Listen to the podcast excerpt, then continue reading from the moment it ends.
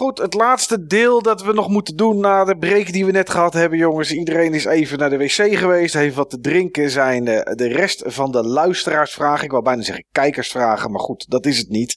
Ehm, ja, de volgende vragen zijn voor iedereen, behalve de laatste, die is alleen voor mij. Dus laten we alleen eerst het eerste gedeelte doen.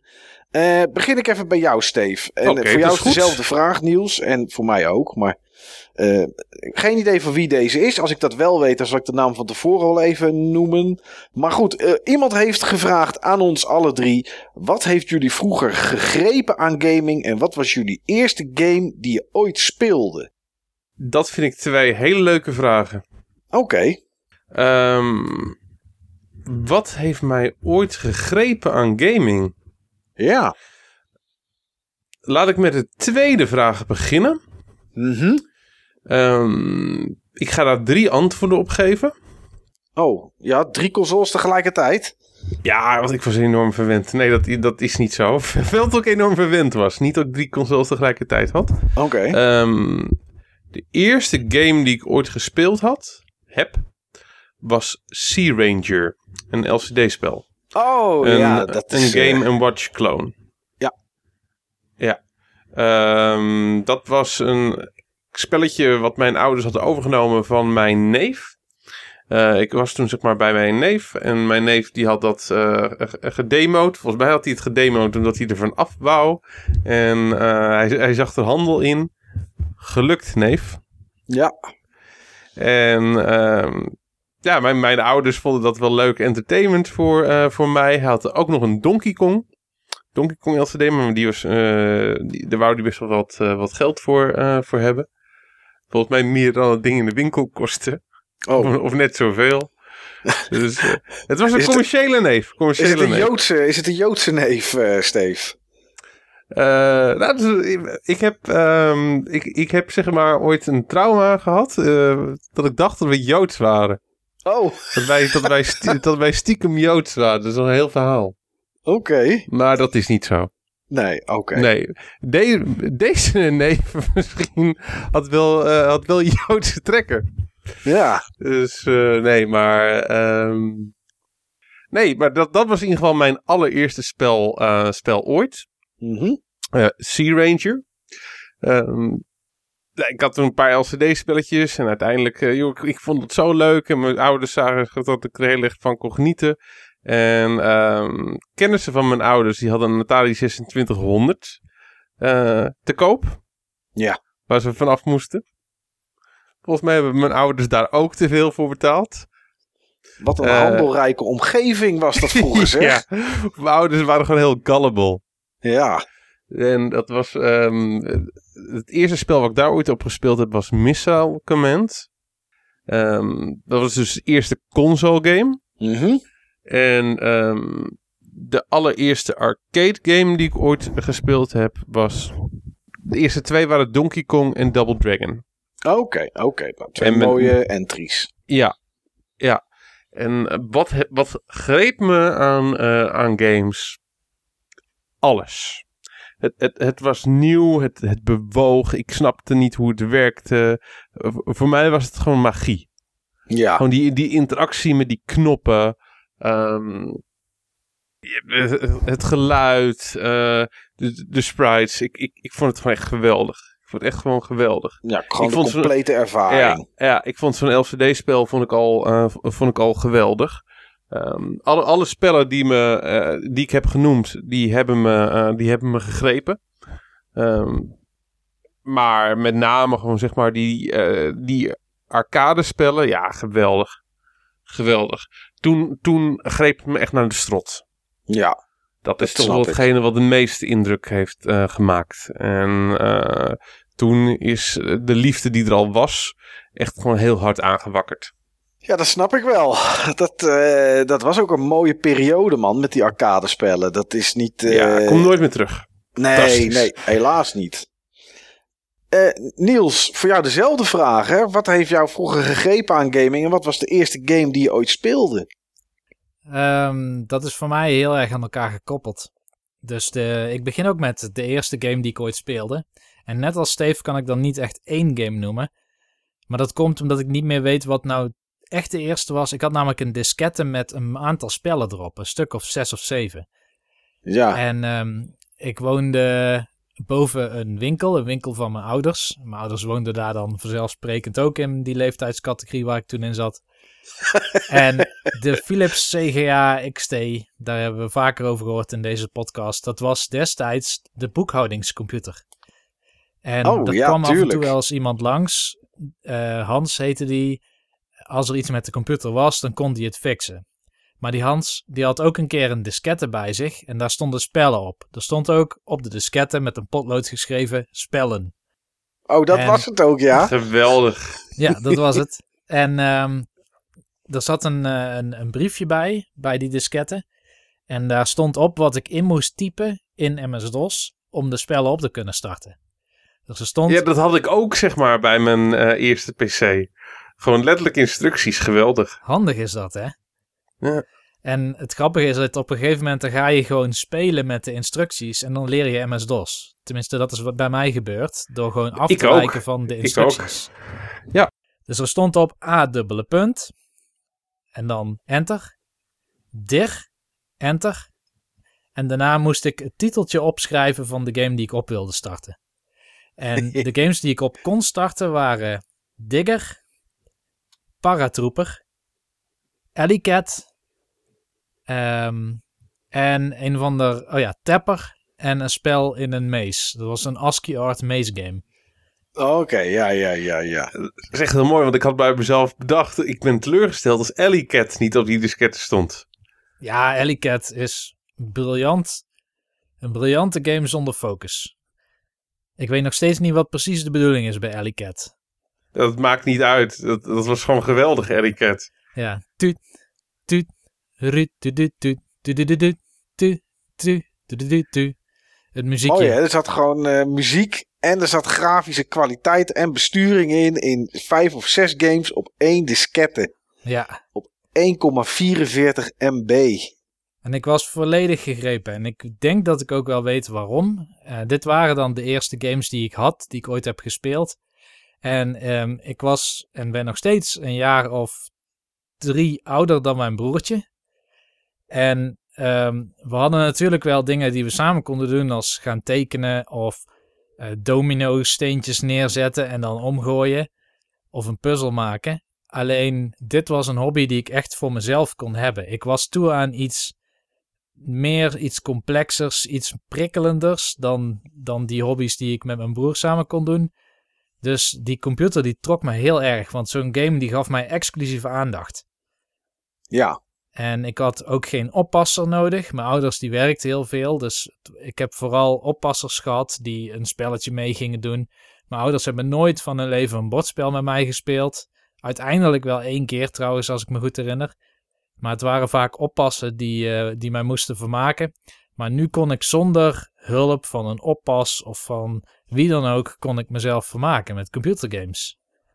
ja. Dus dat was het bij mij. Mooi. Oké.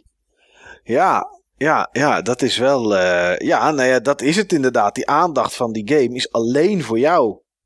Ja. Ik bedoel, eh, het is niet hetzelfde als het aanzetten van een film of zo. Want daar kan je met twintig man naar kijken. En dan is het ook die aandacht voor alle twintig man. Maar dit was inderdaad, ja, een game is 9 van de 10 keer echt op jou gericht als speler, inderdaad. En grappig. Ja, nou, dan zal ik ook maar beginnen met mijn eerste game. Want ja, dat zo beantwoorden we hem. Eh, mijn allereerste game was eh, een hele slechte versie van Pac-Man op de Atari 2600. En eh, het Het mooie was was, dat inderdaad het- een hele slechte versie. maar zoals we het nu zien. Want in die tijd vond ik dat totaal niet. Ik vond het geweldig. En als ik eraan terugdenk wat me eraan gegrepen heeft, vind ik dat wel moeilijk om te zeggen. Ik denk dat het vooral in het begin kwam omdat ik zelf had het apparaat niet. Maar een, een neef van mij die had hem. En eh, dat was een oom, ehm, ja, de broer van mijn vader. En ja, die had een eigen aannemersbedrijf. En die deed onderhoud aan allerlei huizen. Dus daar werd redelijk verdiend. Ehm, dus ja, die hadden dat ding in de kamer staan. En ja, ik moest natuurlijk als, eh, ja, ik denk dat ik vijf of zes was, gok ik zo ongeveer. Moest natuurlijk verplicht mee naar verjaardagen. Nou, daar vind je als kind van die leeftijd natuurlijk geen ene fluit aan. Allemaal volwassen mensen. Ja, het is leuk op het moment dat de frituurpan aangaat. En, eh, of dat de chips op tafel staat. Maar ja, voor de rest hadden we er niet zoveel. Maar op een gegeven moment hadden ze dus die Atari 2600 in de huiskamer staan. En eh, ja, ik, ik mocht daarop spelen tijdens die verjaardag. Ja, die verjaardagen gingen nog nooit zo snel voorbij, zeg maar. Dat was, uh, dat, ja, dat, ik vermaakte me daar enorm mee. En wat het precies was, weet ik niet wat me dan greep. Maar ik denk toch, ja, ik weet niet. De, de, uh, ja, ik denk alles, net zoals dat jullie dat hebben. Het was, het was natuurlijk iets besturen. Het was uitdaging. Zeker met Pac-Man. En zeker met deze versie van Pac-Man. Maar het was natuurlijk ja, uitdaging en dat soort dingen. Het was natuurlijk gewoon magisch. Dat er naast de tv stond voor mijn ogen een stukje plastic. Er zaten wat kabeltjes in. Er ging stroom in. En er kwam er gewoon iets op een, op een beeldbuis. Wat je kon besturen door aan een, door aan een hendeltje te trekken en te duwen. Ja, dat is toch wel, dat is toch wel bijzonder. En voordat ik zelf iets had, daarna ging ik vaak met mijn oma naar Scheveningen. En in Scheveningen zat Hommerson, dat zit er nog steeds. Tegenwoordig heet het Funland. En uh, ja, Hommerson was in Scheveningen, ja, in heel Den Haag eigenlijk wel dé plek om games te spelen. En mijn oma die vond dat, ja, die was er niet zo heel erg van. Die hield er meer van om een beetje gulden in die tijd in een gokkast te gooien. Maar alles wat dan een beetje toch dat digitale vermaak had, dat vond ze toch wel interessant. En het was dus voor mij ook erg leuk om met mijn oma naar, naar, naar te gaan. Want oma die, uh, ja, oh vind je dit spelen? Nou, kijk eens, klonk, gulden erin, hopla. En dan kon ik spelen. Dan zat, dan zat kleine Mike achter, zeg maar, zo'n uh, zo'n arcadekast. Ja. En zat oma achter de eenarmige bandiet. Precies. En dan, uh, en dan nou ja, dat, ik, ik, ik zou alleen niet meer weten wat daar de eerste game was die ik ooit speelde. Het zal misschien ook iets van Pac-Man zijn geweest, omdat ik dat dan herkende. Maar uh, ja, zo is het zeg maar, is het bij mij begonnen. Dat is, uh, dat is het. En ik denk dat uh, dat gegrepen, net zoals bij jou, Steve, wel een beetje ook voortgekomen is uit de arcade. Want dat was toch een magische plek gaaf, als hè? kind. In Hommerson, jongen. Oh, man, man, man. Als je wat... binnenkwam, er was het altijd wat donkerder. Dan, dan moet je je voorstellen, als je er nog nooit geweest bent, lieve luisteraar, dat je binnenkomt in een soort. Ja, je komt binnen in een soort discotheek. Dat gevoel was het een beetje. Er waren, waren niet heel veel lampen. Het was, wat die kasten gaven natuurlijk allemaal licht. Uh, er was heel veel geluid en heel veel rumoer. En op de achtergrond, achtergrond hoorde je altijd... Shkting, shkting, shkting. En wat was dat? Dat was airhockey. Want daar stonden natuurlijk ook altijd kasten van. En je hoorde altijd, waar je ook stond, hoorde je dat. En dan stonden er rijen met flipperkasten. Uh, uh, op een gegeven moment, dat was niet toen ik net daar naartoe ging, maar later stonden er dan kasten met ouderen. En er stond er gewoon 25 of 30 man om die kast heen. Om te zien hoe iemand ouderen uitspeelde. Space Harrier, dat soort dingen allemaal. Ja, dat was echt geweldig. En je wist het ook gewoon. Op een gegeven moment kwam ik er elke zondag ging ik er naartoe. En je wist gewoon, oké, okay, hier staat een nieuwe kast. Want iedereen staat er omheen. Uh, Mortal Kombat of Killer Instinct. Dat, dat, was later. Maar goed, die magie zeg maar van dat er zo'n soort kast daar te vinden was. En, en hoe dat eruit zag en speelde. Ja, dat was toch wel echt iets wat je greep vroeger hoor. Dat was echt geweldig. Kan het zijn, ja. Mike, dat bij Hommerson dat daar ooit een uh, roeiboot arcade game stond? Ja, absoluut. Ja, die gele, die gele boot. Ja, daar, uh, dan ben ik er ook geweest. Ja, er stond ook ooit, en ik heb het volgens mij wel, dat vertelt ook in die keer dat we het over arcadekasten uh, hadden, zeg maar. De arcade, aflevering 12, dat zeg ik nog even uit mijn hoofd. Kan zomaar mis zijn. Er stond toen ook een Afterburner 360. En uh, dat kostte wel 2 gulden. Dat kostte het dubbele van wat het normaal was, of misschien 2,50. En dat was een kast met Afterburner, uiteraard, van Sega. En die kast ging over de kop. Die draaide gewoon echt 360 graden. Daar werd je ook echt ingezet. Kreeg je, uh, hoe heet het? Kreeg je echt een gordel om dat je er niet uit kon vallen. Ja, dat was echt geweldig als kind zijnde, jongen. Je kwam je binnen en dan zag je dat apparaat draaien. Nou, man. Dat was toch magisch, hé. Ja, en nu, Ja, hij, hij, draait 60 graden, eh Mike. Maar ik snap zeg maar dat het voelt alsof het over de... Voor mij voelt het ook alsof het zeg maar over Nou, de kop eh, ging. Eh, deze was over de kop. Ik weet het zeker, want hij, toen, terwijl ik erin zat en op zijn kop hing, toen crashte die. dat meen je niet. Ja. Terwijl een, ik in dat een afterburner. Ja. En terwijl ik in dat apparaat zat, crashte die. Dus wat, ik hing op zijn kop, schuin op zijn kop. En eh, toen moesten ze hem uit en aanzetten. En wat het ding daarna ging doen, is die ging alle coördinaten langs om te checken of die in orde was. En daar zat ik nog in, hè? Dus dat apparaat ging heel langzaam draaien om alle coördinaten die die kon, eh, eh, die, die, die, die, die, die kende, die, die ging die checken. En dat is, ja, ik, en ik zat er nog in. Dat was super tof. Geweldig. Ja, Ja, die heb Dat ik is- ook gezien. Ik weet wel dat die bestaat. Ik heb hem bij Sega Joypalace gezien. Dat is het gaafste jeugdtrauma ooit. ja. Nou, ja, wat, waar ik een beetje van baalde was dat ik er daarna uit moest omdat er iemand anders aan de beurt was. En ik had er toch echt 2,50 voor betaald. Ik wilde gewoon nog doorspelen. Maar dat was echt, eh, ja, wat een gaaf apparaat was dat. Er stond echt een rij van heb ik jou daar. Ze hebben ook ooit die soort VR-dingen hebben ze ook gehad. Heel vroeger. Ik weet niet welke, welke game het was. Welke kast of, of welke titel het was. Je kon volgens mij gewoon een beetje rondlopen. En dat was het dan. Maar eh, ja, dit soort dingen, dat maakte wel gewoon dat je echt gegrepen werd in die tijd. En het waren niet de allereerste herinneringen, maar dit, dit heeft wel echt bijgedragen aan het feit dat ik thuis iets wilde hebben om te gamen. Waar jij ingezeten hebt is een R360 kabinet van Sega. Oké, Dat, eh, ik ken dat ding helemaal niet, joh. ja. Ja, ze hadden er eentje staan in Scheveningen. Ja, die Amazing R360 inderdaad. Ik zie hem hier zo. Top, hé. Maar Helemaal. Ik, want ik ken alleen, zeg maar, die dedicated kast van, eh, van Afterburner. Ja, Eh, en die is ook, zeg maar, heel gaaf. Alleen, ehm, die heeft een range van 60 graden ehm, eh, naar achter en 60 graden naar voor. En hij kan ook, zeg maar, nog naar de zijkant tilten. En dat is echt al heel erg tof. dat is Alleen- denk ik, die hadden ze denk ik dan ook in Space Harrier uitvoering. Want die heeft ook in Scheveningen gestaan. Dat als je Space Harrier aan het spelen was en je ging met die knuppel naar linksboven, dan eh, ging Ja. jij echt ook, ook naar linksboven Ja. gewoon in die stoel. Ja. Klopt. Maar, maar dit is dan, zeg maar, wat jij gedaan hebt, is echt next level, hoor. Ja. Ja, hij heeft er ook niet, hij heeft er ook geen maanden gestaan of zo. Volgens mij hadden ze hem misschien een maand of zo. Ja, ik kan me ook niet voorstellen dat ik weet niet hoeveel arcadehallen we destijds in Nederland hadden. Maar dat er genoeg geld was voor al die arcadehallen om zo'n ding te kopen. Dus waarschijnlijk ging dat gewoon van plaats naar plaats naar plaats. Maar eh, ja, ik, ik heb in ieder geval het geluk gehad om er een keer in te, te zitten en om hem te laten crashen. Dus dat, is, dat was Ja, op zich wel goed. Ja. Ehm, het tweede deel van deze. En mag ik één vraag Ja, tuurlijk. stellen, eh, Mike? Weet je 100% zeker dat het Afterburner was? Of was het misschien G-Lock Air Battle?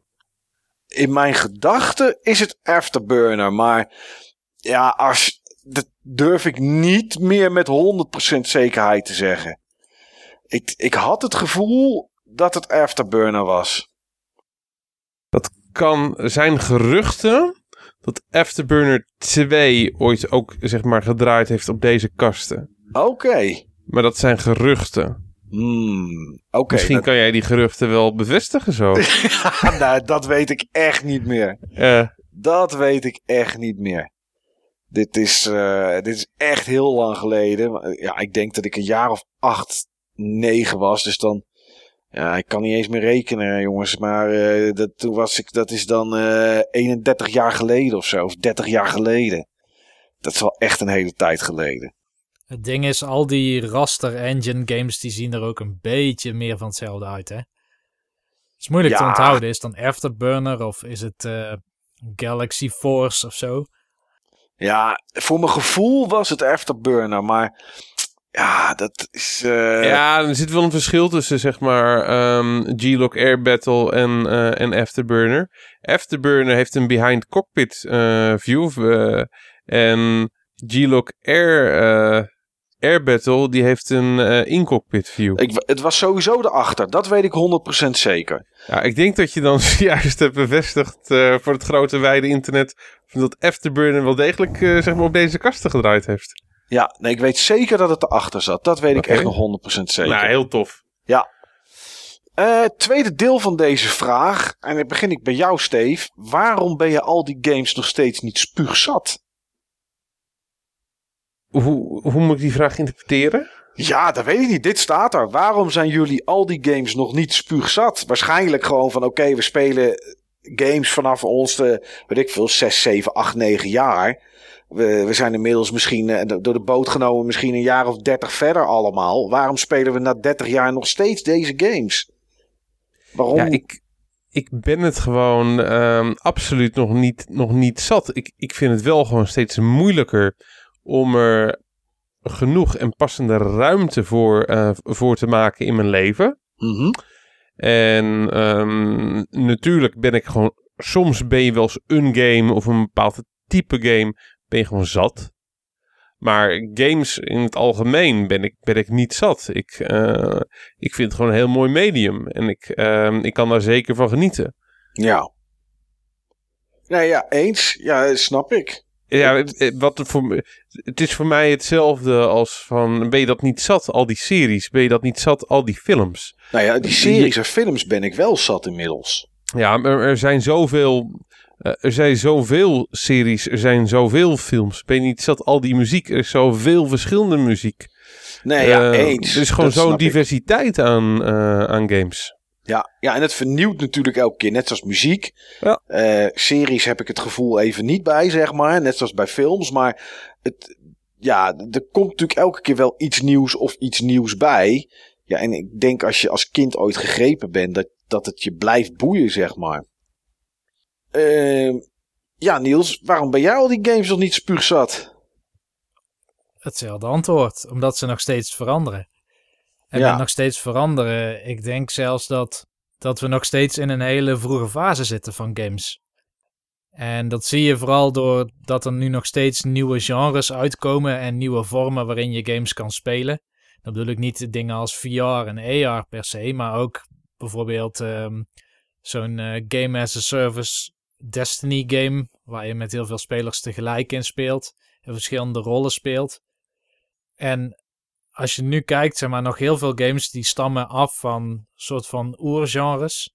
Gewoon een action game of een racing game. En daar heb je soms crossovers en ontwikkelingen in. Maar ik denk dat gewoon dat hele medium nog heel veel ontwikkeling gaat zien. En we zijn het niet zat, omdat we zoveel ontwikkeling hebben meegemaakt. Nou ja, dat zeker. Ja, En we kunnen steeds verwachten, oh ja, we, eh, we weten gewoon, er komen weer nieuwe soorten games uit. AR en VR vond ik spannend, gewoon puur omdat het, het maakt mij niet uit of dat het mainstream succes wordt. Het maakt, of het zorgt voor nieuwe mogelijkheden met games. ja. Ja, nee, ik, eh, ik ben ze ook nog steeds niet spuugzat. Er is wel een periode in het jaar dat ik games zat ben. Dat is meestal eh, na de eerste week van december tot aan, tot aan het einde van december, begin januari. Dan speel ik altijd veel minder games. Dat komt omdat, eh, ja, als je reviews schrijft, dan is de eindejaarsrush is behoorlijk groot. En dan heb ik gewoon echt weken dat ik gewoon alleen maar in de weekenden en s'avonds games zit te spelen. Omdat, nou ja, tussen haakjes, omdat het moet. En dan ben ik ze daarna wel even zat, maar dat komt gewoon door een overdosis. Dat zou hetzelfde zijn als dat je. Dat, hetzelfde als ooit, ooit. Ik lustte vroeger geen watermeloen. En eh, wel suikermeloen. En, eh, maar watermeloen niet. En toen ha- at ik het toch een keertje. Toen vond ik het super lekker. Toen zei ik tegen moeder: Oh, je moet watermeloen halen. Toen heb ik in dat weekend heb ik echt zoveel watermeloen gegeten. dat ik het daarna weer zat was. Nou, dit zal met games. Is, heb ik dat net zo, zeg maar. Dan speel ik zoveel games. dat ik het daarna even zat ben. Alleen die watermeloen heb ik daarna nooit meer aangeraakt. Maar die liefde voor games is toch zo groot. dat dat dan ergens begin, begin of halverwege januari. wel weer terugkomt, zeg maar. Dus ja, weet je, ik, ik ben ze ook niet zat. Het is, er is nog zoveel te ontdekken. Ik, eh, ik zou bijvoorbeeld nog wel eens willen beginnen aan de Assassin's Creed reeks. Omdat ik dat ooit gewoon zo weg heb gegooid. Zeg maar, dacht van dit is niks voor mij. Eh, maar ik zou het toch nog wel eens een keer willen proberen. Ja, dan kom je misschien toch weer. Ontdek je ineens iets wat er al een hele tijd is. Wat je dan toch misschien interessant vindt. Want Assassin's Creed Origins vind ik best een aardige game. Ja, weet je, dus op die manier blijft er ook nog steeds genoeg te ontdekken. Ook al is het oud of is het nieuw of moet het nog uitkomen. Dus die nieuwsgierigheid en, die, en ja, alles wat daaromheen zit qua, qua verwachtingen en wat er nieuw is. Ja, ik denk dat dat maakt waarom we het nog niet zat zijn. Tenminste voor mij in ieder geval. Nou, je, je triggert wel iets bij mij, want je zegt oude en nieuwe games en oude games die je ook nog steeds kan ontdekken. En eigenlijk ben ik niet per se iemand van zeg maar de cult of the new, wat een begrip is bij bordspellen. Vaak de nieuwe bordspellen worden omarmd als uh, the best thing ever of zo. En de oude bordspellen zijn ineens redundant. Maar ik moet zeggen, bij, bij videogames, als ik alleen toegang had tot bijvoorbeeld het NES-tijdperk, dan was ik gestopt. Dan was ik uitgekeken, want dan, je kan wel zeggen, ja, er was misschien nog een action game die je niet had gespeeld. Maar het, het is bijna, ja, je hebt heel veel games met ongeveer dezelfde ervaring. Ze zijn weliswaar net anders, ander karakter, andere physics. Maar of dat ik dan Mega Man 1 eh, heb gespeeld en dan toegang heb tot zes andere, ja, dat doet het nou, dat ben ik wel, dat ben ik wel met je eens. Als ik dan terugdenk, en ik heb zelf natuurlijk nooit een NES gehad, maar ik, um, toen ik iets van 14 of 15 was of zo, denk ik dat het was, had ik een kameraad in Hengelo. Nou, daar woon ik tegenwoordig iets dichterbij, nu ik in Enschede woon, maar toen woon ik nog in Den Haag. En af en toe ging ik dan een weekendje ging ik naar hem toe. En uh, hij had een SNES met een copybox. En een kameraad van hem, die, uh, ja, god toevallig dat dat dan weer in mijn kring zit, die handelde in, de, in die gekopieerde games op flop. Nou, uh, resultaat was natuurlijk dat die kameraad van mij natuurlijk bakkenvol met games had staan. Maar toch kwamen we elke keer weer terug op een Mortal Kombat of een Street Fighter. En, en werd eigenlijk, of, of een potje NBA Jam. Omdat dat net iets anders was dan al die side-scrolling, beat-em-ups of, of platformers, zeg maar. Daar waren er natuurlijk echt heel veel van. Zelfs een Beavis en Butthead. Ja, weet je, volgens mij kon je, kon je die personages gewoon vervangen met de Turtles. En dan had je gewoon een Turtles game. Het leek inderdaad wel heel veel op elkaar. Dus ik denk wel dat je inderdaad eruit moet pikken wat dan interessant is. Of interessant was. Maar als ik naar mezelf kijk, als ik alleen toegang zou hebben tot SNES. Uh, eh, laatst met die uh, eh, SNES Classic Mini ging ik voor het eerst natuurlijk Super Metroid spelen. Ja, dat vind ik wel echt een toffe game. En dat wil ik ook nog steeds een keer rustig verder oppakken. Dus er zitten nog wel games tussen die ik wil of kan ontdekken. Maar ik denk dat het voor mij misschien anders is, omdat ik er zelf nooit één had natuurlijk.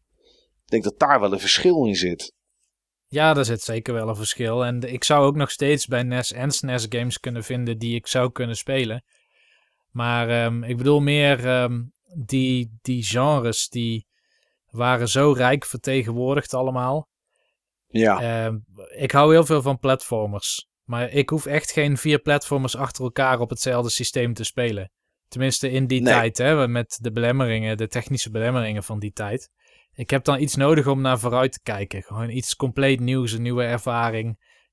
Vandaar inderdaad dat ik, uh, dat ik zei dat ik wel die ontwikkeling in games nodig heb om gemotiveerd te blijven voor het genre of voor, uh, voor het medium.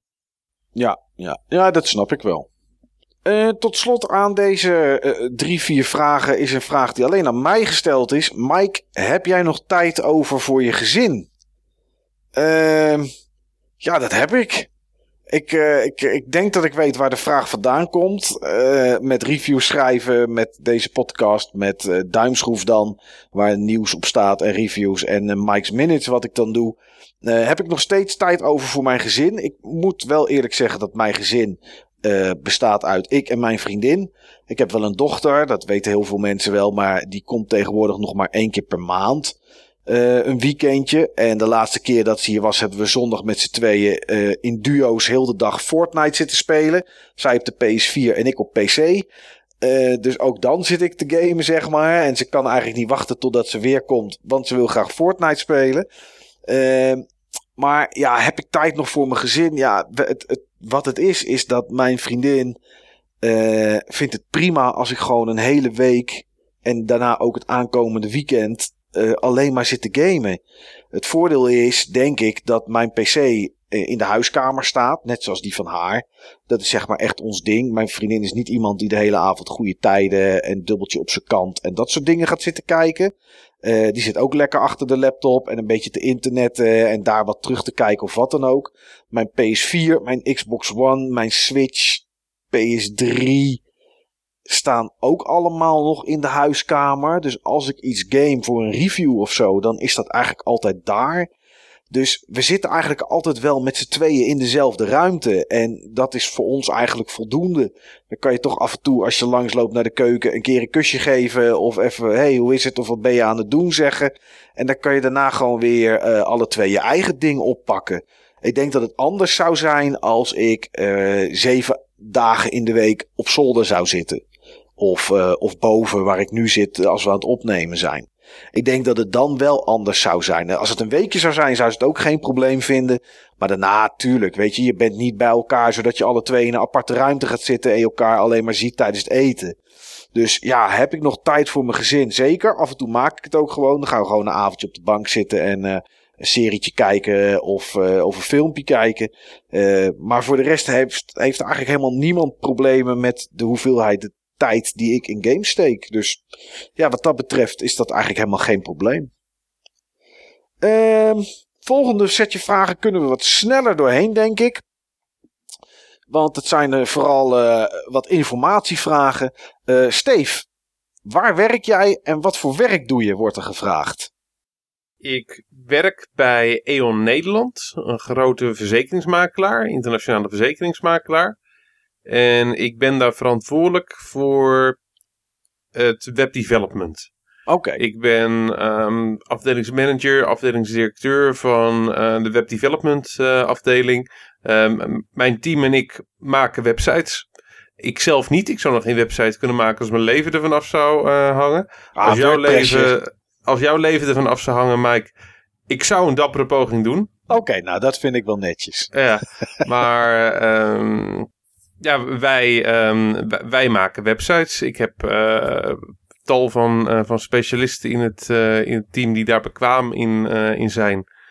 En ik, ben, ik ben verantwoordelijk voor um, het, het, het rijlen en zeilen van de afdeling. Dat alles lekker loopt en steeds beter gaat lopen. Okay. En tegenwoordig gebruiken we daar met name agile werken voor.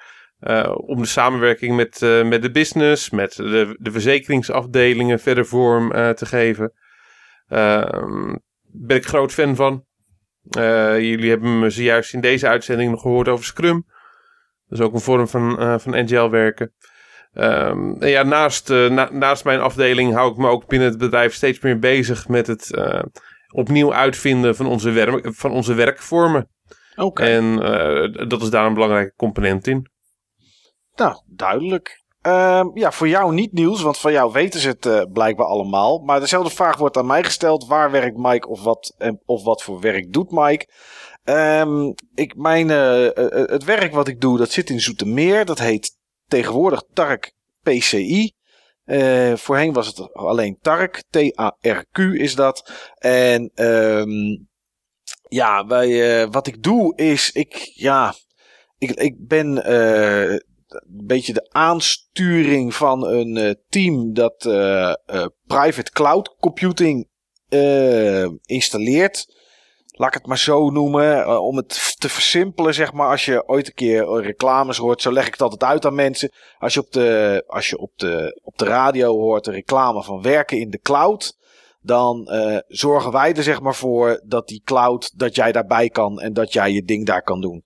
Wat wij, uh, uh, het is nu wel aan het verschuiven, want je hebt verschillende soorten cloud. Je hebt private cloud en public cloud en ook nog hybride.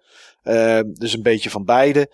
met de private cloud bedoelen we zeg maar dat we binnenkomen bij een bedrijf waar alle servers en uh, alle software daar staat, die pakken we een soort van op. En dan leveren wij een virtuele desktop, waardoor iedereen overal ter wereld op zijn desktop in kan loggen en kan werken. Uh, en met de public cloud krijg je eigenlijk helemaal niks meer aan servers. Dan ga je gewoon naar Office 365. Dan krijg je je mail allemaal bij Microsoft. En uh, ga je ook niet meer met een server werken waar al je bestanden op staan, maar gaat het allemaal naar SharePoint. En uh, ja, daar heb je ook combinaties tussen. En wat ik doe is een beetje aansturen van de jongens. Uh, als er ergens technische poep is in, binnen het bedrijf, dan staan ze bij mij aan mijn bureau. Ik heb liever dat ze één bureau daarnaast gaan staan, want dan staan ze bij de technisch manager. Maar die stuurt ze dan 9 van de 10 keer toch naar mij toe. En uh, ja, ik probeer grote problemen op te lossen of lastige problemen of omgevingen te bouwen af en toe. Maar daar kom ik niet altijd aan toe, omdat iedereen met zijn ellende eigenlijk naar mij toe komt. En dat probeer ik een beetje te laten rijlen en zeilen de hele dag door. Dat is, uh, dat is wat ik doe. Dus echt specifiek Microsoft oplossingen, Mike? Ja, ja, ja. en vooral doen... gewoon in, in een kantoorsetting. Gewoon echt zeg maar je je productiviteitssoftware. Ja, precies. We hebben bijvoorbeeld als een klant hebben we uh, uh, RBA-net. Dat is een, uh, is een onderdeel van de Shell. Dat zijn 250 tot 260 benzinepompen. Die hebben overal in Nederland in, die, in die benzinepompen hebben ze een, een domme terminal staan, om het maar even zo te noemen. En die starten een desktop op die ik ooit een keer gebouwd heb. En daar werken ze de hele dag in. Daar bestellen ze uh, de producten in die ze voor de winkel moeten hebben. Daar houden ze hun uren bij, maken ze planningen in, dat soort dingen. Uh, maar aan de andere kant is gemeente Den Bosch is ook een klant van ons. En daar staat ook een gedeelte van onze omgeving tegen die van hen aan te snorren met uh, SharePoint en met, met Exchange. Het is wel allemaal Microsoft gericht. We doen geen dingen met Linux of dat soort grappen. Uh, want daar zijn we gewoon niet goed in. Dat kunnen we gewoon niet. Dus uh, ja, dat is, dat is wat wij doen, zeg maar. En dat is dan voor die public cloud is voor een groot deel allemaal Azure, denk ik. Uh, ja, hoeft niet. Azure is eigenlijk, daar kan je een server huren. En dan staat die daar public. Nou, dat kunnen we ook zelf opbouwen. Want daar hebben we, we hebben twee datacenters. Eén in Zoetermeer, die zit in ons eigen pand. En de andere in Amsterdam. Dat zit bij een groot, uh, bij, bij, een groot, bij Equinix, bij een groot datacenter daar zo. En uh, dus we zouden een server in Azure kunnen zetten. Tegenwoordig kan je daar hele mooie dingen mee doen uh, om, dat, om dat werken te maken. Zodat het voor de gebruiker net lijkt alsof die Word online opstart. Maar dan start hij een applicatie op die dan op een Azure server staat. Uh, dus daar merkt hij dan helemaal, helemaal niets van. Dat, dat kunnen we doen, maar we kunnen die server ook gewoon bij ons zetten. Er zijn nog steeds mensen die liever die het woordje public toch wel een beetje eng vinden nog. Al is dat allemaal prima af te schermen. Dus die willen dan liever iets privates. Nou ja, dat kan. Dan zetten we zelf gewoon een, een, een netwerk op voor die klant. Dus uh, ja, dat is wat we doen. Nou Niels, dan is dit er eentje. Begin ik bij jou. Uh, hoe oud ben jij Niels? 34 Mike. Mooi. Hoe oud ben jij Steve? 38 Mike. Nou, hoe oud ben jij Mike? 42. Oké. Okay. Mike. Ja, Mike. en Niels, wat is je favoriete eten? Friet. Friet, kijk. Steve, wat is je favoriete eten? Tapas. Oké, okay. Mike, wat is je favoriete eten? Nou, waar je me echt s'nachts voor kan wakker maken, jongens. Ja, jullie gaan niet. Kijk of je het kan raden. Steve, wat denk je? Ik, van, uh, van Niels had ik gezegd speklappen. Ja, okay. daar ga ik hard op, jongen, op speklappen. Die had ik wel hard kunnen gebakken of, of een beetje zacht gebakken, Niels? Voor mij zacht. Oké, okay, oké. Okay, ja, ik heb dat dan liever zacht, zeg maar. Ook al. Maar dat snap ik wel. ja, maar bij jou, um, Mike, als ik iets zou moeten zeggen, ja? dan zei ik een, een uitsmijter met zes eieren. oké, okay, nee, dat is het niet. Ik weet waar het vandaan komt, ja. Ja, ja precies, ja. Uh, nee, dat is het niet. Wat denk jij, Niels? Wat is mijn favoriete eten? Ik denk een broodje dunner. Nee. Nee, je zou kunnen zeggen, ik ben toevallig van de week ben ik uh, in een uh, café geweest in Amsterdam. Daar heb ik spareribs gegeten. Uh, dat was 2 kilo met bot, zeg ik er wel bij. Dus je zou kunnen zeggen, het is spareribs, maar dat is het ook niet. Waar je mij echt s'nachts voor wakker kan maken, is wel een prakkie. Want los moet ik het niet, maar gewoon een prakkie. aardappelen, bloemkool, groentesausje en een verse worst. Gewoon zo'n verse braadworst. Oh jongens, dat vind ik toch smullen hé. Daar kan je me echt midden in de nacht voor wakker maken. Uh, heb je een auto, Steef? Nee. Niels? Nee. Nou, ik wel. Uh, ja, dat was ook fijne, een vraag. snelle rapid-fire vragen. Ja, toch? Um, van de afgelopen generatie, jongens. En daar staat tussen haakjes staan daar dan consoles bij die uh, deze persoon vindt dat daaronder vallen. Wat was je favoriet? PS3, 360, Wii of Wii U? Eh, Niels, zeg het maar. Ehm wie? Oké, Ja, wie omdat ik eh, heel veel multiplayer games heb gespeeld op de Wii. ja. Nee, ik vond motion controls eigenlijk heel gaaf. En Ja. ik kocht titels om dat uit te proberen. Het zijn geen games die je nu heel snel opstart. Ik zou denk ik achteraf eerder een 360 game opstarten dan een Wii game. Mhm. Ehm, maar er gebeurde zoveel. De, de industrie en het medium waren zo in ontwikkeling in die tijd. Vandaar Wii. Oké. Eh, Steve, PS3, 360, Wii of Wii U? 360, makkelijk. Heb ik ook echt zo'n gigantische collectie voor. Ben Ja. ik nu heel, eh, heel blij mee, gezien de backwards compatibiliteit van de Xbox One. Mhm. En, ehm, en wat er ook allemaal zeg maar, vervolgens wordt, eh, wordt toegevoegd aan filters en snufjes. Ik heb nog geen Xbox One, maar eh, de manier hoe dat platform hiermee omgaat vind ik echt top. Ja, als ik zelf moet kiezen, dan kies ik voor de PS3. En dat is. ehm, ik begon met de 360 van de, al deze consoles, zeg maar. Daar was ik super blij mee. Maar dat was gewoon een tijd dat ik niet zo heel veel gamede. Ik heb ook heel wat games gemist, eigenlijk in die periode. En toen ik van eh, Den Haag naar Enschede verhuisde, kwam ik hier, zeg maar. eh, klinkt heel zielig, maar toen kwam ik hier alleen te zitten. En toen heb ik een eh, PS3 gekocht met Uncharted 2. En daarna heb ik eigenlijk zoveel leuke games op de PS3 gespeeld. Eh, dingen als Demon Souls was mijn eerste aanraking met de Souls-serie. Eh, ja, hebben natuurlijk eh, Little Big Planets, dat soort games allemaal gehad. Dus ja, ik weet niet. Ik vond, eh, ik vond de PS3 eigenlijk wel een, van de afgelopen generatie wel een toffe, toffe console. De laatste vraag van deze sessie quickfire vragen. Niels, welke gamesites bezoek je frequent? Bashers, Ja, duimschroef hey. en Resettora. Oké, ja, snap ik. Eh, jij, Steve? Geen, eigenlijk vooral YouTube-kanalen. Oké, Ik haal 9 van, eh, 90% van mijn info haal ik van YouTube. oké. En nieuws dan, zeg maar, echt over games die aangekondigd zijn of Ja, ook. iets... Oké, oké. Ehm, ikzelf, ja, eh, eh, buttonbashers, maar dat is gewoon omdat het leuk is. Eh, duimschroef, maar dat komt omdat het van mezelf is. Ehm, en meestal kijk ik op eh Resetera, ik kijk op eh, VG247 en Eurogamer. Dat zijn eigenlijk de drie websites die ik los bezoek. En voor de rest heb ik een hele mooie website.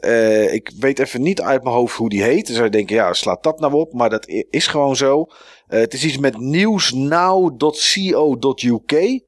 En daar heb je een onderdeel games. En daar zijn eigenlijk alle grote game websites die je maar kan bedenken. eh, zit de, ja, wordt misschien technisch, maar de RSS-feed van die websites, die zitten daarin. Dus wat, wat die website doet, is die verzamelt alle headlines en die zet het onder elkaar. En dan heb je eigenlijk één bron waar zodra er maar iets op, eh, op Eurogamer, op IGN, op GameSpot of wat dan ook gezet wordt, dan, eh, ja, dan komt die headline daar in beeld. En eh, dan is het nou niet altijd heel makkelijk, want soms zijn er echt 40 headlines in, in een kwartier. Dus het is wel een beetje filteren, maar zo kan ik heel makkelijk het nieuws allemaal bijhouden.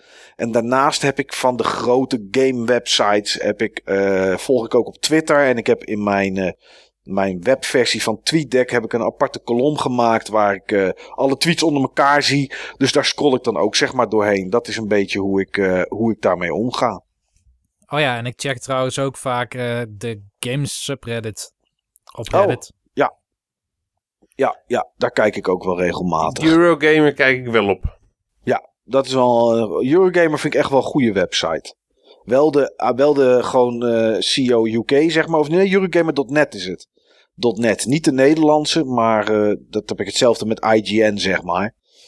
Dus. eh, Oké, volgende. Ja, jongens, misschien dat het jullie iets gaat zeggen. Er staat geen naam bij. Maar Niels en Steef, waar blijft mijn uitnodiging om bij jullie te mogen bord tussen haakjes gamen en koffie drinken? Ja, Niels en Steef, waar blijft die uitnodiging? Wie, wie is het? Ja, Ja, dat weet ik niet. Er staat geen naam bij. Ik, heb, zal zien dat het Billy is. ik denk dat het inderdaad Lieutenant Greenbean is. Want er staat ook namelijk een vraag aan mij. En eh, ja, dat hebben vooral mensen die ik op Facebook eh, heb, weten dat. Maar daar kom ik zo wel op. Dus eh, ik denk dat het inderdaad Lieutenant Greenbean, dat Billy is. Dus ja, waar blijft die uitnodiging? Nou, dat gaan we gewoon maar eens fixen dan, denk ik. Oké, nou. Ik zou zeggen, ja, stuur vast een e-mail naar ons op uh, support.netscape.com. en uh, don't call us, we call you. Ja, oké, nou dat is geregeld. Uh, vraag aan mij is, Mike, waarom komen er jonge grietjes aan jouw deur om je te interviewen over je gabberverleden? Wie was slash ben jij in de gabberwereld? Ja, ja, dit is Billy. Dit moet, ja, daar, precies. Daarom deed ik eerst die vraag aan jullie. Ja, waarom komen die jongen... Nou, ik zal vertellen hoe dat gekomen is. Als je iets wil weten over wie ik ben of was in de gabberwereld, dat is helemaal niet van belang. Want ik was gewoon een bezoeker. En ik heb ooit eens een keer wat muziek gemaakt dat gepikt werd door uh, Mokum Records. Uh, dus ik ben nooit iets geweest of wat dan ook. Uh, was vooral bezoeker geweest. op een gegeven moment ging ik echt wekelijks naar, uh, naar feesten. Maar waarom de jonge grietjes aan mijn deur kwamen om me te interviewen? Um, ja, wat er gebeurde was dat er voor de mensen die het hele verhaal niet kennen of denken, waar gaat dit over? Even, ik zal het heel kort vertellen. Uh, een kameraad van mij op Twitter die uh, zag een oproep bijkomen van een, en je moet het niet wegpliepen nieuws, want zo heet het nou eenmaal, dat, die dames, van kutwijven. En kutwijven is dan CUT, zeg maar. Dus eigenlijk is het kut. Maar ja, goed, kutwijven. En, um, Leuke woordspeling. Inderdaad. Nou, het, het waren ook media uh, uh, PR-achtige dames. En die uh, hebben een bureau waar ze dan ja, allerlei dingen doen, zeg maar. mediastrategieën en weet ik wat allemaal. En um, ze wilden dan voor zichzelf ook een reeks maken met video's die ze, van dingen die ze interessant vonden. En ze waren op zoek naar iemand die al heel lang gabber was, eigenlijk vanaf het eerste uur en dat nog steeds was. Nou, ik zelf kwam dat niet tegen, maar een kameraad van mij die uh, attendeerde me erop en die zei uh, in een reply op Twitter, zei tegen ze, nou als je iemand zoekt, dan moet je, dan moet je deze gast hebben. En ik reageerde van, ja, ik weet niet wat jullie willen, maar uh, zeg het maar. Nou, dat was vier jaar geleden, denk ik of zo. Zoiets. Drie of vier jaar geleden. En um, dat was halverwege december. En ze wilden eigenlijk wilden ze nog voor de kerst. Wilden ze nog bij mij langskomen om, ja, om mij gewoon te interviewen daarover. Over hoe dat toen ging. Uh, wat ik allemaal mee had gemaakt uh, met feesten en dat soort dingen. En ja, hoe het dan nu voor mij er zeg maar aan toe ging. En uh, natuurlijk heb ik een dansje gemaakt, want dat hoorde er ook bij. En aan het einde van de video hebben we met z'n drieën nog staan dansen bij mij in de huiskamer. Op uh, Paul Elstak met Rainbow High in the Sky. En ja, zo kwamen die dames eigenlijk aan mijn, uh, aan mijn, aan mijn deur. En als je op Facebook het nog zoekt naar kutwijven, dus CUT wijven, dan, ja, dan kom je die video tegen. Het is, ik weet niet um, of ik eraan bijgedragen heb of niet, maar het was in ieder geval de video die het grootste succes was. Hij is misschien nu denk ik 13 of 1400 keer bekeken of zo. Um, en het was ook gelijk de laatste. Dus ik weet niet, uh, ja, als je op het hoogtepunt moet stoppen, dan denk ik dat het goed was. Daarvoor waren ze bij een vrouwen langs geweest die smurfen verzamelden. Dat is geloof ik 3,5 keer bekeken, waarvan ik anderhalf ben. Um, dus ja, ja, goed, weet je, ik weet het niet. Dit is, uh, zo is het gegaan. En die kwamen dus bij mij aan de deur. En uh, die hebben bij mij in de huiskamer gezeten. En ik denk dat ze vier uur binnen zijn geweest of zo. En hebben zitten kletsen en muziek geluisterd en weet ik wat allemaal. Dus ja, zo is dat gekomen. Uh, wat iemand heel graag wil weten, Niels, Steef en ik, is... Als de bliksem in het water slaat, hoe kan het dan dat niet alle vissen meteen doodgaan? Nou, daar kan ik uh, als ervaringsdeskundige wel iets op zeggen. Oh, jij hebt een keer een vijver onder stroom gezet? Nee, maar wel mijn bad, waar ik in zat. en uh, dat, okay. uh, het, het is niet zo dat overal meteen evenveel stroom is. Ik had een keer mijn Nintendo 3DS in bad. Oh ja. En dat was nog mijn DSi trouwens. Maakt er niet uit welke het is. Maar goed, die zat nog in het stopcontact. Die liet ik toen vallen per ongeluk. En die bleef onder water aanstaan. En toen, dat tintelde heel erg. En ik dacht, ik haal hem eruit. In plaats van dat ik dacht, ik spring eruit. Dacht ik, weet je wat, ik haal mijn 3DS eruit. Of mijn DS. ja, is hij kapot.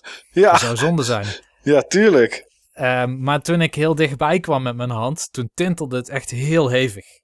Oké. Dus, dus hoe dichter bij de bron van de bliksem, des te meer stroom krijg je. Oké, en omdat die stroom... Het is natuurlijk wel eh, iets meer dan een DS'je natuurlijk, als de bliksem inslaat. Ja, Maar als dat zo snel afneemt... En eh, ja, het is maar heel even poem en weg. Dan heb je kans dat daarom... eh, Oké, apart. Ja, ik zou bijna zeggen van ja, die vissen die staan niet met hun voeten op de grond. Dus ja, dan eh, heb je er ook geen last van. Want ik- Eh, Het, het verspreidt zich inderdaad, ja. Oké. Gewoon water heeft ook gewoon eh, weerstand en Ja. dat verspreidt zich. Ja, dat weet ik wel ook. Ik ben een keer van de hoge duikplank plat op het water gevallen met mijn borstkast. Toen kwam ik er wel achter dat water weerstand had, inderdaad, ja. Oké, nou ja, ik hoop dat diegene er iets aan heeft. Ik denk toch eh, dat het komt dat ze de grond niet aanraken of ze hebben rubberen zolen. Dat zou ook kunnen. Oh ja. Ehm, wat was voor jullie het grootste, mooiste, grappigste, weggeknipte, dan wel gecensureerde moment in een opname voor een uitzending? En waarom is dat weggelaten? Ja, ik, ik denk dat die vraag het beste is om eerst met jou te beginnen, Niels. Want jij knipt, plakt, censureert en gooit weg. Maar eh, ja. hebben, we, hebben we dit soort momenten?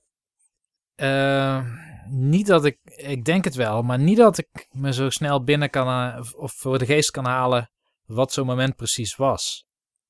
Ik weet natuurlijk nog dat Steve ooit een hele mooie mop heeft verteld, Ja, waarvan ik vond dat ik hem weg moest knippen, maar dat zou de hele aflevering te niet doen. ja, Dus die heb ik laten staan, maar dat zou normaal content zijn die ik eruit zou knippen. ja, Ehm, ja, hoe dan ook. eh, ik ga op zoek naar binnen het. Ik heb een folder waar ik een aantal dingetjes die wel in een aflevering zijn gekomen, maar die heel grappig waren. Of dingetjes die uit de aflevering geknipt zijn, maar ook heel grappig waren. Misschien dat ze off-topic waren of te grof. Eh, ik ga er een aantal van aan het einde van deze aflevering monteren. ja.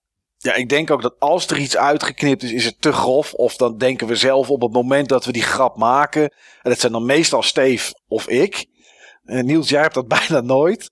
Maar dan hebben we toch zoiets van, ah, dit kan eigenlijk niet. Haal dat er maar uit. Ik denk dat het dat geweest moet zijn, toch, Steve? Of kan jij je een heel duidelijk voorbeeld herinneren? Zoiets zal het wel geweest zijn. Ja. Ik kan me het niet, voor, ik kan me niet voorstellen. Nee, het is, ik heb het nog nooit gehad dat ik de uitzending terugluister en dat ik denk, hé, hey, waar is dit verhaal gebleven? We knippen niet veel weg. Nee, nee, we zijn gewoon best netjes. Ehm, volgende vraag. Welke drie games, ongeacht platform, zou je op een onbewoond eiland zonder internet, maar wel met stroom en eventueel televisie en de juiste consoles, mee willen nemen en waarom die drie? Als er een van jullie denkt, ik weet het, dan mag je, of ik wil ook als, zal ik als eerst gaan, kunnen jullie even nadenken. Dat is goed. Welke drie games zou ik meenemen? Ik zou meenemen ehm Zen Pinball 3. Dat is de eerste game die ik mee zou nemen. En waarom? Ehm, ik heb op, of Pinball FX heet het tegenwoordig. Bij deel 2 was het, waren die namen anders. Maar goed, Pinball FX 3 zou ik meenemen. Een Console, PlayStation 4 in dit geval. Waarom? Ik heb daar iets van 30 tot nou, misschien 40 flipperkasten of zo. En ondanks dat elke kast flipperen is, is elke kast toch weer anders. En, en moet je toch andere dingen bereiken om de highscore te halen. Ik zou dan niet meer kunnen strijden met, eh, met, mijn, met mijn vriendenkring. Dat zou er dan niet meer zijn. Maar ik zou wel een hele hoge highscore neer kunnen zetten. Dus dat is een game die ik zeker mee zou nemen. Ik zou als tweede game Hero meenemen. Hero heb ik wel vaker over verteld. eh, Commodore 64. Nee, ik ga die niet meenemen. Nee, ik zeg dat nu wel. Alleen Hero is een game, als je alle levels kent, dan, eh, het zijn 20 leveltjes, dan ben je er vrij snel doorheen. Dan kan je er misschien met een kwartiertje of 20 minuten doorheen, doorheen zijn. Als ik op onbewoond eiland zit en ik heb de hele dag niks anders te doen dan flipperen en Hero spelen, dan ben ik er denk ik op een gegeven moment te snel klaar mee. Dus dat zou zonde zijn. Ik denk dat ik dan eh, mee zou nemen Dark Souls 1. Doe maar de remastered die nog uit moet komen. Eh, waarom die? Ik had ook Bloodborne kunnen zeggen of eh, Demon Souls. Maar met Dark Souls 1 heb je zoveel verschillende builds die je kan maken. Eh, kan ook met twee en met drie. Maar ik denk dat één wel een goede kandidaat is, omdat daar zoveel in zit wat ik nog nooit gezien heb of ontdekt heb. Quests die ik nog zou willen, willen doen of zou willen halen. Dus ik denk dat die meegaat. En als laatste denk ik dan toch dat ik, eh, en dat klinkt heel erg rommelmarktachtig, want daar vind je deze games met bakken. Ik denk dat ik um, FIFA mee zou nemen. En dat is misschien een beetje een rare keuze, maar de reden is dat ik uh, dit altijd speel tegen een kameraad van mij. En dat gaat altijd best aardig. Uh, uh, we zijn redelijk, gaan redelijk gelijk op. Al, al is de laatste tijd scoren wat meer aan mijn hand. Maar ik ben er nooit heel erg goed in. Ik kan een beetje rennen, ik kan pasen en ik kan de bal ergens het goal intrappen. En dat is het. Maar ik zou wel, ik weet niet of ik ooit van het onbewoond eiland af mag komen trouwens. Maar ik zou wel heel erg goed daarin willen worden. Dat is zo'n game dat ik denk, hier wil ik goed in worden. Dat ik alle trucjes ken. Dat ik in elke situatie wel een oplossing heb. En nu is of de, in die situatie maak ik een sliding en krijg ik een gele of een rode kaart. Of ik trap die bal maar weg. Meer, uh, meer oplossingen heb ik niet voor situaties. Dus ik denk als ik drie games zou mee mogen nemen, is het Pinball FX3, is het Dark Souls 1 en doe dan maar gelijk de remastered en FIFA. Uh, zijn je, ben je eruit, uh, Steve? Welke drie games je mee zou willen nemen? Ik denk het wel. Nou, kom maar op. Um, dat zijn Zelda 3. Zelda oh, Ja, ja, sorry. Uh, Zelda Link to the Past. Oh, ja. Ja. Ja. Um, something Old. Mm -hmm. um, Zelda Breath of the Wild. Oeh, dat is ook een goeie zeg. Hey. Ja. Something New. Ik er eindelijk eens een keer aan toe. Ja. Uh, heb ik alleen nog Something Borrowed en Something Blue nodig, toch? Ja. Uh, ja, de, de smurfen. Oké, okay, ja. En mag ik, mag ik van jou een game lenen, Mike? Ja, tuurlijk. Wat zou je willen lenen? Jij hebt vast wel uh, Soul Reaver. Ja, heb ik voor de PlayStation 1. Ja, oh, hoor. die is eerder. Ik neem gewoon Soul Reaver mee in plaats van, uh, van de, uh, de Smurfen. De Smurfen. Want Raz Raziel is blauw en dan kan ik hem lenen. Oké. Okay. Ja, something old, something new, something, something, borrowed. something borrowed, something blue. Ja, oké. Okay. Nee, maar dit waren eigenlijk precies de games die ik in gedachten had. Oké, okay, nou ja, het is een mooie, mooie reeks. Kijk, zelfs Breath of the eh, Wild snap ik, want daar is nog zoveel uit te halen. Maar Link to the Past heb je al zo vaak uitgespeeld, Steve. Ja, ik had er juist zin in om hem weer uit te spelen. Oké, maar ook op een onbewoond eiland. Dan heb je hem uitgespeeld en dan word je volgende dag wakker en dan ga je hem weer uitspelen. Ja hoor, Oké. Geen probleem. geen probleem. Maar anders ga ik hem zelf gewoon lekker, eh, lekker opdrukken op het strand. Ja, dat kan ook Dan natuurlijk. ga ik, eh, ga ik gewichten maken van, eh, van boomstronken. En kokosnoten. Ja. Ja, oké. Nou ja, goed. Weet je, je hebt wel voor. eh, maar goed, dat kan je dan weer niet op de SNES spelen. Je hebt wel voor de eerste Zelda en de tweede weet ik niet.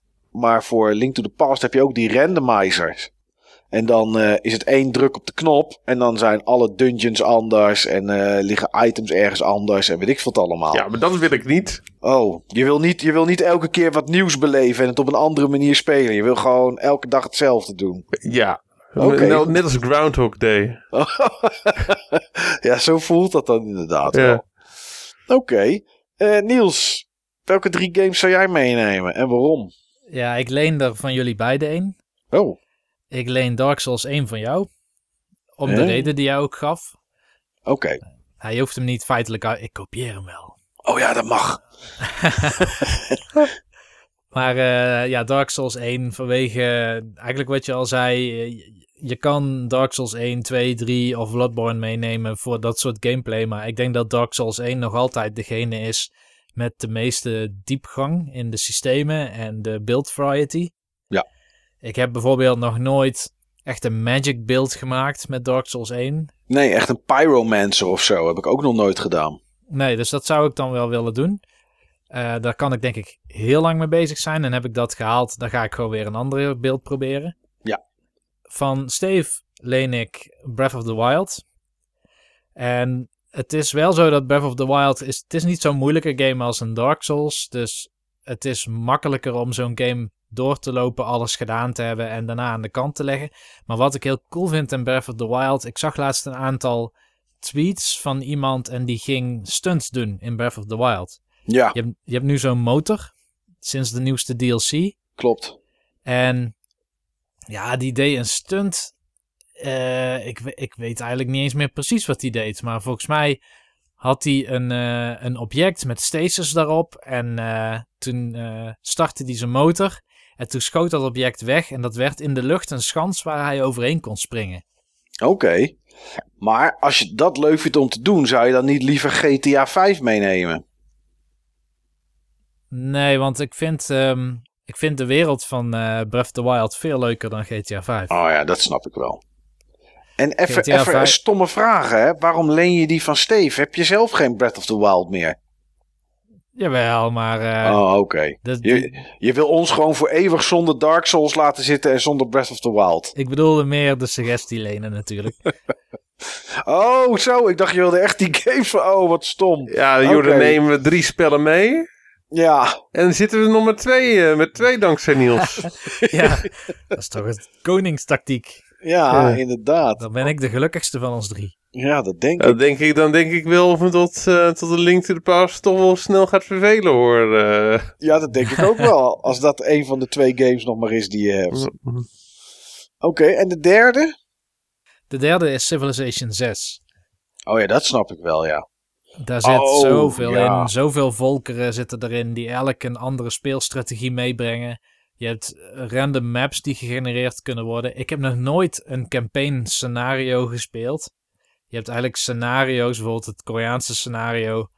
En dan heb je niet alleen een Koreaanse map, maar dan heb je ook een, een, een, een opposition, zeg maar, die bij die map past. Heb ik nog nooit gedaan. Ik heb zoveel uren in Civ geze- gestopt. En altijd was het op een medium map met fastest game speed en acht eh, volkeren in totaal of culturen in totaal. Dus er is nog zoveel wat ik zou kunnen proberen en zoveel strategieën die ik nog nooit heb geprobeerd. Dat is een game waar ik, ja, als ik er één mee mocht nemen was het die. Oké, oké. Nou, netjes. Ja, die andere leen je van ons. En die andere leen ik van jullie. Ja. Ehm, Ik stop het wel in een flesje en dan eh oh ja, dan, dan komt hij misschien wel een... terug. Ja, dat zou wel mooi zijn. Even kijken. Volgende is ook van iemand waarvan ik geen naam heb, maar daarna komen we bij iemand die wel een naam eronder heeft. Nou, dat is toch leuk. Eh, hoe starten jullie een nieuw spel? Duik je er meteen in of ga je helemaal inlezen? En wanneer leg je een spel na 10 minuten al weg? Steve, wat doe jij? Start je hem op en ga je gewoon spelen? Of ga je van tevoren inlezen? Wat is jouw strategie? Hangt van het spel af. Oké, Een, ehm, een spel wat meer persistent is, waar je zeg maar een tijd over doet of een tijd mee doet en waarbij de keuzes die je maakt eh, heel erg belangrijk zijn. Eh, over, heb ik het over gameplay keuzes, wat voor soort karakter je, je, je maakt bijvoorbeeld. Dat wil ik, vind ik toch wel fijn om eh, wat meer erover te weten. ja. Van eh, dat ik weet welke klas me aanspreekt en welke, welke wapens een beetje goed zijn. Dat ik gewoon weet waar ik me op moet focussen. En, eh, maar meestal ga ik gewoon spelen en gewoon proberen. En, wa- en wat, is een, eh, wat zou een reden zijn dat je een game na 10 minuten al weglegt? 10 minuten vind ik wel heel kort. Mhm. Dat heb ik eigenlijk alleen met, ehm, met, met retro games. Ja. Dat ik er zeg maar, ehm, dat ik er eentje in doe. Dat ik zoiets heb van nee. Nee, nee, nee, nee, nee, nee, nee. Dit was hem toch niet meer. Nee. Dus, eh, of me- meestal zijn dat ook gewoon, zeg maar, eh, dan, eh, dan, dan games die heb ik een keer in mijn collectie genomen. En dan heb ik zoiets van, waarom heb ik dit? Waarom? ja. Ja, wie, wie, heeft me dit, wie heeft me dit aangesmeerd? dus ja, ik, ik zeg maar wat, een Arrow the Acrobat. Eh, waar ik echt een he- enorme hekel aan heb, eh, in veel gevallen, natuurlijk niet allemaal, zijn, zijn van die Euro-platformers. Ja, Vind ik afschuwelijk. Van die En daar is- 16-bit Euro-platformers. waar de Amiga helemaal mee besmeurd is. Ja. En dan stop ik er iets in. En denk van, waarom? Waarom doe ik dit? Ja. Ja, dat zijn vaak van die platformers. Dat is niet van links naar rechts, maar dat is een enorm veld wat een soort doolhof is. Loopt er bovenin nog zo'n irritante klok ook. En uh, ja, dan, ja dat, uh, dat soort platformen snap Met ik wel. Met collectibles en... Ja. Uh, ja. een pan op je hoofd en je bent een kat. ja, een rode kat waarschijnlijk. Ja. ja. Oké. Okay. Uh, Niels, hoe start jij een game? Uh, duik je erin? Ga je inlezen? Wat doe jij? Ik duik erin, maar ik duik meestal in vier spellen tegelijk ongeveer. En dan kies ik daarna met welke ik verder ga. Oké. Okay. Dus heel zelden committeer ik mij tot een spel. Dat ik zeg van ik ga nu dit spel doen en ik ga alleen maar dit spel doen tot die uit is of zo. Ja. Dat, dat, is, ja, dat past gewoon niet bij mij. Lijkt het op. Dat vind ik mijn tijd ook niet waard om op die manier mijn game tijd in te delen. Ik kijk wat het, waar, waar ik de meeste energie van krijg. Als ik een hele korte speelsessie aan ge gewijd heb. En met kort bedoel ik ongeveer een kwartier per spel. Ja. En dan maak ik de beslissing waar ik mee verder ga. Doe je, doe je dat ook zo met daten? Dat je er in vier tegelijkertijd induikt en dan denk je, nou, dit is eigenlijk allemaal mijn tijd niet waard. En dan kies je de een waar je energie Nee. van krijgt. Nee, daar ben ik meer committed, denk ik. Oké, oké, oké. Dat zou meer mijn aanpak zijn. Of ga je eerst helemaal inlezen? Schieten met grof. ah, soms wel trouwens. Lang even Facebook. Ja, dat is, dat is echt een bron, jongen. Ehm, oh ja, maar dat, en wanneer leg je je spel na 10 minuten al weg? Ja, jij legt ze na een kwartier al weg, Niels. En dan ga je kiezen welke je gaat doen. Dus dat is Ja, eigenlijk. want ik weet dat ik ze niet allemaal kan doen. Nee, dus je legt eigenlijk elke game wel na, na 10 minuten leg je weg. Ja, heel veel games wel, ja. Klopt. Ja. Oké. Ehm, voor mij, hoe start je een nieuw spel? Duik je er meteen in? Ja, weet je, ik, ik begin nooit onbevlekt meer aan een game. Eh, maar dat komt omdat ik erover schrijf. Dus ik zie van tevoren al heel veel. En dat is soms wel balen. Laatst was er een, ehm, eh, was er een verhaal over geruchten over Red Dead Redemption 2. En dat is een game waar ik eigenlijk helemaal niets van wil weten. Ik heb wel de twee trailers gekeken die we hebben gekregen en wat screenshots. Maar ja, dan lekt er dus allerlei informatie. En of het klopt of niet, laat ik even in het midden. Al, weet ik het, al weet ik het wel. Maar ehm, ja, en dan, dan, dan lees ik dat en dan is dat groot nieuws. En dan kan ik er niet, niet over tikken. Dus ik, ik, ik kan gewoon nooit meer onbevangen een game induiken. Eh, het is wel zo dat als ik een game ga spelen, ga ik niet van tevoren kijken wat slim is om te doen. Qua bijvoorbeeld als er een nieuwe Dark Souls komt, ga ik niet van tevoren kijken wat voor beeld of wat voor class ik wil spelen. Eh, bij eigenlijk elke game waar meerdere classes in zitten, en zo begon ik EverQuest. Uh, zo begon ik elke andere MMO en, en dat soort dingen allemaal. Ik pak wel altijd eerst een melee class. Ik pak wel altijd eerst iets met een zwaard en uh, gewoon maar slaan. Om een beetje de mechanics en de game te snappen. Dat doe ik altijd wel. Dus als ik een MMO, een nieuwe MMO begin, begin ik niet eerst met een herbalist of zo. Met iemand die plantjes bij elkaar Dat moet. snap ik. Ja, en dan potions gaat maken die allerlei effecten hebben. Uh, of, of een magician of een mage of zo. Dat is hetzelfde. Maar, of een wizard bedoel ik. Dat, dat doe ik niet. Dan pak ik toch erg eerst meestal een warrior of zo. Of, uh, of een crusader of wat dan ook. Iets wat gewoon ja, brute domme damage doet. Uh, dus ik ga me dan niet, ik ga me dan niet, niet inlezen. Wat ik wel gedaan heb, maar dat is dan tijdens het spelen, was bijvoorbeeld bij Bloodborne. Uh, kan ik me nog heel goed herinneren, is dat ik dan, ik ga niet, ik pak er geen guide bij of zo met uh, waar staat welke tegenstander of waar ligt welk item. Maar ik vind het wel bij dat soort games prettig om te weten of ik ergens een gebied heb gemist. Ik weet nog dat, dat jij, wij zaten alle twee die game te spelen, Niels. En dan gingen we af en toe via PlayStation uh, gingen we met elkaar chatten.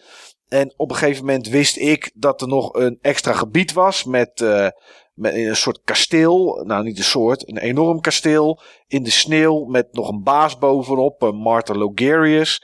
En ja, die had jij gemist, omdat jij daar zeg maar zonder iets te lezen inging. En ik dan toch wilde weten of er nog ergens iets was, zeg maar. Een gebied waar ik nog niet naartoe was geweest. Want ik weet van mezelf dat de kans klein is dat ik die game nog een tweede keer ga spelen. En dat was ook zo met uh, de, de real ending, zeg maar. Waar we het uh, met uh, Gallius eerder in deze, met Peter eerder over hadden. Ja, weet je, dan is er dus toch nog een baas achter wat je denkt dat de baas is. Ja, dan vind ik dat wel prettig om die de eerste keer gelijk te scoren. Dus ik lees dan lees me wel een beetje in, maar dat is meer van oké, welke gebieden moet ik in ieder geval gezien hebben of is er nog iets? Wanneer leg ik een spel na 10 minuten weg? Ja, als het gewoon niet mijn genre is. Maar dan pak ik het eigenlijk al niet eens op. Uh, heel soms krijg je wel eens review games toegestuurd die je eigenlijk niet wil spelen. Begin van dit jaar had ik UFC 3. Nou, die wilde ik eigenlijk niet spelen. Maar goed, aan de andere kant was ik wel een klein beetje nieuwsgierig naar. Dus daar stop ik dan wel uren in. Uh, niet twee helaas, of drie. Maar daar gaat dan toch wel uh, 10, 15, misschien 20 uur in of zo. Ik weet niet hoeveel ik erin gestoken heb. Uh, maar ik heb ook wel eens race games gehad die ik niet had aangevraagd. En dan uh, echt van die hele slechte, sorry als er iemand luistert die het interessant vindt, van die Big Ben race games, zeg maar, waar ze er zes van in een jaar maken. Ja, weet je, als iemand, als ze me dat opsturen en ik heb het zelf niet aangevraagd, ja, sorry, dan ga ik het ook niet reviewen. En dan wil ik het opstarten, dan probeer ik het 10 minuten en daarna ben ik er echt klaar mee. Dat is echt niks voor mij. De volgende set vragen komt van ToeJam. Sorry. De volgende set vragen. Ja, ja, daar kan je het er niet meer uitknippen. Nou, maakt niet uit. De volgende set vragen, wou ik zeggen, komen van ToeJam. Een bezoeker van het forum en uh, nou, blijkbaar een uh, redelijke luisteraar. Want hij kent ons denk ik wel een beetje. Ah. Uh, de eerste vraag is voor jou, Niels. Die hebben we eigenlijk al een beetje gehad. Maar dat is, mis je het programmeren aan grote games niet? En bij welke studio zou je nu een baan als programmeur het meest overwegen en waarom? Hmm. Daarna komt de vraag van wat je het liefst nog zou willen doen als je alle vrijheid had. Maar ja, die hebben we eigenlijk al aan het begin gehad. Maar of je het niet mist en bij welke studio zou je nu het liefst een baan willen en waarom? Ja, ik mis het.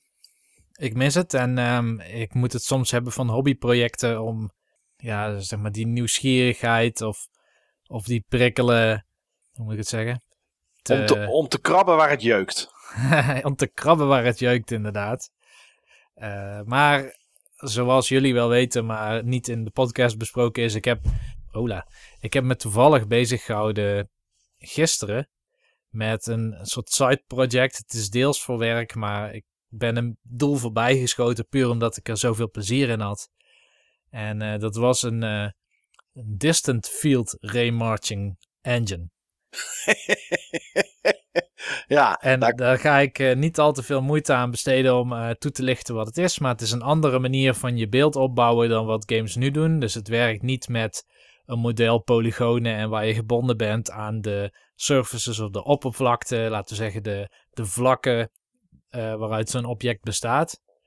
Maar um, uh, waar je een beetje natuurkundig berekeningen maakt uh, hoe licht gaat breken als het een object raakt, bijvoorbeeld. En daar heb ik zoveel plezier in gehad dat ik de hele nacht heb doorgetrokken om dat te maken. Ja. En ik zat in een flow en ik zei het tegen onze directeur en hij voelde zich een klein beetje aangesproken, want ik zei, oh, ik heb al sinds 2006 niet meer in zo'n flow gezeten als gisteravond. Ja. Zij dus dacht, oh, je hebt ook plezier in je werk. Maar, uh, oh. ja. Nee, ik heb een keer, um, toen ik in Amsterdam werkte aan een game, uh, dat was een paardengame, uh, multiplatform. Toen heb ik ook een keer een nacht doorgewerkt, een hele nacht doorgetrokken, omdat ik een soort inzicht had wat echt van dat moment was. Ik dacht, als ik nu naar huis ga, dan ben ik het kwijt.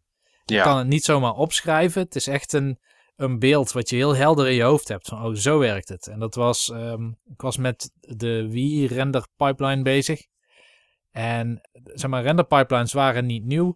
Maar de Wii met de GX Graphics API en uh, de Texture Environment Stage pipeline, die was zo anders dan wat ik gewend was. Dat was een hele andere manier van denken. Maar je kon wel hele geavanceerde effecten doen. En toen ben ik eigenlijk in één nacht van überhaupt modellen op het scherm krijgen. Waar dan wel een texture op zit. Dus wel een, wel een plaatje zeg maar op zit. Zo zal ik het maar even noemen. Tot um, belichting en specular highlights en reflectie en, en vrij lastige effecten, zeg maar, die je niet vaak in Gamecube of Wii games tegenkwam. En dat had ik afgelopen nacht dus weer. Ja. Dus elke keer als ik dacht, oké, ja, ik kan nu dit. En nu wil ik um, screenspace ambient occlusion. Of niet eens screenspace, maar gewoon ambient occlusion. En dat had ik niet in een kwestie van uren af, maar in een kwestie van minuten. En daarna dacht ik, ik wil self-shadowing objects. Dus een object wat schaduw werpt op zichzelf. En ja, daar heb ik misschien iets minder dan een uur over gedaan. Maar dan zit je in zo'n flow. En dat heb ik alleen als ik programmeer. Dus ja, ik mis het. Maar ik heb dit soort projecten om daar invulling aan te geven. Oké. Dus dat is antwoord uh, 1 of 1A. Mag ik, daar een mag ik daar een vraag aan toevoegen? Tuurlijk, ja. Zie je jezelf dit in de toekomst wel weer fulltime doen ooit? Ja, dat is een hele goede vraag. Eentje die ik mezelf ook wel eens stel. Uh, toen ik bij Philips werkte, en volgens mij waren we toen de podcast begonnen, als ik me niet klopt. vergis. Ja, klopt. Toen heb ik mij die vraag gesteld. Wil ik dit doen nog voor de komende, ik weet niet eens hoeveel jaar ik vooruit keek, vijf of zo. En ik besloot toen, nee, dit niet. Ik programmeerde daar, maar ik programmeerde daar heel low level op firmware niveau. Uh, op de hardware echt met kleine microcontrollers. Dat, dat was niet iets wat veel kleur gaf, zeg maar, aan het leven om daaraan te werken. Ook al was het zeker heel goed werk en ik haalde er ook wel energie uit. Maar ik dacht wel, ja, op een gegeven moment dan wil je toch weer iets doen zeg maar, waar je meer je creatieve kwaliteiten in kan uiten.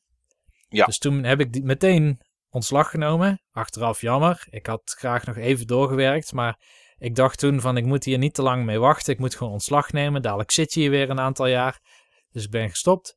En um, toen ben ik weer terug naar de games gegaan. Alleen kwam ik meer in het onderwijs terecht en meer aan de designkant dan de programmeerkant. Zou ik het nog kunnen doen? Ja. Bij Philips heb ik ontdekt dat ik het niet kwijt was. En met zo'n project als van gisteravond. En ik heb ook een, uh, een uh, synthesizer gemaakt. Dan merk ik dat ik daar super veel energie uit haal. En dat het nog heel gemakkelijk gaat. Alleen ik heb wel heel lang niet meer professioneel in een groot team gewerkt. Dat is wel lang geleden. En dat mensen met jouw codebase werken. Ik maak het nu echt voor mezelf veelal. Ja. Of als voorbeeld voor anderen, voor studenten of docenten. Maar goed, dat is dus meer een tijd zal het leren of je dat nog eens een keer fulltime gaat doen. Dat zal de tijd dan leren, inderdaad. Als er dan een studio was waarbij ik zou, zou willen of zou kunnen gaan werken. Ja.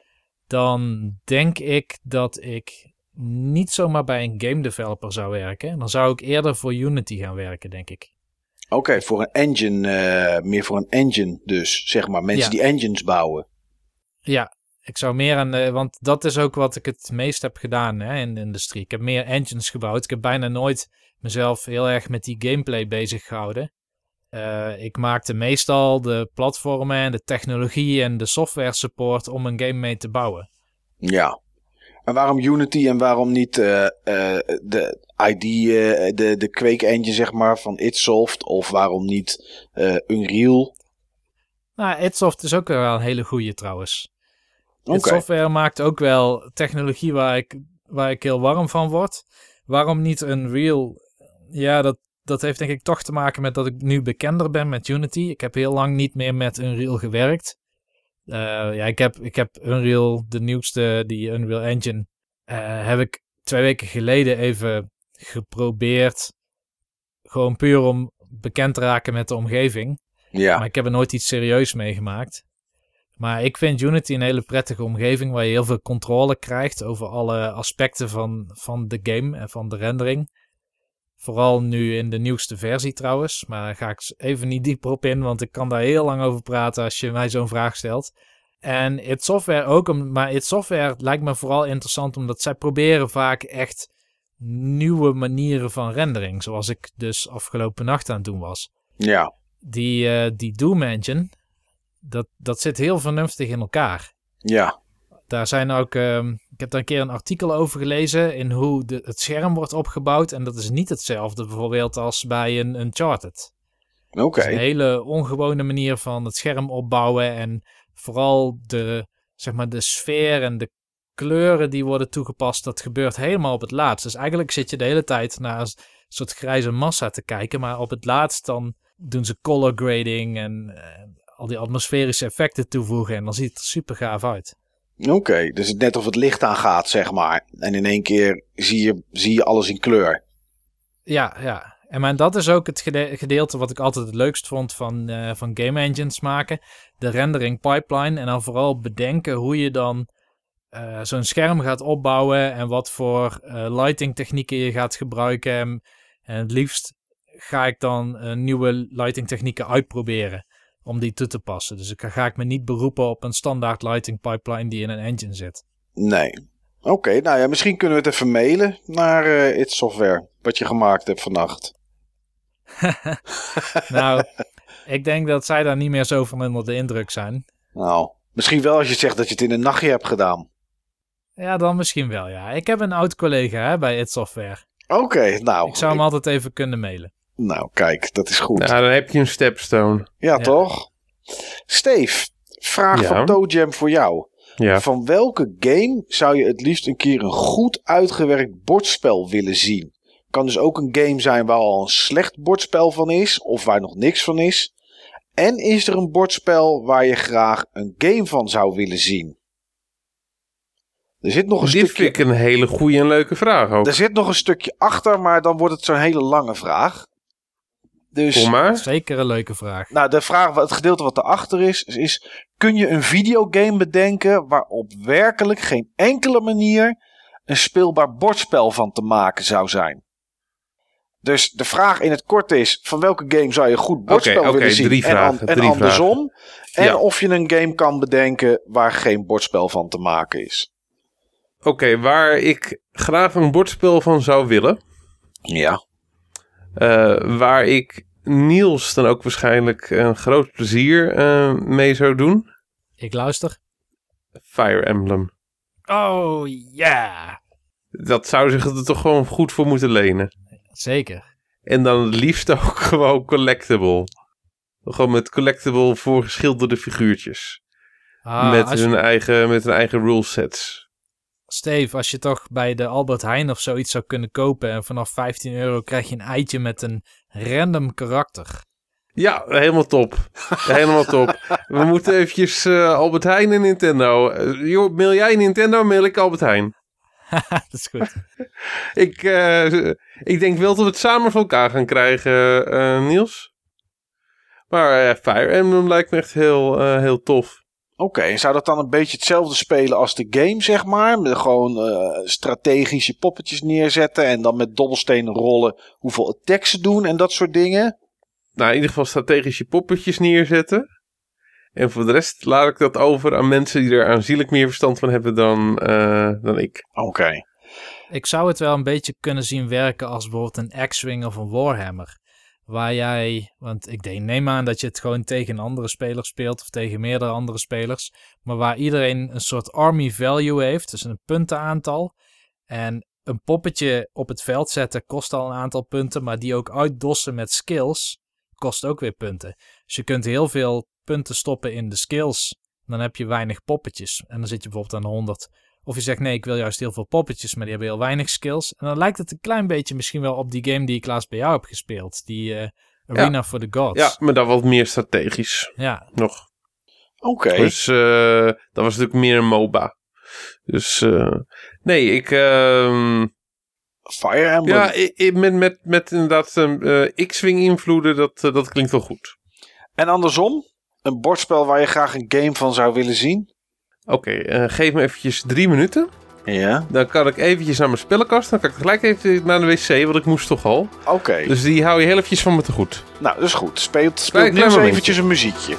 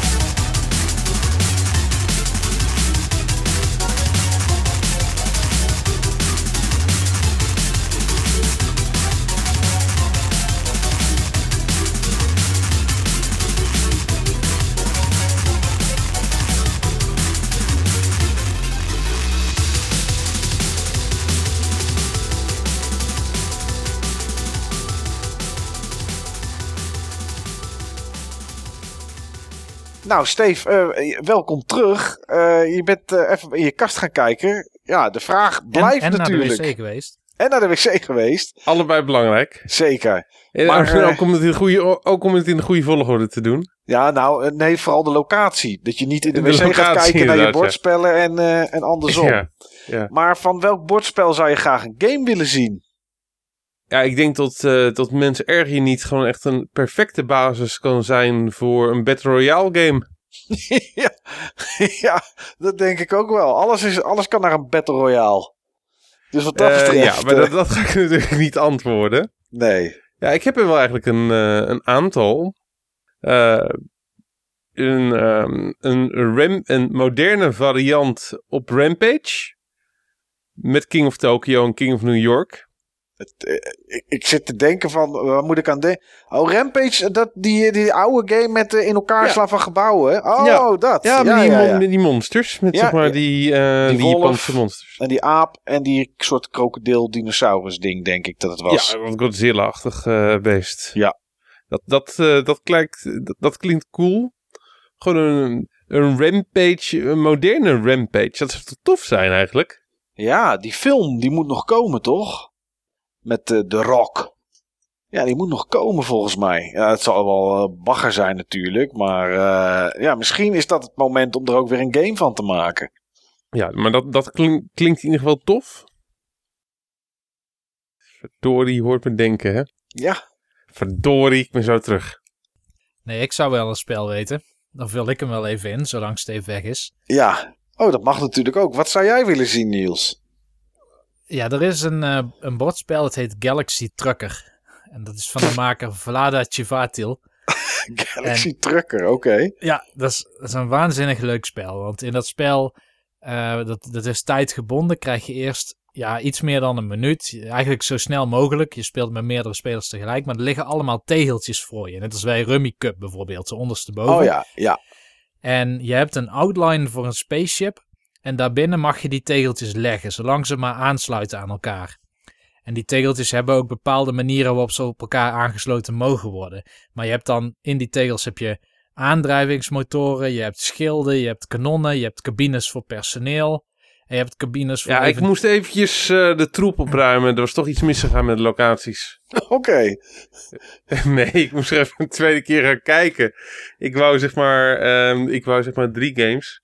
En ik was vergeten wat ik als tweede game had. Oké. Eh, eh, kan, kan je hem drie seconden onthouden? Want Niels die denkt, nou, dit is mijn moment om te shinen. Dan ga ik even vertellen welke boardgame ik naar een game wil hebben. Ja hoor. Oké, nou Niels, maak hem af. Allemaal, allemaal steentjes met schilden en weet ik wat allemaal.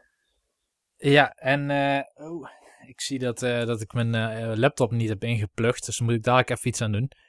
Maar goed, dat komt wel. Ik heb nog 36 minuten. Ehm, en cabines voor ruimtewezens die je eventueel gevangen kan nemen onderweg. Maar je bouwt dus eerst in zo snel mogelijke tijd zo'n spaceship in elkaar van die tegels. Dus je mag een tegel pakken, omdraaien. En die mag je neerleggen of ondersteboven weer terugleggen. Maar je mag niks meer veranderen wat je op je tableau hebt liggen. En zo bouw je heel snel een spaceship. Dat doet iedereen. En wanneer de eerste speler denkt van het is nu klaar, dan draait hij een zandloper om. Dus dan hebben de andere spelers nog 30 seconden om hun ding af te maken.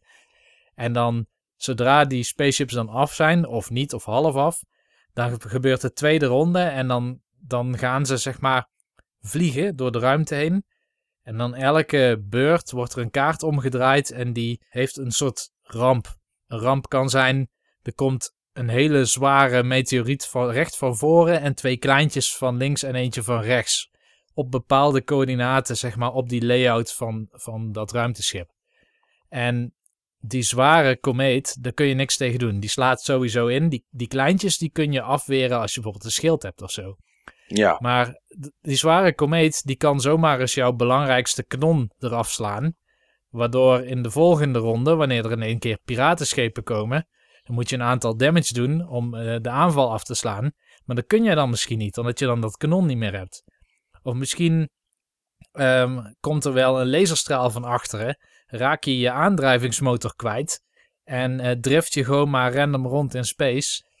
En kom je nooit meer aan op eh, de dock waar je moet eindigen als spelers. Eh, misschien splijt je hele spaceship wel in tweeën tijdens het spelen. Dus die dynamiek, die Ja. zou ik graag ook wel in een videogame zien. Oké. Nou ja, begin maar vast met programmeren vannacht. Ander keertje, maat. Oké. Tabletop Simulator. Daarmee kun je hem spelen. Oké, oké. Ehm, Steve, jij was natuurlijk even weg. Je bent inmiddels terug. Eh, Ja. Ja, zeg het maar. Game nummer 2. Ja, Welcome to the Dungeon. Dat lijkt me wel eh, tof. Welcome to the Dungeon is een, ehm, ja, ik noem het eventjes een, een chicken game. Ja. Je probeert zeg maar, je bent aan het wedden op, op, hoe kansrijk het is om zeg maar levend uit een dungeon te komen. En ehm, je, je, je legt met z'n allen zeg maar monsters in een, eh, in een dungeon en je haalt bepaalde gear van de held weg die de dungeon ingaat. En op die manier eh, ja, maak je dus een inschatting van shit joh, moet ik dit doen, moet ik dit, eh, moet ik dit wel of niet doen? Ehm, ja, ik, ik denk dat het een hele leuke multiplayer eh, game kan zijn. En eh, behalve van dat je dan, maar dan moet je echt tegen de monsters vechten. Ja. Dus dan weet je niet of het een moeilijke of een makkelijke dungeon is. Oké, grappig. Ja, dat, eh, leek, dat leek me dan wel grappig. Eh, maar wat me echt tof lijkt, ehm, waar ik echt graag een, eh, een game van eh, zou willen, eh, waarvan het me eigenlijk verbaast dat er geen game van is en wel een bordspel, dat is The Legend of Drist. Dat zegt me helemaal niets.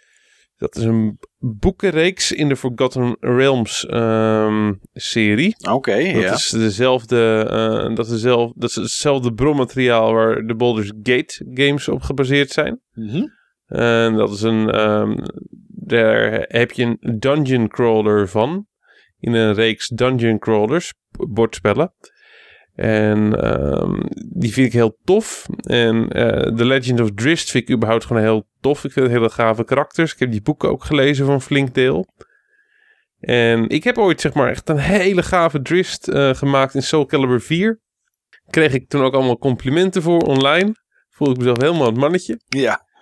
En ehm, ja, dat, en toen had ik al zoiets van, joh, waarom zijn er eigenlijk gewoon geen games met, met Drist? Je zou hele coole hack-and-slash eh, games met hem kunnen, eh, kunnen maken. In het kader van eh, Devil May Cry-achtige games in een Forgotten Realms setting. Je zou er hele gave RPG's mee kunnen maken. Ja, ik, eh, ik zie het helemaal zitten. Maar helaas. Nee, nog niet. Nee. Nou ja, misschien vannacht. Eh, Juist. eh, en Moet je van- even doortrekken, Niels? Ja. En kun je een videogame bedenken waarop werkelijk geen enkele manier een speelbaar bordspel van te maken zou zijn? Ja, vast wel. Maar ehm, kijk, je kan, er zijn zoveel mechanics ook gewoon qua, eh, qua bordspellen. Eh, waar je ook heel goed een ehm, bordspel van zou kunnen maken. Bijvoorbeeld is Mario Kart. Ik heb echt hele toffe racers eh, qua bordspellen gespeeld. Onder andere Formula D. Ehm, dan maak je ook zeg maar bepaalde inschattingen van waar je met je karretje kan komen. En heb je bepaalde, eh, bepaalde dingen om zeg maar dat te compenseren als het toch gewoon misgaat. gaat. dat is met, eh, met eh, eh, dobbelstenen. Ja. Ehm, Zou eh, ja, gewoon... Sonic, gewoon- Sonic Spinball, zou dat kunnen naar een, bord, eh, naar een bordgame? ik, ik, ik wilde zeggen dingen met echt heel veel skill en actie. Hmm, Oké. Dingen waarbij het echt gewoon draait om, om, om actie. Ja, de Mario Kart ook, maar... Nou ja, ik heb hier bijvoorbeeld een bordspel staan. Ik weet niet of jullie dat kennen, maar eh, dat heet Dark Souls. En ja, ik denk dat daar bijvoorbeeld. Dat lijkt me heel lastig om daar een videogame van te maken.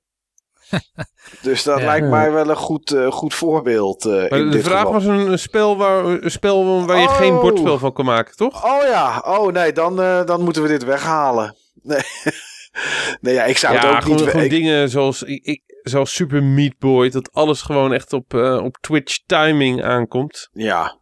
Ja, Super Meat Boy, dat zou wel lastiger zijn. Ik, zit, ik, zie, ik heb hier wat posters hangen. Eh, FIFA, denk ik. Ik denk dat dat ook een lastige is, al zou het wel kunnen. Maar, Ja, er, zijn wel, er zijn wel voetbalspellen hoor. oké. Maar ik denk dat de magie er een niet, beetje... zo, niet zoals FIFA, nee. Dat nee, ik denk dat de magie er een beetje uitgaat als je bijvoorbeeld Far Cry of zo, als je dat zou doen.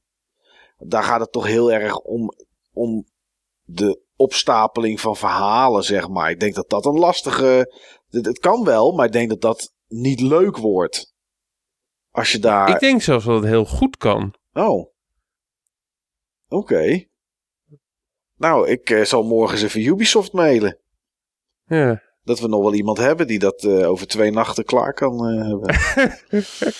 Ehm, en voor Mike staat hier. Inhakend op de recente ervaringen met Star Wars Battlefront 2, in hoeverre heb jij het gevoel dat de industrie de reviewers op deze manier nog serieus neemt? Of accepteren ze dit soort backlash omdat het zijn geld toch wel oplevert en negatieve publiciteit ook gewoon publiciteit is? Als we kijken naar de omvang van patches en de impact van DLC op games vandaag de dag, zijn er steeds minder games die daar een half jaar nog stroken met de review van de launch. Kun jij je daarin vinden? Nou, als ik naar dat laatste kijk, kan ik me daar heel erg goed in vinden. En het is iets wat ik me wel eens afgevraagd heb of een review op dag 1 tegenwoordig nog wel nut heeft. Ehm, eh, neem de Division, dat is denk ik een prima voorbeeld. Ondanks dat op dag 1 de story best interessant was en uh, nog net zo is als nu, was de rest, zeg maar, de Dark Zone en wat er daarna te doen was, is totaal anders. Nou, totaal anders is overdreven, dan zou het nu in één keer uh, een voetbalspel zijn. Maar dat, dat is zo ver omgegooid dat als je kijkt naar hoe het nu is, de Division, is dat echt heel erg anders. Um, als je kijkt naar een game als uh, Assassin's Creed Unity bijvoorbeeld, die op dag 1 met, met hele beroerde framerate draaide, gezichten die half weg waren, mensen door de grond vallen en dat soort dingen. Ja, dan zijn daar aardig wat patches voor uitgekomen en dan is het op een gegeven moment opgelost. The Witcher 3, ook een prima voorbeeld, ondanks dat die game op dag 1 super was. Uh, ook genoeg problemen mee, zeg maar. Er zijn, uh, weet ik veel, geloof ik wel 26 of 27 patches voor uitgekomen. Misschien zijn we inmiddels al verder, zijn we al bij 32. Maar dus ja, die games die op dag 1 uitkomen, veranderen behoorlijk naar, uh, na een half jaar of na een jaar. Alleen de reden dat men niet lang met een game wil wachten, is dat de uitgever en ontwikkelaar natuurlijk op het moment dat die titel in de winkel ligt, zoveel mogelijk aandacht wil voor die game. Dus um, ook al zijn reviews dan misschien wat minder. Want ze weten het zelf ook. Natuurlijk, als ze een day one patch uitbrengen, weten ze ook dat het product. Uh, als je het op dag 1 moet fixen met een day one patch, weet je ook dat het op dag 2 niet perfect is. Dat weet je gewoon, want dan heb je er nog zoveel aan moeten sleutelen dat, dat je wel iets speelbaars hebt. Maar dat is het. Uh, dus ja, eigenlijk zou je games na een half jaar misschien nog een keer moeten bekijken. Alleen is het voor een website of voor een reviewer dan nog interessant om daar naar terug te kijken. Want een game die een half jaar oud is, scoort qua Google en waar niet qua of Google het vindt, maar waar mensen naar zoeken, natuurlijk veel minder dan naar de game die op dat moment uitkomt. Ik bedoel, uh, de aankomende week komt Sea of Thieves bijvoorbeeld uit en A Way Out en Nino Kuni. Ja, dat is volgende week is dat allemaal hot. Maar over een half jaar is er niemand waarschijnlijk meer die nog op Nino Kuni gaat zoeken. Op Nino Kuni 2 in dit geval. Ik, dus... ik, denk, uh, ik denk, Mike, dat games die echt persistent zijn. Ja. Uh, dat um, tot daar juist een markt voor is om, om wel later die reviews nog te herzien om een tweede review uh, ervan te doen. Um, uh, kijk, in Sea of Thieves, daar maakt straks iedereen een review van. Ja. Dus dan ben je gewoon één van velen. Klopt. En ik, ik, ik zeg hem wat om twee jaar na verschijnen, um, omdat er heel veel mensen zijn die het nog steeds spelen, een review te maken van Fortnite. Nou, Zeker. Kijk, in, in zijn vorm dan? Ja, nee, ik denk dat het voor de bezoekers van die website die daar naartoe komen, dat dat interessante content is als ze die game interessant vinden. Dat is zeker zo. Alleen, ik denk niet dat er iemand nu nog uh, zoekt naar Fortnite review. En ik, ik denk dat het daarom niet zoveel ik denk gebeurt. Het wel. Ik denk het wel. Ja, nee, ik zou het een keer kunnen ik denk testen. Echt, ik denk echt van dat je dat, uh, dat je dat onderschat. Maar niet met elke game natuurlijk. Kijk, nee, als je nu, een, uh, als je nu een, een review gaat maken van Mario Odyssey, tenzij het een review is die gewoon een hele vernieuwende kijk op, op die game uh, toevoegt, ja. dan heb je gewoon de boot gemist. Nee, eens. Maar goed, neem een Kingdom Come Deliverance. Ehm, die is halverwege februari uitgekomen, zeg ik uit mijn hoofd. 13 of zo, of 20 ik weet niet precies meer. Ehm, misschien iets eerder nog zelfs. Ja, daar zijn een hoop patches voor nodig om die game recht te trekken. Nou, inmiddels komen er langzaam wat patches en komen er ook interessante dingen. En waarschijnlijk is dit zo'n game die over een half jaar eindelijk een beetje te spelen is zoals mensen dat willen. Ja, dan is de hitte van zo'n game af. Terwijl dan het eigenlijk wel ook een interessant moment zou zijn om nog eens terug te kijken. Nou, wat hebben ze gefixt? En um, als, ik het, als de game in deze staat destijds was uitgekomen, wat zou je die game dan hebben gegeven, zeg maar? Dat zou, dat zou best interessant zijn. Alleen, ja, hoeveel mensen daar nog naar kijken dan, is een tweede. Maar wat jij zegt bijvoorbeeld bij een Destiny of bij games inderdaad, games as a service, zoals we het wel eens vaker genoemd hebben. Games as a service. Daar zou dat interessant voor zijn. Uh, Want joh, de reden waarom ik het zeg, ik, uh, ik pak hem er even bij. Ja. Ik moet heel eventjes... Uh, Oké, okay, ik heb hier een review van, um, van Warframe uit 2017. Ja. Um, die, um, die game was toen drie jaar oud, denk ik. Langer Ja, zelfs, want hij is verschenen in 2013. Ja. Die game was vier jaar oud. En eh, die review is 1,7 miljoen keer bekeken op YouTube. En counting. Ja, vind ik YouTube denk ik anders dan tekst voor mezelf, zeg maar. Ehm want dan werkt het misschien net iets anders voor, denk ik. Denk ik. Als ik kijk naar het YouTube-kanaal wat ik samen met Alisa heb gemaakt, hebben wij ook video's die nog 100 keer of 120 keer bekeken worden. En die zijn dan wel twee jaar oud. Uh, of drie jaar oud inmiddels. Ja, ik, ja de vraag Ja, is... ik, ik denk dat iets anders ligt. Ik denk dat het in tekst ook kan werken bij dit soort games. Mhm. Uh, mensen zaten echt te wachten op dit soort inzichten. Ja, nou, van Warframe snap ik het wel. Daar komen nieuwe expansies van en, uh, en dat soort dingen. En de vraag is wel, zeg maar, in dit geval, hoe groot is het kanaal dat deze video heeft gemaakt? Hoeveel abonnees heeft dat? Zit, ik, nu, zit ik nu te bekijken? Um, 290.000 abonnees. Dat is niet veel voor 1,7 miljoen keer bekeken. Nee. Ja. Ja, goed. Misschien dat het inderdaad wel, dat het wel werkt. Uh, ingeschreven tekst. Ik zou het voor de grap eens een keer kunnen doen. Op Duimschroef hebben we het ooit een keer gedaan.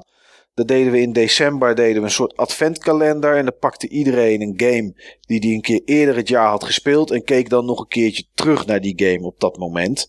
En uh, dat, was best, dat was best een leuk, uh, een leuk special die we dan uh, 25 dagen deden, zeg maar. Dus dat is op zich wel grappig.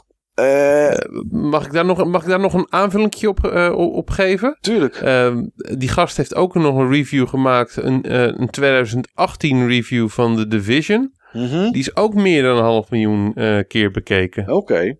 Nou, ik denk dat het gewoon heel anders werkt met YouTube. Want bij een website, dan wordt de content wordt echt voorgesorteerd door de eigenaren en, en de redacteuren van de website. Maar bij YouTube krijg je ook dingen die recommended voor jou zijn, die gebaseerd zijn op jouw interesse en browse history.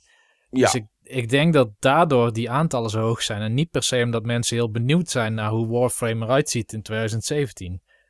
Ja, dat zou kunnen. Kijk, het is natuurlijk. Uh, Google doet natuurlijk, als je daar op zoekt, kijkt wel naar websites waar je veel komt. En geeft die content dan iets eerder aan je weer dan anders.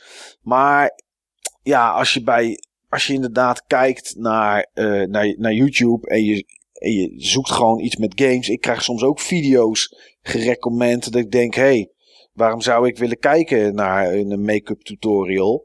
Maar uh, ja, blijkbaar toch omdat ik naar iets anders heb gekeken wat daar dan inderdaad mee in aanraking staat. Dus ja, het werkt wel wat anders. Maar ja, aan de andere kant zijn er toch 1,7 miljoen mensen die er wel op geklikt hebben op die Warframe review. Dus wat dat betreft... Of het was de video die automatisch werd gestart na de vorige video. Dat zou kunnen, ja. Ik heb dat uitstaan, want ik word er helemaal gek van. Maar dat zou ook nog kunnen, ja. ja, ja. Maar ja, goed. Het scoort dus blijkbaar toch nog wel, op welke manier dan ook. Uh, oh, er was nog een ander deel. Inhaken tot de recente ervaring met Star Wars Battlefront 2. In hoeverre heb jij het gevoel dat de industrie de reviewers op deze manier nog serieus neemt? Of accepteren ze dit soort backlashes omdat het geld toch wel oplevert? Nou, negatieve publiciteit is wel gewoon publiciteit. Maar ik denk dat Star Wars Battlefront 2 wel heeft laten zien dat het toch wel anders kan als de publiciteit te, te negatief is en dat te groot wordt opgeblazen. Um, neemt de industrie reviewers nog serieus? Um, ik kan je uit eigen ervaring vertellen dat dat wel zo is. Want um, ik ga geen namen noemen, maar ik heb een tijdje terug een lager cijfer dan dat men verwacht had gegeven aan een game. En de eerst opvolgende game van die uitgever, die kreeg ik niet. Ik kreeg zelfs niet eens antwoord op mijn mails die ik omtrent die game stuurde. Dus uh, blijkbaar doet het ze wel iets. Kijk, en hoe het werkt, tenminste hier in Nederland, maar zo werkt het eigenlijk overal, is dat de onderdelen die hier in Nederland zitten van EA, tenminste EA zit hier niet zelf, die hebben alleen PR, maar Ubisoft zit hier bijvoorbeeld, Bethesda zit hier, um, Nintendo, Sony, uh, nou Sony, ja Sony zit hier, maar hebben ook een PR-bureau die dat allemaal doet. Bij Bethesda bijvoorbeeld praat je met de mensen van Bethesda zelf.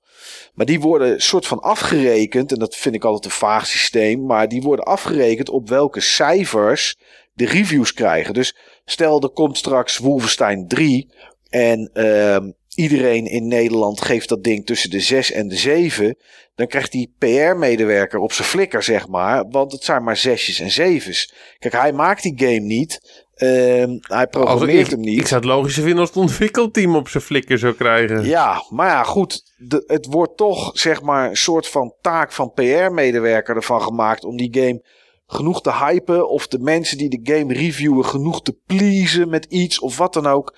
Dat je, ja, dat je, dat dat niet gebeurt. En ik heb ooit wel eens, ik heb het volgens mij ooit wel eens verteld, een uur met iemand aan de telefoon gezeten over een game. Uh, waarvan hij vond dat het een hoger cijfer moest krijgen. En ik vond van niet. En dan ga je dus, ondanks dat dat heel raar is, ga ik een soort van verantwoording afleggen aan iemand die helemaal mijn werkgever niet is, niks niet. Die mij gewoon een voor 2,50 euro, wat het gekost heeft, een diskje opgestuurd heeft. En, en, en ik daar een artikel op getikt heb. Dus ja, nemen ze je serieus? Nemen ze reviewers het algemeen serieus? Ik denk het wel. Het is nog steeds de, naar, de, naar de lezers en kijkers en, en luisteraars op internet en in tijdschriften en zo toe. De eerste bron van um, de waarde of, of hoe goed een product is. En als iedereen zegt dat iets ruk is, net zoals wat met Star Wars Battlefront 2 gebeurde, dat er zoveel ellende en backlash over die game komt, um, dan heeft dat toch invloed op hoeveel het verkocht wordt. Dus ja, ze nemen het nog steeds wel serieus. Maar als je ook soms hoort dat uh, reviewers dan heel veel in-game coins krijgen. Zodat ze makkelijk van alles kunnen kopen en kunnen testen. Ja, dan denk je ook van ja, weet je, dan neem je het eigenlijk niet serieus. En wil je gewoon alleen maar zo'n hoog mogelijk cijfer halen. Ja, dat is ook wat ze natuurlijk proberen. Dus ja, uh, ja, ik denk dat het nog steeds wel zo is dat ze het serieus nemen. Uh, wordt dat minder? Misschien wordt het straks wel iets minder als er nog meer dingen met video gebeuren. Ik bedoel, er zijn eh, zoiets als Twitch. Dat is natuurlijk super interessant om, uh, om je game aan te geven, zeg maar. Zodat mensen kunnen zien hoe het speelt zonder dat er echt direct een review van gemaakt wordt. Maar goed, ik denk het nog steeds wel. Vanuit developer perspectief heb ik aan de games waarin ik, waaraan ik heb gewerkt nooit iets gegeven om het cijfer, maar alleen over de verkoopcijfers. Ja. En uh, er zit niet per se een grote correlatie tussen cijfer wat uh, reviewers geven en verkoopcijfers. Um, de betekenisverlening van het aantal verkoopcijfers is veel hoger dan of dat de game nou een uh, eh, 6 kreeg of een 9. Ja.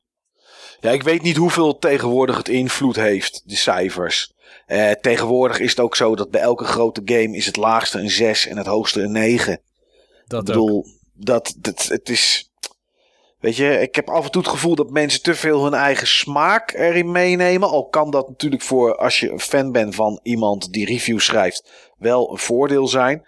Maar ik probeer er toch altijd iets platter naar te kijken en niet mijn eigen smaak er per se in te verwerken. Maar bijvoorbeeld is het verhaal wel goed? Of, of ik het verhaal nou leuk vind of niet. Is het verhaal wel goed? Werken de mechanics? Ja, misschien kijk ik er op een hele andere manier naar dan anderen. Maar dat is hoe ik het in ieder geval probeer. Eh, een vraag voor ons allen nog als laatste van ToeJam. Een fysieke collectie van hardware en games is natuurlijk mooi en we zijn nu allemaal nog jong en fris. Maar stel dat we straks oud en seniel zijn. Zou je je collectie het liefst voor die tijd opgedoekt, verkocht, weggegeven hebben? Of zet je de geraniums het liefst bij de PlayStation, PC Engine, PC Engine, SNES en zou je het liefst in het midden van je collectie de eeuwige rust vinden? Dit is geen vraag om in de toekomst te kijken, maar meer hoe je er nu in zit. Nou, Niels. Ja, jongen, jongen. Ja, hoe ik er nu in zit, maar, zit, maar wel als ik seniel nu zou zijn. Of zoiets. Nee, Ja, ja, de- volgens mij mag je de factor seniel mag je volgens mij wegdenken. Het gaat er meer om of je collectie het liefst voordat je oud bent verkocht hebt, weggegeven hebt of wat dan ook. Of dat je het eigenlijk zoals je er nu in zit het liefst gewoon bewaart. En dat je ja, straks te midden van je collectie sterft. Ik heb toen ik heel erg rampant NES games verzamelde, toen heb ik me altijd voorgenomen dat ik het weg zou geven. Oké. Maar wel weggeven aan iemand die het publiek toegankelijk zou maken. Dus niet aan een verzamelaar, maar bijvoorbeeld aan een museum. Ja, Zodat ik niet de enige ben die iets aan die games heeft gehad. ja. En dat nou heb zich- ik niks echt compleet op dit moment, zeg maar. Dus het is niet voor mij heel makkelijk om iets weg te geven, eh, zodat het publiek heel aantrekkelijk is om het te gaan bekijken. Maar ehm, ik denk wel dat ik... Ik zou een groot deel verkopen in ieder geval. Mhm. Ik zou denk ik niks hoeven hebben. In die, ik, ik hoef niet eh, stapeltjes Mega Drive games te hebben. ehm, en dan een plantje ertussen. en dan weer een stapel Mega Drive games. En eh, dat je daardoor gewoon eh, niet meer door het raam kan kijken. Nee. Dat is niet hoe ik mijn toekomst zie. Het liefst staat alles in de cloud of stream ik alles via PS Now of zo. Maar die games die gaan er dan wel uit. Maar ik denk dat ik een deel weggeef aan mensen waarvan ik weet dat ze er plezier van hebben. Eh, een deel weggeef als het een publiek nut kan hebben. En een deel mogelijk verkoop als er waarde in zit voor een verzamelaar en ik het geld goed kan gebruiken. Oké. Eh, Steve? Heb- Heb jij nog complete SNES games, eh, Niels? Met eh, doosje en boekje bedoel je? Ja. Een aantal, ik denk een stuk of tien. Ja, dan denk je aan me hè, als je 80 bent. Ja, maar dat, maar dat wil deze vraag, Steve, die impliceert dat jij niet iets gaat opdoeken, verkopen of weg gaat geven. Sterf, Ehm. jij, eh, sterf jij in het SNES-harnas? Ik zou sowieso nooit iets wegdoen ehm, waar, ik, een, waar ik diepgaande eh, nostalgische gevoelens bij, eh, bij heb. Nee. Mijn eigen NES-games, mijn eigen SNES-games gaan nooit weg. Nee. Ehm, mijn PC Engine-collectie, ehm, dat, die had ik natuurlijk vroeger niet. Nee. Zie ik mezelf ook niet snel wegdoen. Ehm, ik heb ook dingen ehm, waar, waar op zich best wel wat, ehm, wat, wat ruimte in, eh, in opgaat. Ik, ik zeg maar wat mijn PlayStation 2 eh, collectie. Ik vond het leuk om, eh, om het bij elkaar eh, te sprokkelen. Ik heb nog nooit een PlayStation 2 game uitgespeeld. Pas op, Die hè. niet- Toe Jam spaart het, hè. Die komt, eh, die komt alles bij je Ja. weghalen. Die, die ik niet ook op, eh, op Xbox had. Ehm, daar heb ik toch dan net even wat minder binding mee. Ja. Ehm, maar ik zie het mezelf niet wegdoen. Eh, ik, ik ben gewoon echt een verzamelaar. Dat zit in me, daar hebben we het ook wel eens over gehad. Mhm. Ehm, mijn ouders zijn verzamelaars. Mijn oom was verzamelaar. Mijn oma was verzamelaar. Mijn broer is verzamelaar. Ja. Nou, van wie zou ik het hebben? Ja, het runs in de family, zullen we maar zeggen. Yep, yep. Mijn oma. eh, ik heb een groot deel van de verzamelingen van mijn oma. Ik heb de verzameling eh, stenen poesjes van mijn oma. Ik heb de schutbollen. Ik heb er eh, de knuffels voor een groot deel. Die heb ik hier allemaal liggen. Ja. En dat kan je ook niet wegdoen zomaar. Nee, kan ik eh, heel slecht wegdoen. Ja. Ik heb de Tom Poes verzameling van mijn, eh, van mijn oom. Van, Ja, de- maar van die gebakjes. Nee, eh Nee, die stripfiguur natuurlijk. ja, ja, ik, eh, kijk, zijn postzegelverzameling hebben we dan weggedaan. Ja, Maar ja, daar, daar hebben we gewoon echt heel weinig binding mee. snap ik. Dus, ehm, ja, Ehm, Ja, ik vind het ook ik, ik, zie moeilijk het hoor. ik zie het mezelf niet zo snel ehm, eh, wegdoen. Eh, zie ik mezelf wegdoen op een moment van tot het financieel nodig zou zijn? Ja. Ja.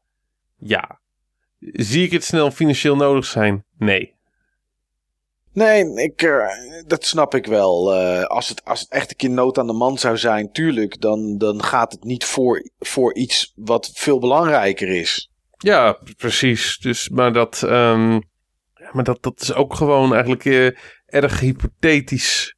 Geval op dit moment heel hypothetisch. En ehm, ja, ik prijs het in ieder geval op dit moment niet al te actief uit. Nee. Dus dat scheelt ook al. Ja. En, ehm, ik sta er soms echt heel erg schizofreen in. Ik, ik denk gewoon ook regelmatig, ja, ik moet stoppen met die nieuwe games. Ik moet stoppen met die nieuwe games. Ik moet gewoon digitaal.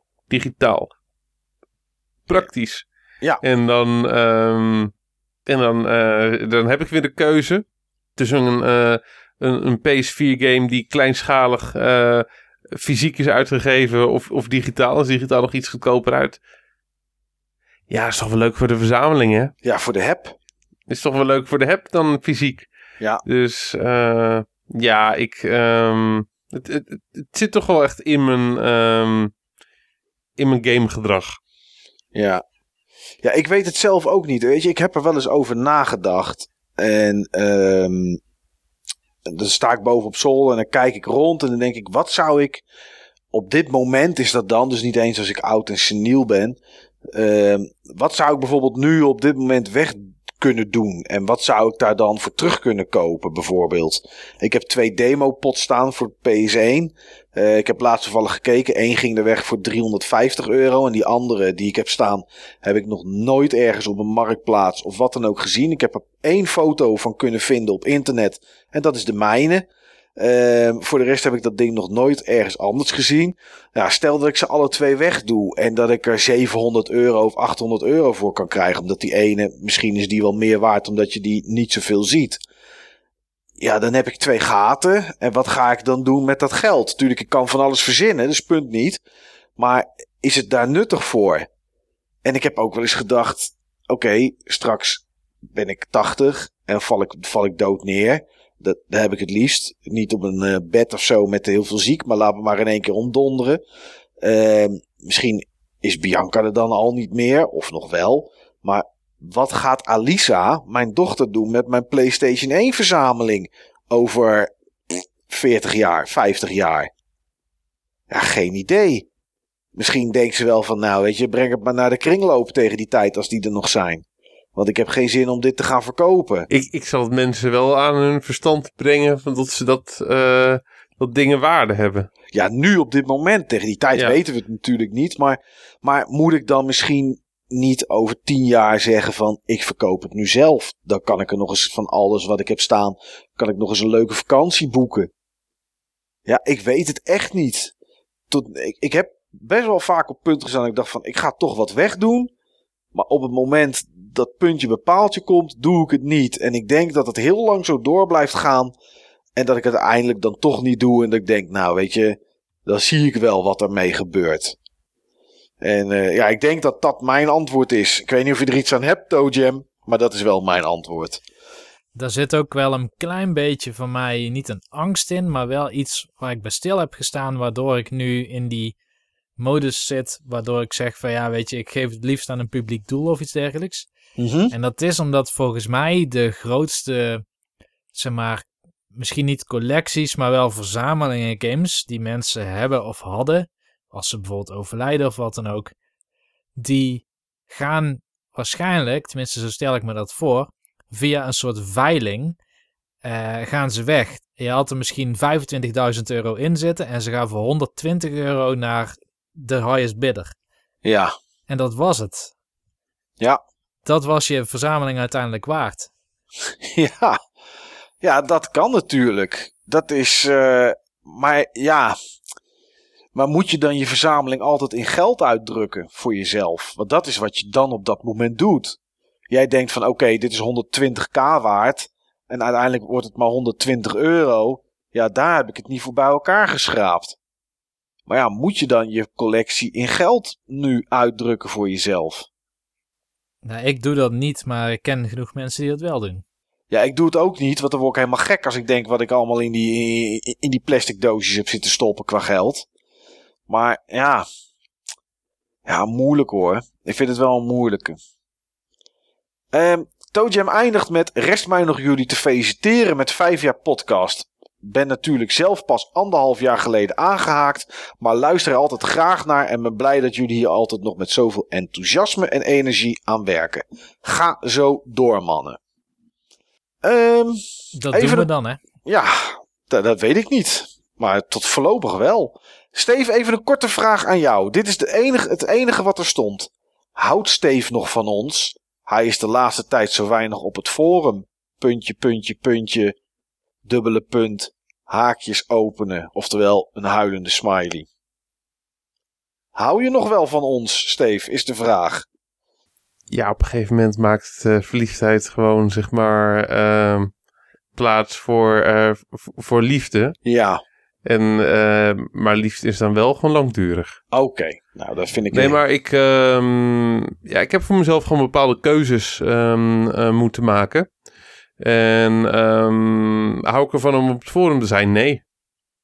Nee. Nou. Uh, ik, ik, heb op dit, ik, ik merk gewoon tot, tot op het moment dat ik er niet zeg maar echt all the way in kan gaan. En uh, echt gewoon alles kan lezen en actief kan participeren. En, en er een, energie, tijd en aandacht voor heb. Dan, dan vind ik het juist alleen maar jammer. Ja. Heb ik, dan, ik, ik ben. Ik merk dat ik. het, het, het raakt alleen mijn irritatiespier heb ik er meerdere van. Op het moment van dat ik zeg maar het, het, het ook het gevoel van dat ik uh, half zacht participeer. Ja. Of het ook gewoon eventjes doorheen uh, browse. Dus een, dan is het voor mij makkelijker om dan gewoon um, niet tot zeer beperkt te participeren. Ja. Nou ja, snap ik. Ook met het houden van. Dat heb ik zeg maar met overleden hondje van ons. Daar hou ik op zich nog wel van. Maar ja, gaat het niet meer mee wandelen. nee, dat snap ik. dat, dat, dat, uh, dat, dat, snap ik. Ja. Maar vind ik, vind ik een uh, gave community? Ja.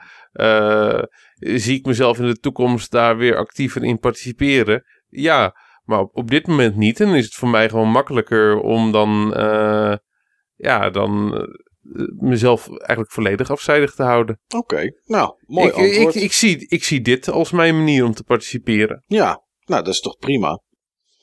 Uh, iemand die niet zijn naam erbij heeft gezet, maar wel vragen heeft, zegt Mike: welke games of genres van games heb jij een hekel aan? Beschrijf vervolgens hoe waarschijnlijk de mensen zijn die deze prutgames wel leuk vinden. Ah, genres waar ik echt een hekel aan heb zijn simulatiegames. En dan heb ik het over flight simulators. Uh, uh, vroeger had je tank simulators en, en al dat soort games. Daar heb ik echt een hekel aan. Daar is niet, niet door te komen ook dat als je in een cockpit ziet dat je 26 knoppen in moet drukken in de juiste volgorde. Dat je dan op een joystick of op een controller een klein beetje gas mag geven. En dat je dan al met je neus naar beneden zo de runway inboort. Daar heb ik echt een hekel aan.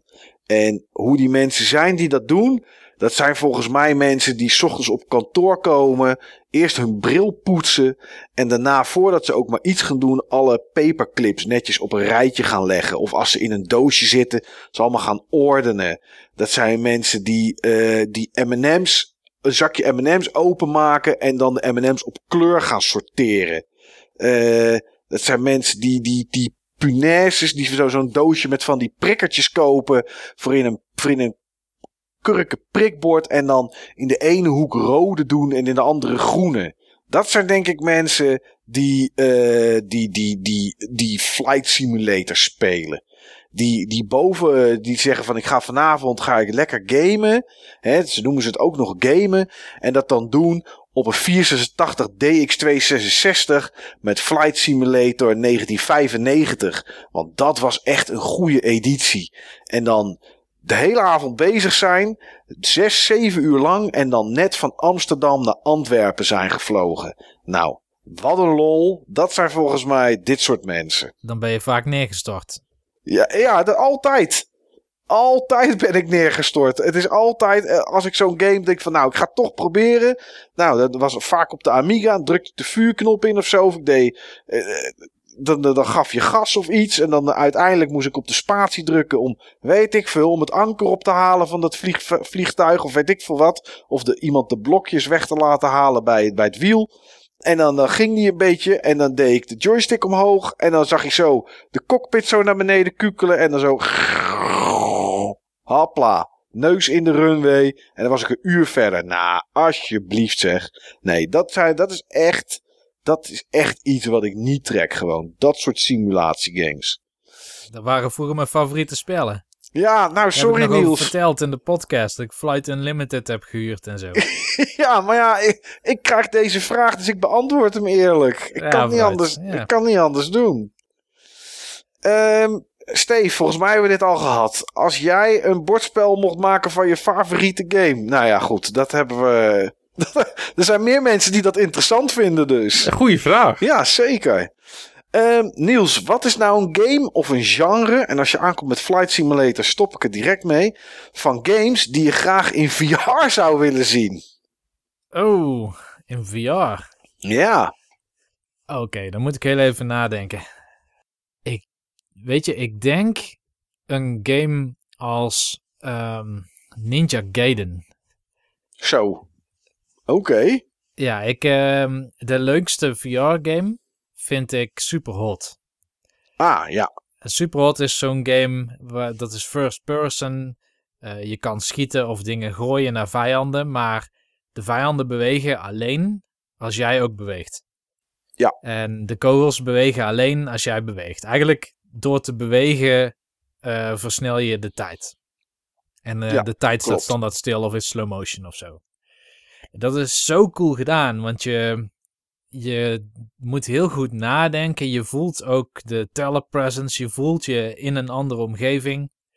En ik denk dat op het moment dat je een soort Ninja Gaiden zou hebben, dus je zou dat idee hebben, maar dan snel en met zwaarden. Dat zou ik heel cool vinden om, om te doen. Dan hoeft het niet eens met die vertraging van de tijd te zijn. Dan mag het gewoon real-time zijn en dat ik gewoon de patronen moet gaan herkennen van de vijanden. Maar snelheid en zwaarden, first person, dat zou ik wel graag zien. Oké. Eh, er zit nog een klein stukje vraag aan. En blijkbaar boeit deze persoon het niet van mij en van Steve. Dus ik ga het ook niet beantwoorden. Zo recalcitrant ben ik. Eh, bij jou, Niels, wordt ook. Wat was jouw favoriete moment van 2017? Wat? Het, eh, dat was de vraag in het algemeen. Ja, eh, weet ik ook niet. Ik, ik, kan er, ik kan wel wat verzinnen, maar ik stel de vragen zoals ze ons gesteld zijn. Wat was jouw favoriete moment van 2017? Poeh, eh, oké. Ik, ehm, ik ga hem op een paar verschillende manieren interpreteren. Dat is goed. En dus ook daar antwoord op geven. Ehm, in games was mijn favoriete moment in 2017 toen ik eh The Great Plateau verlaat, verliet in eh, Zelda Breath of the Wild. Ja, Ook een van mijn favoriete, maar dan niet game dingen die in 2017 gebeurd zijn, is ehm, in 2017 in augustus ben ik in Zuid-Korea geweest voor een eh, game jam. En wat we daar meemaakten was, eh, ik, ik host de game jam en ik, eh, ik leid eigenlijk het proces eh, met, met de mensen van de universiteit waar we die game jam houden. En de opdrachtgever die wilde heel graag drinken. Ergens op een avond. ja gewoon drinken is. Aziatisch. Ja, precies. Even mee en ik zei, nee, dat kan echt niet. Ik moet bij de studenten zijn. Nee, maar dat komt toch wel even heel snel. Nou, en ik zat daar aan tafel en er werd, er werd bier besteld. Zoveel, niet normaal. Dit En had ik echt niet die- Maar daar verwacht. kunnen ze toch helemaal niet tegen, die Aziaten? Ja, dat zou je denken. Ik denk dat het een stereotype is als je zegt Aziaten kunnen daar niet tegen. Ik zat daar dus met een, eh, met een vrouw van, ik denk, achter in de 40 aan tafel. En zij, zij bestelde zwaar bier, Guinness, zo'n pint, zo'n grote. En die atte zij. En toen bestelde ze meteen een nieuwe. en dat is dan het ook het idee, hè? Je moet dat dan zelf ook doen. Dus het is een soort spel dan tegelijk. Ik had nooit, nooit gedacht in die vijf jaar podcast. Als er een keer aan Niels zou worden gevraagd. Wat was voor jou een favoriet moment uit 2017? Dat je iets zou noemen met bier. Dat had ik, dat had ik echt nooit verwacht. Het was meer, het, het ging me niet om het bier, maar het ging me om die onverwachte setting. Ja, je zit daar met die mensen en het zijn hele belangrijke mensen voor dat evenement. Die hebben veel geld erin gestoken of die hebben veel kennis daarin gestoken. En ehm, het, ik zie het ook als een, als een moment van respect Ja, en, eh, en vertrouwen naar elkaar. Want het was, ik doe al sinds 2014, ja, 2014 ga ik naar Korea voor dit soort evenementen. Soms met een collega, soms niet. Alleen dit komt gewoon bijna nooit voor op deze manier. Nee, dat, nee, ja, oké. dan begrijp ik het wel. Ja, oké. Normaal is het heel formeel, maar dit was heel informeel. Gewoon, hey, laten we dat even snel doen. Ja, Dus dat, is echt, eh, dat was echt een heel leuk moment. En, en het laatste wat ik dan nog even wil noemen is ehm, de hond Boef. ja, Ehm, ja, als, als die, eh, als die 's ochtends wakker wordt of, eh, of je komt eh, s s'avonds langs en hij is super blij om je te zien, dat, eh, dat blijft een hoogtepunt. Maar dat is bijna elke dag een hoogtepunt. nou, dat snap ik wel. Dat snap ik Nou, wel. supermooi.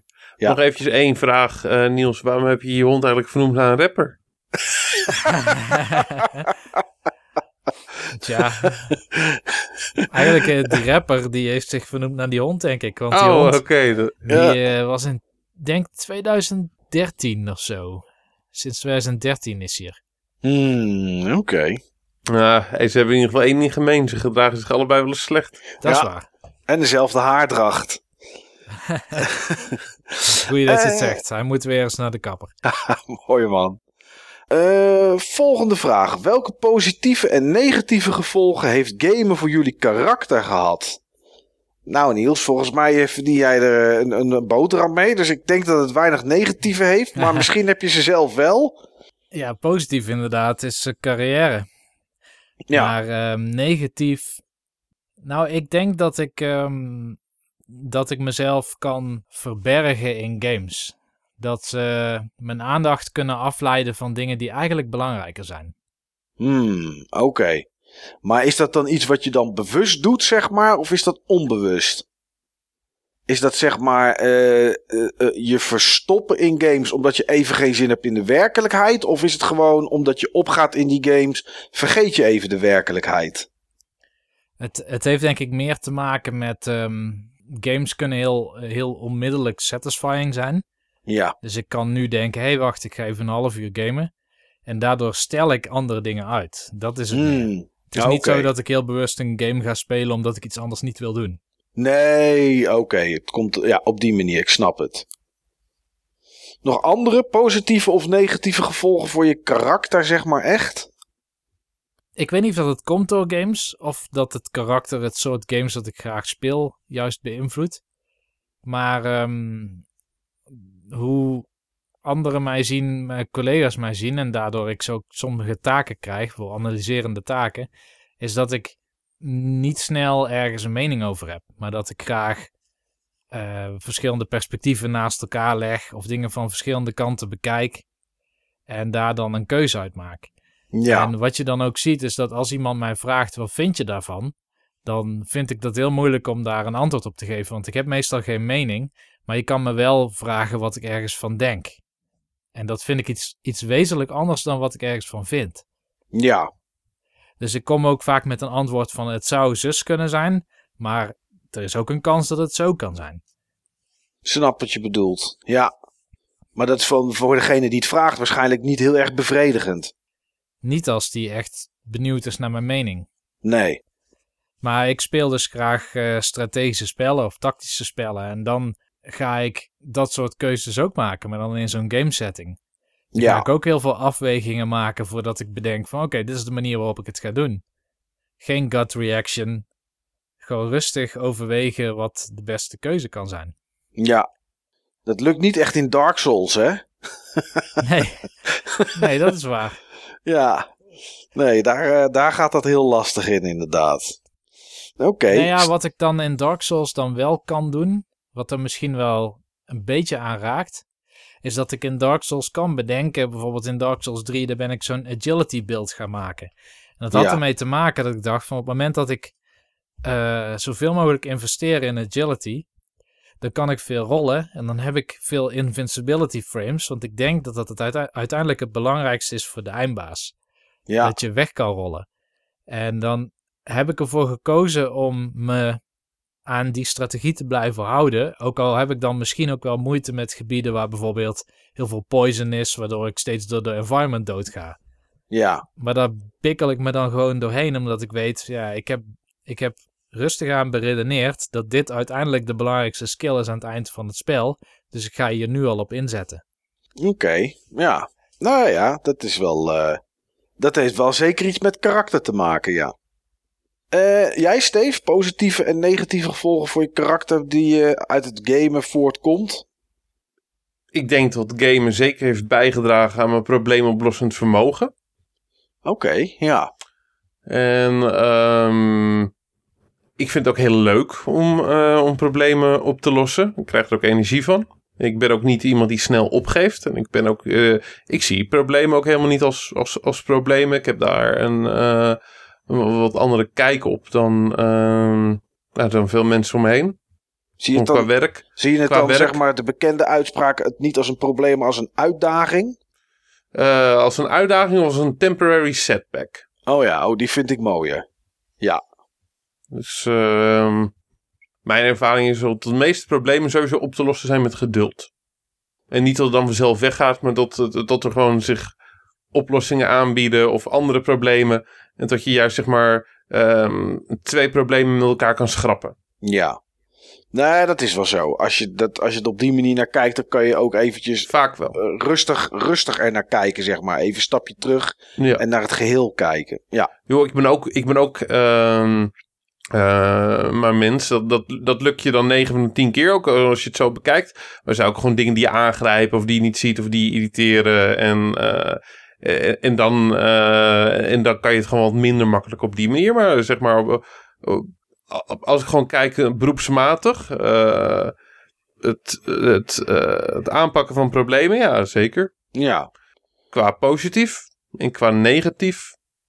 Ja, ik, ehm, ik kan in sommige opzichten kan ik wel perfectionistisch zijn. Mhm. Ehm, had ik ook wel gehad. Maar vanuit gamen heb ik dat altijd heel erg in het, com- in het completionist eh, eh, zijn. Ja. En, ehm, en perfectionisme en het aanwakkeren van perfectionisme. Dat, perfectionisme is gewoon niet iets wat je vaak helpt. Nee. Zelden, zelden. Het, het, het kan je helpen, maar het, het, het, uiteindelijk limiteert het je meer dan dat het je helpt. Nou ja, en vooral voor jezelf ook een hoop frustratie oplevert op het moment dat het niet lukt.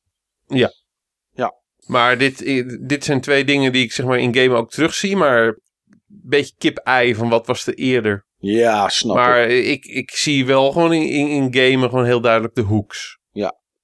Oké. En wat ik, wat ik dan eerder. eh, het is niet gamen, maar het is wel gewoon gerelateerd aan, eh, aan, aan games. Ja, dat, dat eh, het hele verzamelen. Wat ik met gamen ook. Met games ook heel erg heb.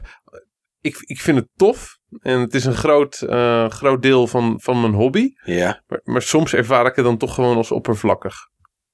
Als bezit. Ja. Ja. In zekere zin is het gewoon bezit. Ja, is het ook. En, en, ook en als je het niet speelt, is het gewoon ook eigenlijk doodbezit. Dood bezit. Wat je Dus net dat, zeg maar had met, eh, waar je het over had met je PlayStation 2 games. Ja, dat, Ja. Is, gewoon, dat is gewoon dodelijk bezit. Ik bedoel, ja, je speelt het niet. Als je naar die games kijkt, denk je, oh ja, dit is wel een aardige game. En dat is het dan. Meer Ja. is het niet. Ja, kijk, bij eh, m- m- mijn NES-games, die speel ik ook niet, of ook weinig. Maar daar heb ik dan gewoon meer mee. Ja. Dan ben ik ook gewoon blijer dat ik het, eh, dat ik het heb. Dus, Maar dat heb je eh, ooit wel gedaan, zeg maar. Weet je, dat is iets. Ja. Hè, dat, dat, dat herken ik wel natuurlijk. Want ik bedoel, ik heb zat games staan die ik nog nooit heb gespeeld. Nu niet, maar ook vroeger niet. Ja, waarom heb ik ze eigenlijk gekocht? Ja, waarschijnlijk omdat het een keer een leuke prijs was. Of omdat je dacht, ik ga het een keer spelen. Ja, dat komt er dan toch nooit van. Dus ja, dat snap ik wel, zeg maar. Eh, als ik naar mezelf kijk, welke positieve gevolgen heeft gamen voor je karakter gehad? Nou, ik weet het niet eigenlijk. Ik, ook bij de negatieve niet hoor. Het zijn wel. Ik denk niet dat het zozeer bij mij iets voor mijn karakter heeft gedaan. Misschien wel, maar heb ik het zelf niet door. Nou ja, dat is ook prima. Maar ik denk wel dat het me gevormd heeft naar. Uh, maar dat is met alles wat je meemaakt in je leven natuurlijk. Maar gevormd heeft naar hoe ik nu ben. Maar als ik dan bijvoorbeeld kijk naar negatief. Uh, niet zozeer met mijn karakter, maar met dingen die ik heb meegemaakt uh, ik ben twee relaties soort van verloren doordat mijn partner World of Warcraft speelde. Toevallig was het ook alle twee World of Warcraft. Uh, ik ook, alleen ik kon het wegleggen. Uh, op een gegeven moment. En die twee partners konden dat niet of gingen er rare dingen bij doen. Eén gebruikte het om te ontsnappen aan. De ander, nou ja, goed, daar, daar gebeurden wat rare dingen mee. Uh, maar toch mijn huidige vriendin Bianca, ja, die speelt af en toe ook wel eens World of. Het is niet zo dat mijn, mijn karakter zegt van, oké, dit soort dingen mag nooit meer of zo. Ik weet niet eens of dat een karaktereigenschap is, denk het niet eens, maar weet je, dus de negatieve dingen die ik misschien er ooit mee gehad heb, die hebben nu nog steeds geen invloed op mij of hoe ik ben of hoe ik ergens op reageer. Ja, en in positieve zin, ik heb, ik heb echt geen idee wat het ooit voor mijn karakter gedaan heeft. Of, of, of qua hoe ik nu ben. Ik, uh, ik haal gewoon nog steeds bijna elke dag heel veel plezier uit games. En op welke manier dan ook. Dus, maar om nou te zeggen dat me dat dan een blijer mens maakt of iets, is het ook niet. Dat ik, uh, dat ik altijd vrolijk ben, maar dat ben ik ook niet altijd. Dus ja, ik, ik heb niet het idee dat het bij mij iets aan mijn karakter gedaan heeft. Wat dat betreft. Jo, grappig, joh, Mike. Ik, uh, je had het me wel eens verteld. Want dat je zeg maar um, um, een relatie kwijt was uh, uh, geraakt of stuk was gelopen door, door MMO's, door, ja. door World of Warcraft. Maar ik heb altijd gedacht dat jij het was. Nee, nee, nee, totaal niet. Nee. Nee. Ja, ik hoorde het ook niet goed rijmen bij zoals ik jou ken. Maar ik denk, joh, misschien was hij toen anders. Zat hij er toen anders in? Was het toen misschien een bepaalde uitletclip uh, voor hem? Het was juist de andere persoon. Het was de, eh, in, in de, alle tweede gevallen waren het de andere persoon. Ja. Ja, en bij eentje was het zelfs zo erg dat um, um, die, die dook zeg maar een beetje weg. Hè, wat ik net vroeg aan Niels, zeg maar, met, uh, met zijn tijd vergeten. En, uh, en, en dat bij hem gewoon het niet iets is om iets anders niet te doen. Dat was bij één persoon wel. En die, uh, ik kan me nog goed herinneren, en dit is echt heel kneuzig, maar dit is wel wat er is gebeurd. Uh, op een gegeven moment, zij ging het spelen en dan ging ik het ook maar spelen. Om dan toch nog een beetje s'avonds iets samen te doen.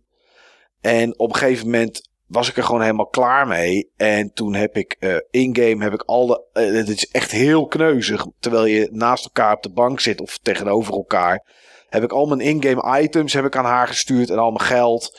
En dan had ik bij gezegd van, uh, nou, hier neem jij dit maar. Zij was misschien druk bezig of zo met een raid in World of Warcraft of wat dan ook. En uh, van, ik ga het niet meer spelen, neem jij al de spullen maar. Ik ben er wel klaar mee met deze game. En toen ben ik naar bed gegaan en um, um, toen kwam zij s'nachts en die was gewoon echt kwaad dat ik het niet meer ging spelen. En dat werd, dat werd gewoon een halve ruzie, zeg maar. En, en, en op een gegeven moment kwamen er situaties voor dat zij de hele nacht ging spelen. En dat ze de volgende dag om kwart over twaalf uh, de zoontje van school af moest halen. En dat ik om half één een belletje kreeg van de school dat die nog niet opgehaald was. Ja, omdat zijn moeder nog lag te slapen en die kregen ze blijkbaar met bellen niet wakker. Kan toch niet, joh? Ja, toen ben ik vanuit Soetermeer naar Den Haag gereden om hem van school af te halen. En ondanks dat, zeg maar, ja, als Bianca het wil spelen, ja, prima. Dan hou ik, ga ik niet zeggen ja, van... maar, maar Bianca is weer een heel ander persoon, joh. Tuurlijk. Met een heel andere omgang ermee. Ja, dat is ook zo. Dat is ook zo. Maar goed, dat, dit zijn dingen die ik wel heb meegemaakt, maar die me dan niet mijn karakter zo veranderd hebben of zo. Dus vandaar dat ik zoiets heb van, ja, ik heb niet echt het idee dat ik positieve en negatieve dingen met mijn karakter heb, zeg maar, die door game uh, veranderd zijn of, of, of iets. We hebben nog twee setjes vragen. En de laatste heb ik uiteraard voor het laatst bewaard. Want daarom is het ook de laatste. Maar de eerste vraag van het laatste setje vragen komt van uh, Patrick eh 380 of Patrick 380. Ik weet niet hoe hij het zelf uitspreekt, maar in ieder geval van Patrick. En eh, de eerste vraag is, een, is denk ik eentje die we heel snel kunnen beantwoorden. Wat vinden jullie de beste game ooit? Nou, Niels, voor jou moet dat niet moeilijk zijn met een top 100 op het Button Bashers Forum. StarCraft Brood War. Ja, Alhoewel, als ik, ik denk dat als ik die top 100 opnieuw zou doen, dan zou ik misschien zeggen StarCraft 2 met alle expansions. oké. Ja, dat zou natuurlijk ook kunnen. Maar in ieder geval één van die twee. Eén van die twee. Oké. Ja, dat zeker. Nou, Steve, je hebt net drie games opgenoemd die je mee zou nemen naar een onbewoond eiland. Ja, daar zit hij tussen hoor. Daar zit die tussen, hè? Ja, dat Tenminste- is eh, Le- Legend of Zelda, eh, Link to the Past. Eigenlijk wou ik zeggen, eigenlijk zit hij er niet tussen. Want Niels die ging hem van je lenen. Dus, eh Nee, ik ging Breath Nee, of the Breath Wild. of the ja. Wild. oh, Breath of the Wild ging eh, lenen. lenen. Oh ja, dat klopt inderdaad, ja. Ja, voor mij de beste game ooit is niet eentje die ik net genoemd heb. Maar dat is en blijft EverQuest. En dat is niet nu nog. Maar daar heb ik het al eens een keer eerder gehad eh, in de podcast. Dat ik het, eh, ik denk een maand of vijf, zes geleden nog een keer ging spelen. Maar met alles wat ik daar ooit in beleefd heb, is dat, eh, is dat wel mijn beste game ooit. Wat is jullie mooiste of dierbaarste of leukste game gerelateerde herinnering die je hebt, Steve? Zo, Ja. dat zijn de vragen. Mhm. Een aantal. Ja. Ehm, op vrijdag kwam er altijd zeg maar, een vriend van me eh, langs. Mijn beste vriend van de middelbare school. En gingen we altijd zeg maar, gamen. Street Fighter toch? Heel veel. Street Fighter. Ja. En ehm we hadden een keer het bizarre idee om een Best of 100 series te doen. Oké. Heb ik dat wel eens verteld, jongens? Street Fighter wist ik nog. Ik weet niet of die Best of 100 series daarbij eh bij We kwam. gingen een Best of 100 series eh, doen. En op een gegeven moment stond ik echt gewoon kansloos achter. Ja. Ehm 15 of 16 eh overwinning had hij meer op mij. En op het eind hebben we zeg maar een 101ste potje eh, moeten doen omdat het gelijk stond. Oh, het stond 50-50. Ja, Oké. ja. En volgens mij was het zeg maar een beste of 100 series zelfs Ryu versus Ken. Oké. Geen andere personages. alleen deze. Ja. Oh, dat was echt krankzinnig, jongens. Krankzinnig. Uh, Redde je dat wel in een middagavond? Want hoe lang heeft dat geduurd? Ja, van- ik, ik weet het niet meer. Ik weet het echt niet meer. Nee. Het was echt eh, een middag en avond, joh. Mis- was misschien tot één uur, eh, één uur Ja, s'nachts. ik wou Weet net ik zeggen. veel. Weet ik veel, maar eh, ja, dat, was wel, dat was echt wel tof.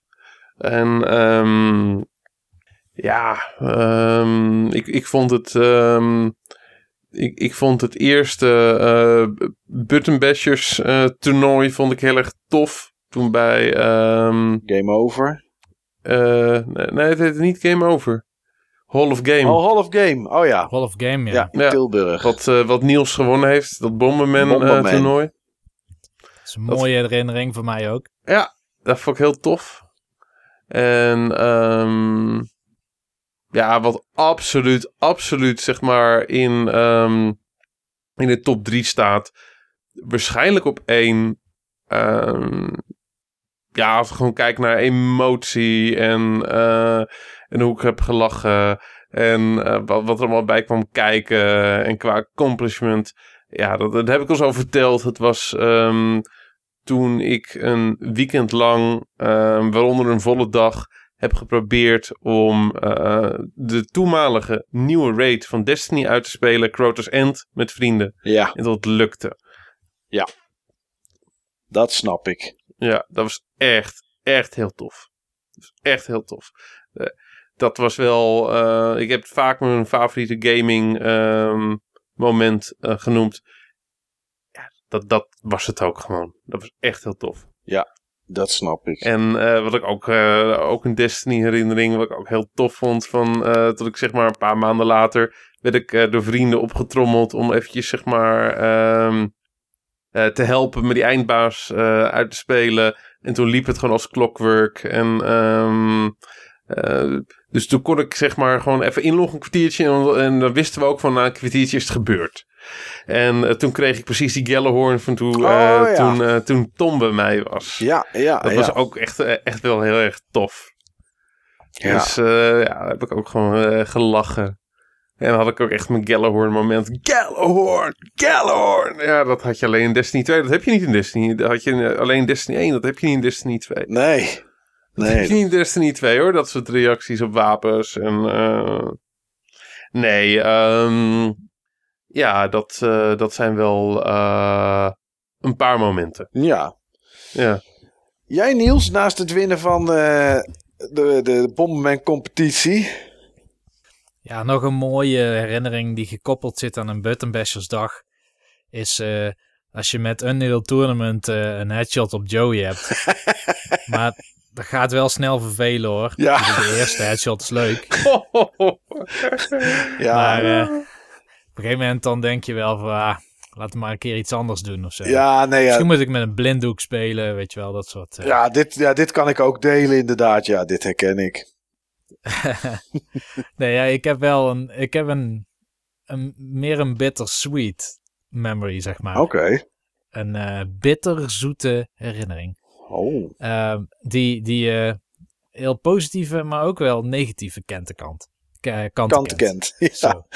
Negatieve kanten kent. Ehm, voor mij is heel lang de Mario Kart serie gekoppeld geweest, mentaal gekoppeld aan vriendinnetjes. Oké. En dat is vanaf de Nintendo 64 versie. En ehm, toen was ik eh, samen met, eh, met een vriendinnetje heel fanatiek in, in Mario Kart 64. Zo fanatiek zelfs dat we ook een keer aan zo'n officieel toernooi hebben meegedaan. Moest je een time trial zetten op dat, dat Do- Donkey Kong level, wat zo extreem hard gaat als je in multiplayer splitscreen speelt. Ik weet niet meer hoe die precies heet. Ik ook maar niet. hebt, eh, maar daar moest je inderdaad eh, een time trial zo snel mogelijk op zetten. Je kon zelf kiezen welk karakter je wilde gebruiken. En daar waren we allebei heel competitief in. Ik won meestal met Mario Kart, maar zij won eigenlijk altijd met Diddy Kong Racing, wat een andere Nintendo 64 kart racing game was. Ja. En ook later nog ehm, heb ik met, de andere, met een volgende versie van Mario Kart eigenlijk een beetje hetzelfde gehad. Eh, waar, waar Mario Kart eigenlijk klinkt heel stom, maar misschien kwalitatief gewoon de beste tijden waren die je met elkaar kon hebben. En dat is meteen dan ook, zeg maar, die, die bittere kant van het verhaal. Als dat A het hoogtepunt is, maar B ook nog dat als dat dan niet blijkt te werken, wat ook zo was, Mhm. dat je dan... Ik heb toen echt een hekel gehad aan Mario Kart daarna. Ja. Ik heb het ook geboycott. Ik heb bijvoorbeeld Mario Kart Wii, die weigerde ik gewoon te kopen. Dat Ja. heb ik uiteindelijk wel gedaan. Ja, het voelde gewoon niet goed. Precies. Dat, eh, want je wil, of ja, je wil iets in je leven, zeg maar, ehm, de zwarte piet in de schoen schuiven. Iets moet de schuld Eigenlijk- krijgen. Iets moet, eh, moet de schuld krijgen en, ehm, en eh, ja, omdat je iemand anders niet de schuld wil geven en dat je bij jezelf de schuld niet wilt zoeken misschien, dan, eh, dan pak je maar iets symbolisch. Ja. Wat je de schuld kan geven. En dat was de Mario Kart serie. Ik had echt een grondige hekel aan die serie gekregen. En dat is helemaal over. Ik vind het nu weer helemaal fantastisch natuurlijk. Ja. Ja, ja, en als je zo'n zo'n reeks of een apparaat de schuld geeft, is er ook niemand die daar zeg maar verdriet van heeft dat je die de schuld geeft. Dus ja, weet je, het is een, een, een, een makkelijk target, zeg maar. Want Ja, de- Ja, en niemand. ehm, ja, het het doet niemand pijn. Het is, Nee. eh, het is niet op personen gericht. Het is. eh, nee, eh, en vervelend van dat je je zo voelde. Maar gelukkig is dat, de- heeft dat gewoon kunnen slijten. ja, precies. Ja. Ah, het zijn ook gewoon vette games. ja, dat zijn het ook. Dat zijn het zeker. Ja, als ik zelf iets moet kiezen, ga ik denk ik voor een dierbaarste, leukste en mooiste. Dat is, ja, daar zijn er natuurlijk zijn er ongetwijfeld heel erg veel van. En in elk stadium zijn er wel, zijn er wel iets. Maar bij dierbaarste denk ik eigenlijk terug aan toen ik best wel jong was. Misschien een jaar of eh, acht, negen of tien of zo. eh, Rond die, eh, rond die tijd. En ehm, mijn opa, nu, nu niet meer, tenminste hij is nog wel mijn opa, maar is er nu niet meer. Die had eigenlijk wel een beetje dezelfde interesse in technologie als dat, als dat ik had. En toen ik een Commodore 64 ging kopen, ging hij dat ook kopen. En net zoals dat jullie zeg maar net dat verhaal hadden met die flop van MS-DOS. Hoe je dan MS-DOS leerde door in plaats van A-dubbele punt misschien een keer C-dubbele punt in te tikken. En, en, en, op die manier het een beetje te leren. Heb ik zeg maar samen met mijn opa heb ik de Commodore 64 tijdperk geleerd. Dat was natuurlijk we leerden niet programmeren of zo of wat dan ook, maar wel hoe alles een beetje in elkaar stak en hoe alles werkte. Ik weet niet of ik het ooit wel eens verteld heb, maar um, ik kocht een Commodore, nou ik kocht geen Commodore 64, ik kocht een Commodore 128, want die was even duur als een 64, of misschien was die zelfs in de aanbieding dat die goedkoper was, dat weet ik niet. En ik had daarbij had ik een tape deck. Maar goed, uh, ik was natuurlijk een klein ventje en ik had, uh, mijn ouders moesten dat voor mij kopen. En met een tape kon ik prima overweg, want ja, al die games die waren ook gewoon op cassettebandje te verkrijgen. Dus dat, wat dat betreft was het prima. Maar mijn opa die kocht een uh, Commodore 64 gewoon echt, met een monitor erbij. En hij kocht ook een disk drive. En ik ging heel vaak op zaterdag naar mijn opa en oma toe. Ze in die tijd in ieder geval met Commodore 64.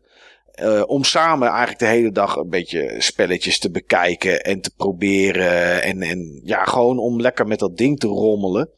En ik ging er dan naartoe met de bus. Of ik ging zelfs af en toe wel eens lopen. Dat was best een pokkenend. Dat was gewoon iets van drie kwartier lopen of zo dat ik bezig was.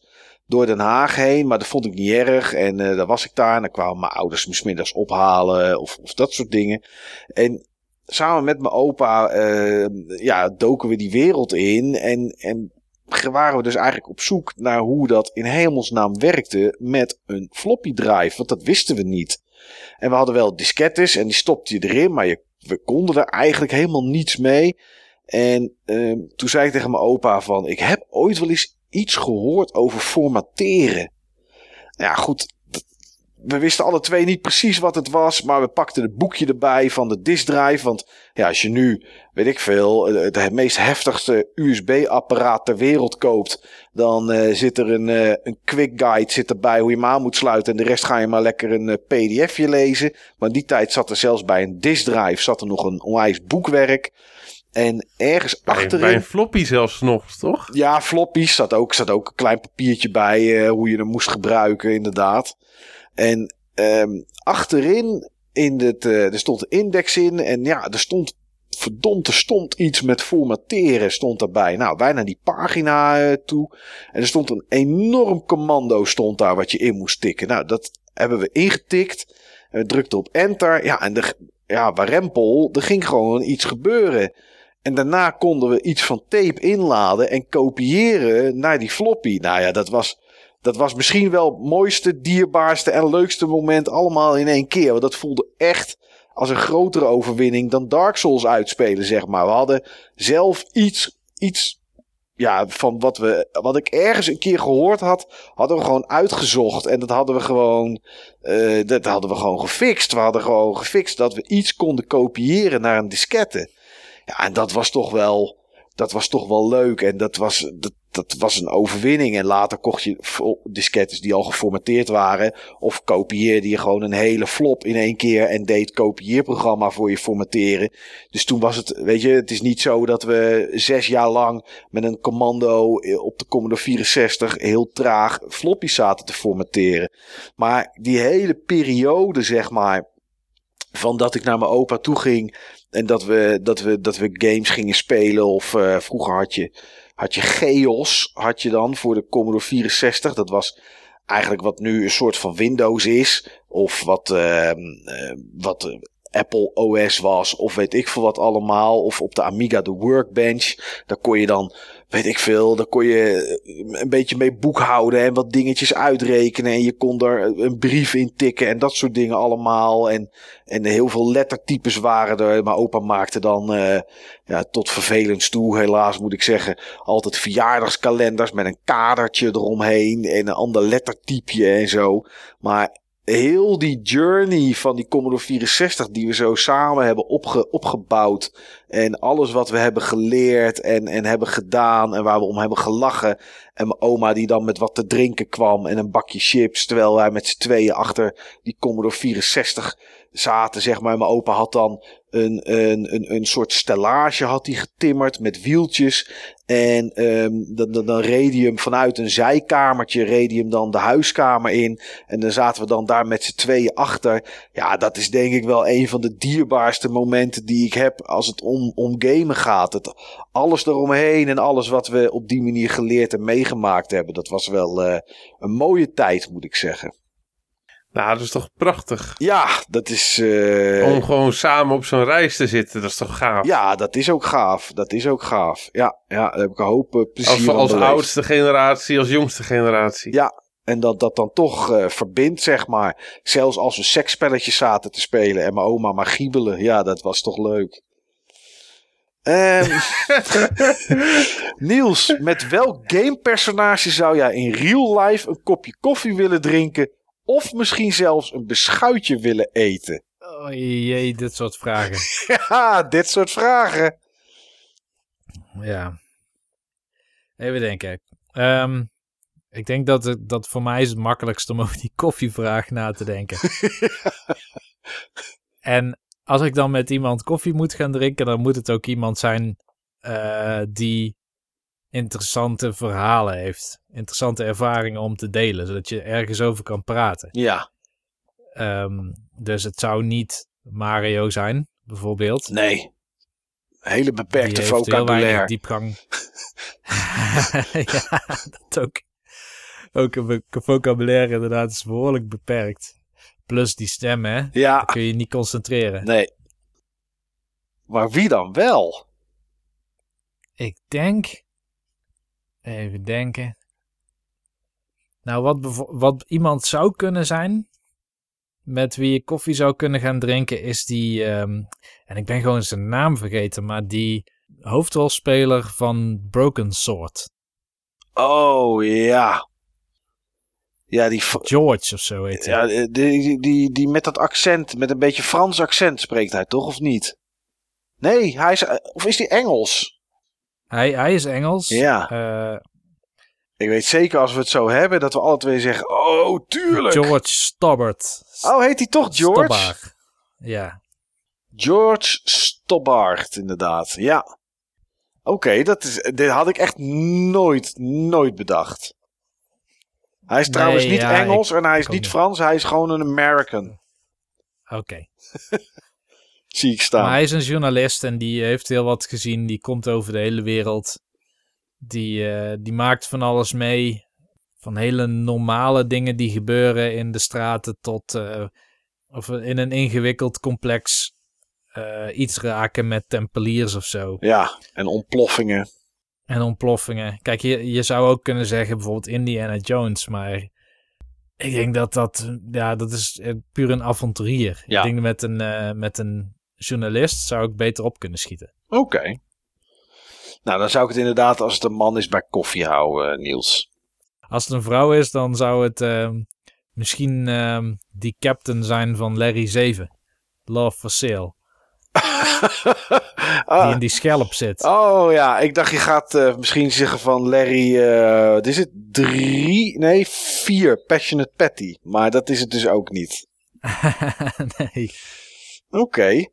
Uh, Steve, jij hebt even de tijd gehad om te denken. Met wie zou je koffie willen drinken of een beschuitje willen eten? Ja, volgens mij haal ik mezelf wel wat op de hals. Oh. Maar um, dan ga ik voor, um, voor een Nerissa uit The Wolf Among Us. Oké. Okay. Uh, ik ken natuurlijk The Wolf Among Us, maar dan is zij dus een normaal personage, maar aan de andere kant ook een sprookjesfiguur. Ja. Maar uh, Nerissa is, uh, is zeg maar die, die dame van het eind. Ja, dat zegt mij natuurlijk helemaal niets. Want zover heb ik het helemaal niet gespeeld. Oh, dat is jammer. Ik wel, jammer. maar ik, ik, herinner gewoon niet wie dat is. Ja, ik, ik vond Nerissa heel erg cute.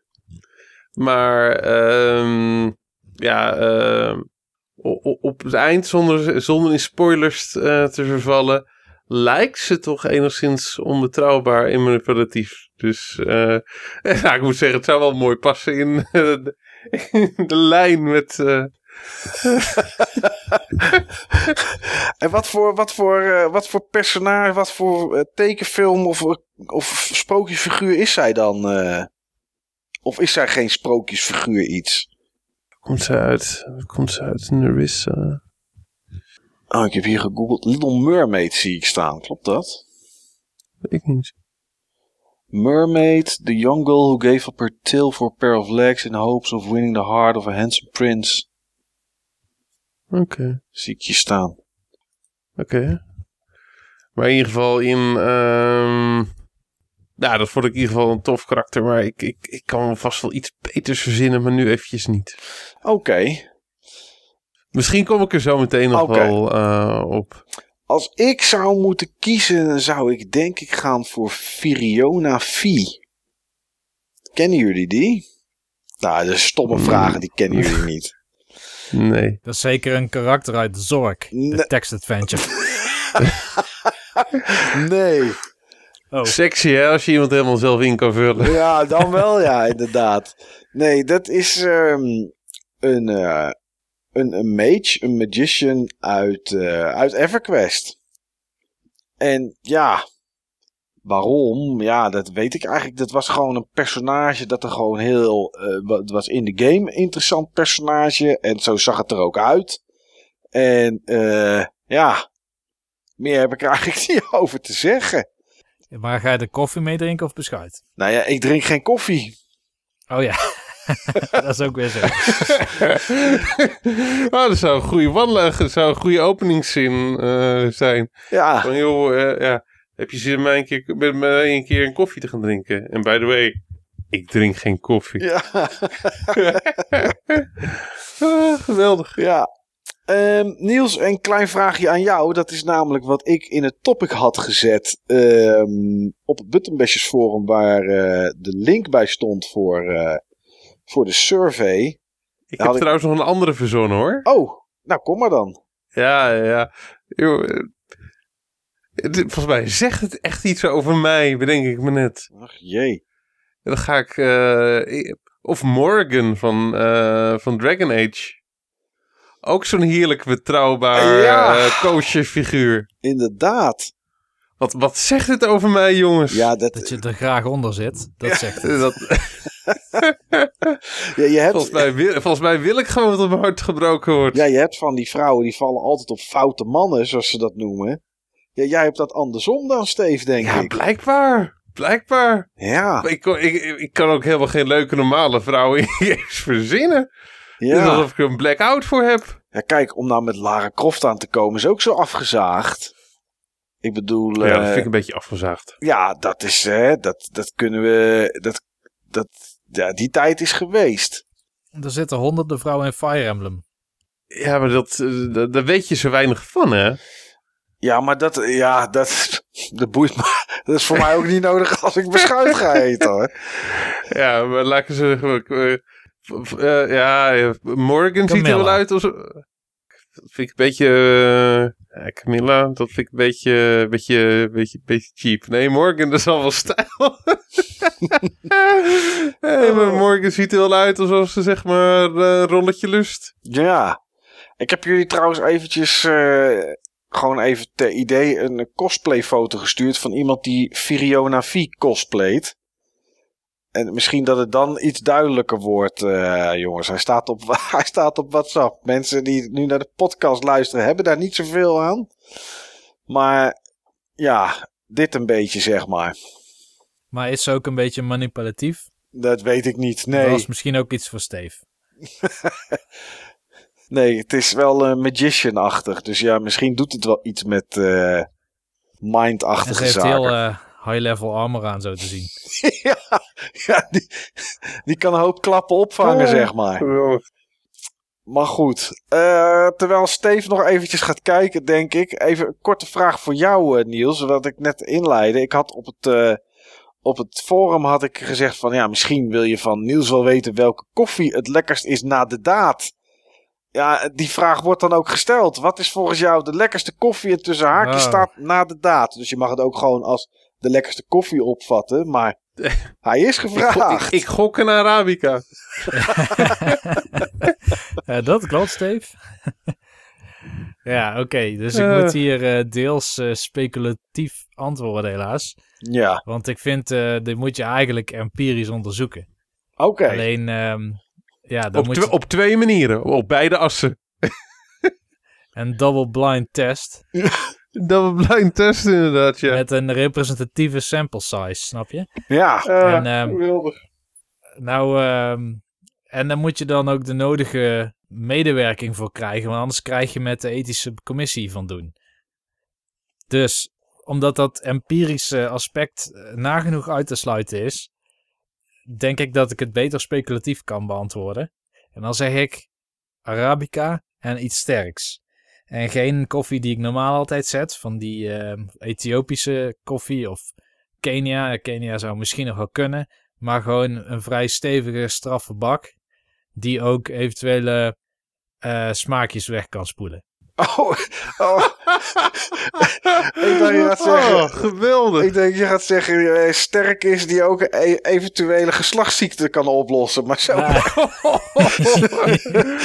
zo erg is het niet. Oké. Nou ja, thanks voor jullie inzet, voor jullie enthousiasme, voor het goed opgezette forum en de vele uurtjes luisterplezier. Ga vooral zo door, zegt Patrick 380. Ja, dan komen we nu bij de laatste vraag die gesteld is. En ehm, die bestaat uit twee delen. En ik wil eigenlijk eh, het eerste deel eerst even beetpakken.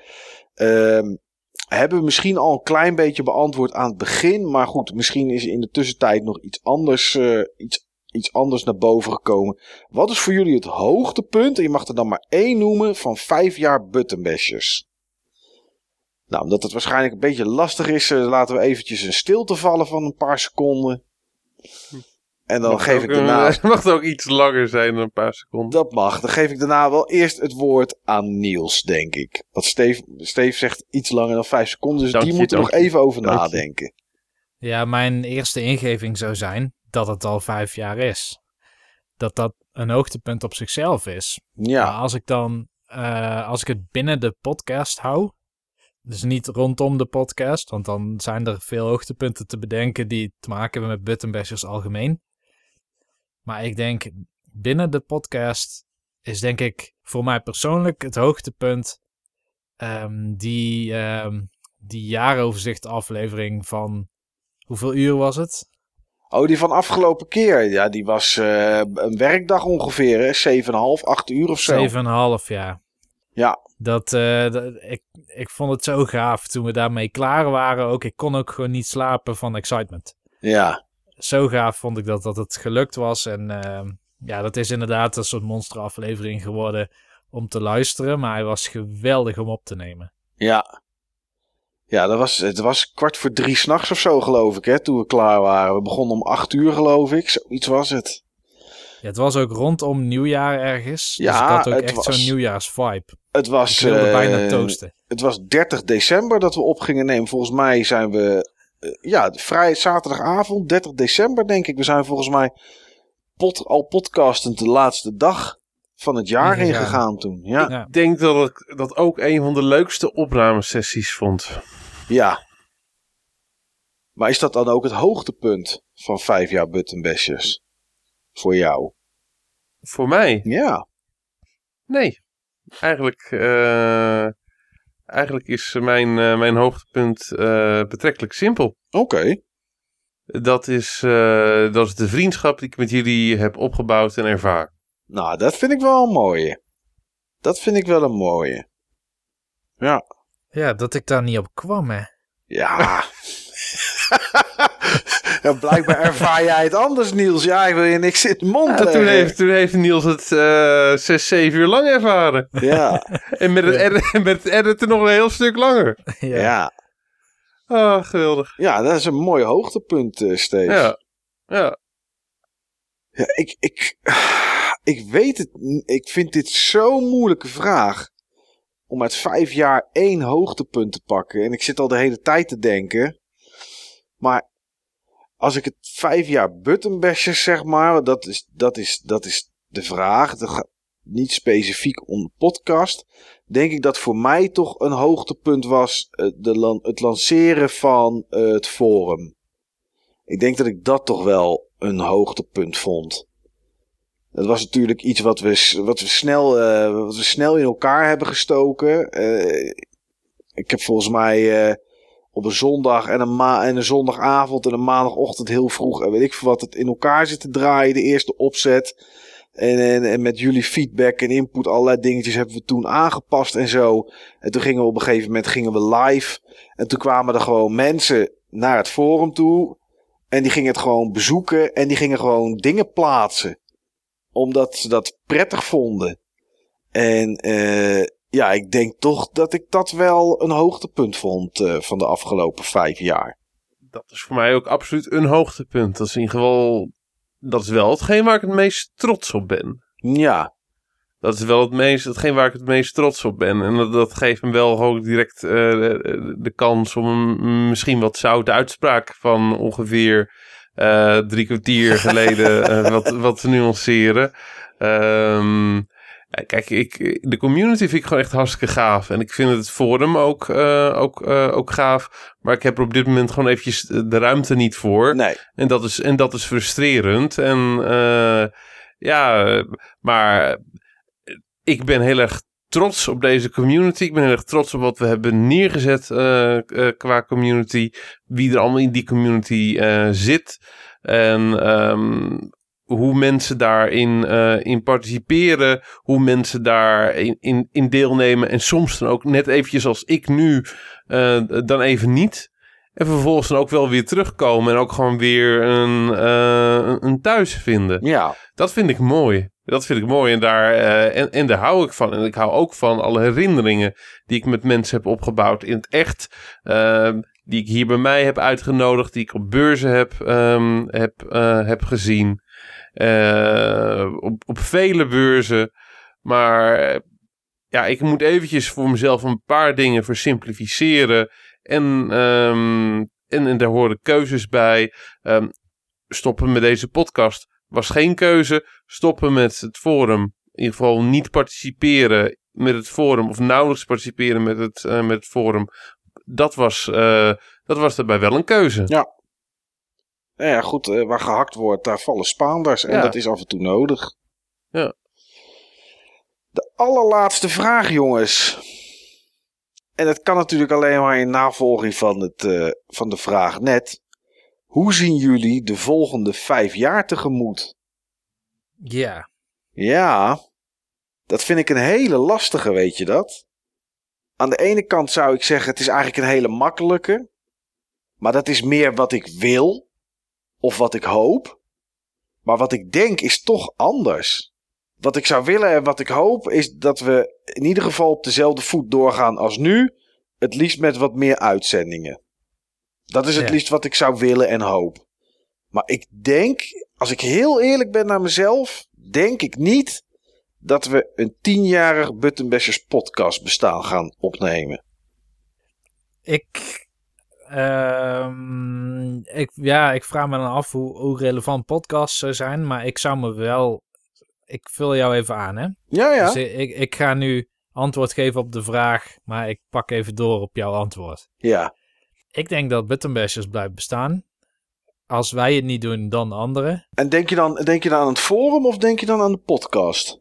Dat is het forum. Oké, ja. En, en misschien wordt het, krijgt het een andere vorm. Misschien wordt het een Discord groep of zo. Maar ehm, ik denk dat, dat de community blijft bestaan. Dat denk ik ook. En wat de podcast betreft is, ik zou willen dat het nog bestaat.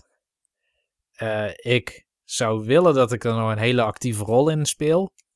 Maar als dat niet zo is, als er anderen een actieve rol in spelen, maar het bestaat wel door, eh, dan zie ik me wel over tien jaar bijvoorbeeld nog in een gastopname terugkomen. Of Ja. over vijf jaar of zo.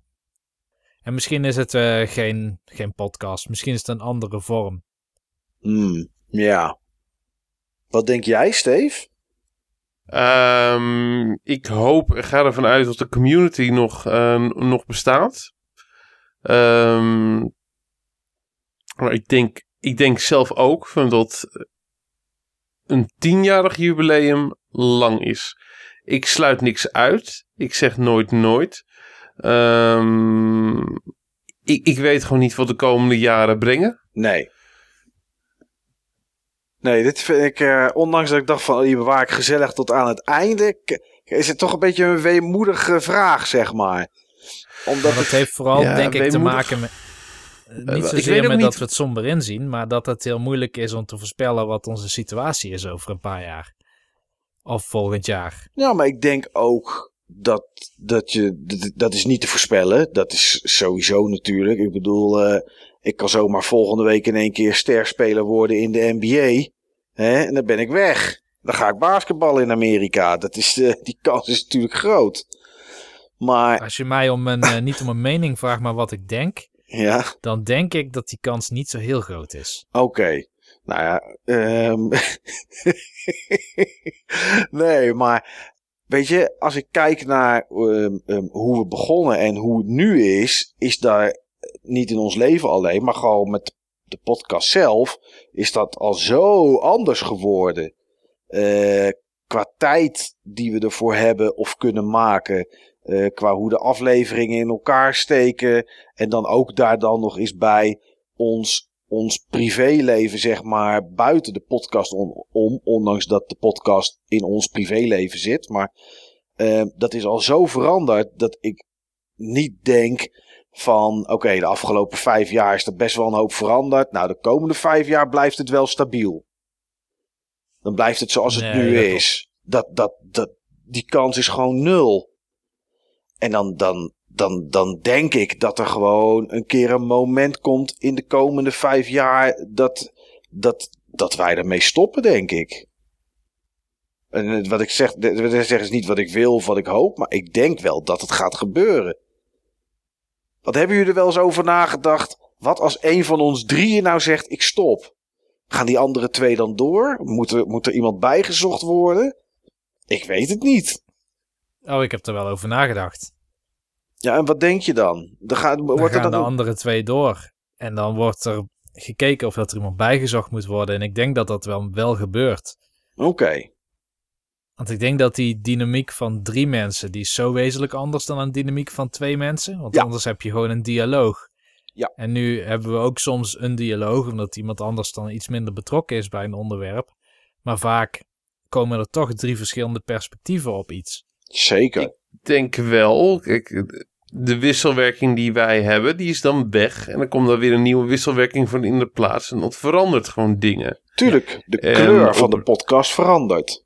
Op het moment, eh, kijk, wij zijn alle drie wel echt karakters. Op het moment van dat je een van onze drie eruit snijdt, heb je wel gewoon echt een wezenlijk ander iets. Dat is zeker zo. En de vraag is, zeg maar, en ik denk dat dat, dat ook wel heel lastig dan zal zijn, is eh, stel dat ik volgende week zeg, ik nok ermee. Wat dan, dan zou je het liefst, eh, denk ik, maar dat is, dat is een beetje mezelf een schouderklopje geven, een personage terug willen dat een beetje hetzelfde erin zit zoals ik. Want dat is toch wat waar, waar eh, Niels en jij, Steve, toen iemand erbij hebben gezocht in het begin. Van hè, welk personage zou, hè, zou er een beetje bij passen, maar misschien ook dat iemand andere mening of, of wat dan ook heeft. Ik denk dat het heel moeilijk is om iemand terug te vinden, wie er ook mee stopt hoor. Om daar dan de, eh, dezelfde soort klank, ideeën en, en, en dat, is, ah, dat is niet heel moeilijk, dat is onmogelijk denk ik. Ik bedoel, dat, dat, dat gaat denk ik niet lukken. Om iemand terug te vinden. Het wordt altijd anders. Heel erg anders, denk ik. Ik vermoed dat op het moment van dat een van jullie zou stoppen en er iemand bij zouden, eh, zouden halen, Mhm. dat het voor mij ook wel een trigger zou zijn. Oké. Dat het... Ik weet niet of ik, ik, ik weet niet of ik het tof zou vinden om, eh, om verder te gaan met iemand anders. Nee. Kijk, je hebt een bepaalde historie opgebouwd waar we continu aan refereren. Die historie is dan weg. Die is weg. Bepaalde, be- ja, wat voor ons oude verhalen zijn, is voor iemand anders een nieuw verhaal. En, en vice versa. Mhm. Ehm, kijk, bepaalde dingen. Kijk, wij hebben gewoon bepaalde podcasts opgenomen die logisch zijn voor. eh, die je gewoon opneemt in de eerste twee jaar. Dat is gewoon eh, qua, qua topics. Ehm, ik kan me heel goed voorstellen of dat zeg maar, mensen die dit nieuw zouden doen, ook dat soort, eh, dat soort dingen. eh, ehm, hun, licht op dat soort dingen willen laten schijnen. Hun liefde voor de Zelda-reeks. Ik zeg maar wat, wat zij de beste Zelda's vinden. Ehm, het is voor Niels en mij raar om, zo, om, die, om die uitzending zeg maar, te herhalen met, met, met een nieuw iemand. Ja, En het zou voor jou en Niels raar zijn om dat te herhalen met een ander iemand. Behalve, nou ja, het zou sowieso heel vreemd zijn om het daar nog een keer over te hebben. Want degene die overblijven, als er één van de drie zou stoppen. eh degene die overblijven en die dan een keer weer zo'n onderwerp aanhalen. Die voelen voor zichzelf dat ze enorm in herhaling vallen. Eh, Ja. Het enige zou kunnen zijn is dat persoon X die er dan bij komt, die iemand anders vervangt, zoveel inzichten en andere ideeën heeft over een gamereeks of over een onderwerp, dat het nieuwe discussies op zou kunnen leveren. Dat zou Ja, natuurlijk wel kunnen. Dat kan, maar het ene topic leent zich er meer voor dan het Zeker. ander. Ehm, ik kijk, er zijn ook gewoon heel topics, ik zeg maar, mu- muziek, eh, muziek en games deel 8. Ja. Ehm, dat doet natuurlijk geen centje pijn om dat met iemand anders te doen. Nee. Maar eh, nee, ik, joh, ik heb hem zojuist al genoemd. eh, gewoon, gewoon de vriendschap die ik met jullie ervaar. Dat is gewoon mijn belangrijkste drive om dit ook gewoon te blijven doen. Ja, En ehm, ik denk dat ik er, als ik heel eerlijk ben, dat ik er, eh, dat ik er voor mezelf op minder trek in heb. Om dat met iemand anders op te bouwen voor dit specifieke doel. Ja. Ik, bouw, eh, ik bouw continu nieuwe vriendschappen op. Maar voor dit specifieke doel zie ik mezelf dat niet, doen niet doen nee. daarvoor heb ik ook heb ik voor mezelf te veel afstand van, ehm, van hoe ik zeg maar toen in de hobby zat, toen ik jullie ook ontmoette. Ja, dat is, dat is natuurlijk ook nog zoiets. Hè? Ik bedoel, eh, de, de, hoe je destijds met games bezig was, naar beurzen, retro games verzamelen, en weet ik wat allemaal. Ja, dat is, dat is nu ook al anders. Hè? Nou ja, logisch ook na vijf jaar. Maar dat is ook anders dan hoe het ooit was. Dus dat, dat snap ik wel inderdaad. Dat, dat je op die manier er ook anders in zit en naar kijkt. Ja, het is een moeilijke. Hoe zien Ja. jullie de volgende vijf jaar tegemoet? La- laat ik het zo zeggen, op, een, op, het moment dat, op het moment dat ik degene ehm, zou zijn die zou stoppen. En als ik gewoon kijk qua, eh, qua, qua drukte, zou dat niet onrealistisch zijn. Ik zou het jullie niet kwalijk nemen als jullie eh, het zouden continueren met iemand anders. Nee. Maar, Nee, ik ook niet. eh, Ik zou het ook logisch vinden. Stel dat ik volgende week zeg, ik stop ermee. Dan zou ik, als, als jij en, en Niels er nog zin in hebben om dat te doen, zou ik dat ook egoïstisch van mezelf vinden als ik het soort van zou verlangen dat jullie er ook mee zouden stoppen. ik verwacht dat ik dan ook zou stoppen. Als ik gewoon kijk hoe ik er nu in sta en ik, ik weet voor 95% zeker dat ik dan ook zou stoppen. Ja. Ik denk dat ik vast een lijntje ga leggen met Sven en Johan. Nou, hallo, ik stop Willen er. jullie Ik- 250 luisteraars? Nee, hallo, ik heb niet gezegd dat ik ga stoppen hoor. Nee, ik, ga ook, ik, ga ook, ik ga ook niet stoppen. Nee, maar het is, ehm, ja. Maar ja, goed, als ik dan kijk naar de originele vraag, hè, vijf jaar. Ja, dan is het of inderdaad een andere setting, of de podcast is er niet meer. Eén van de twee. Ja, één ding weet ik zeker. Eén ding weet ik zeker. En dat is, aflevering 86 Nee. komt eraan. Ja, je weet, je weet. eh, Ja, en dat weet je niet zeker. Want er kunnen gewoon zich altijd dingen, kunnen altijd dingen gebeuren. Dus dat weet ik eigenlijk niet, eh, niet, niet zeker. Maar als het aan mij ligt, eh, aflevering 100 gaat sowieso aangetikt worden.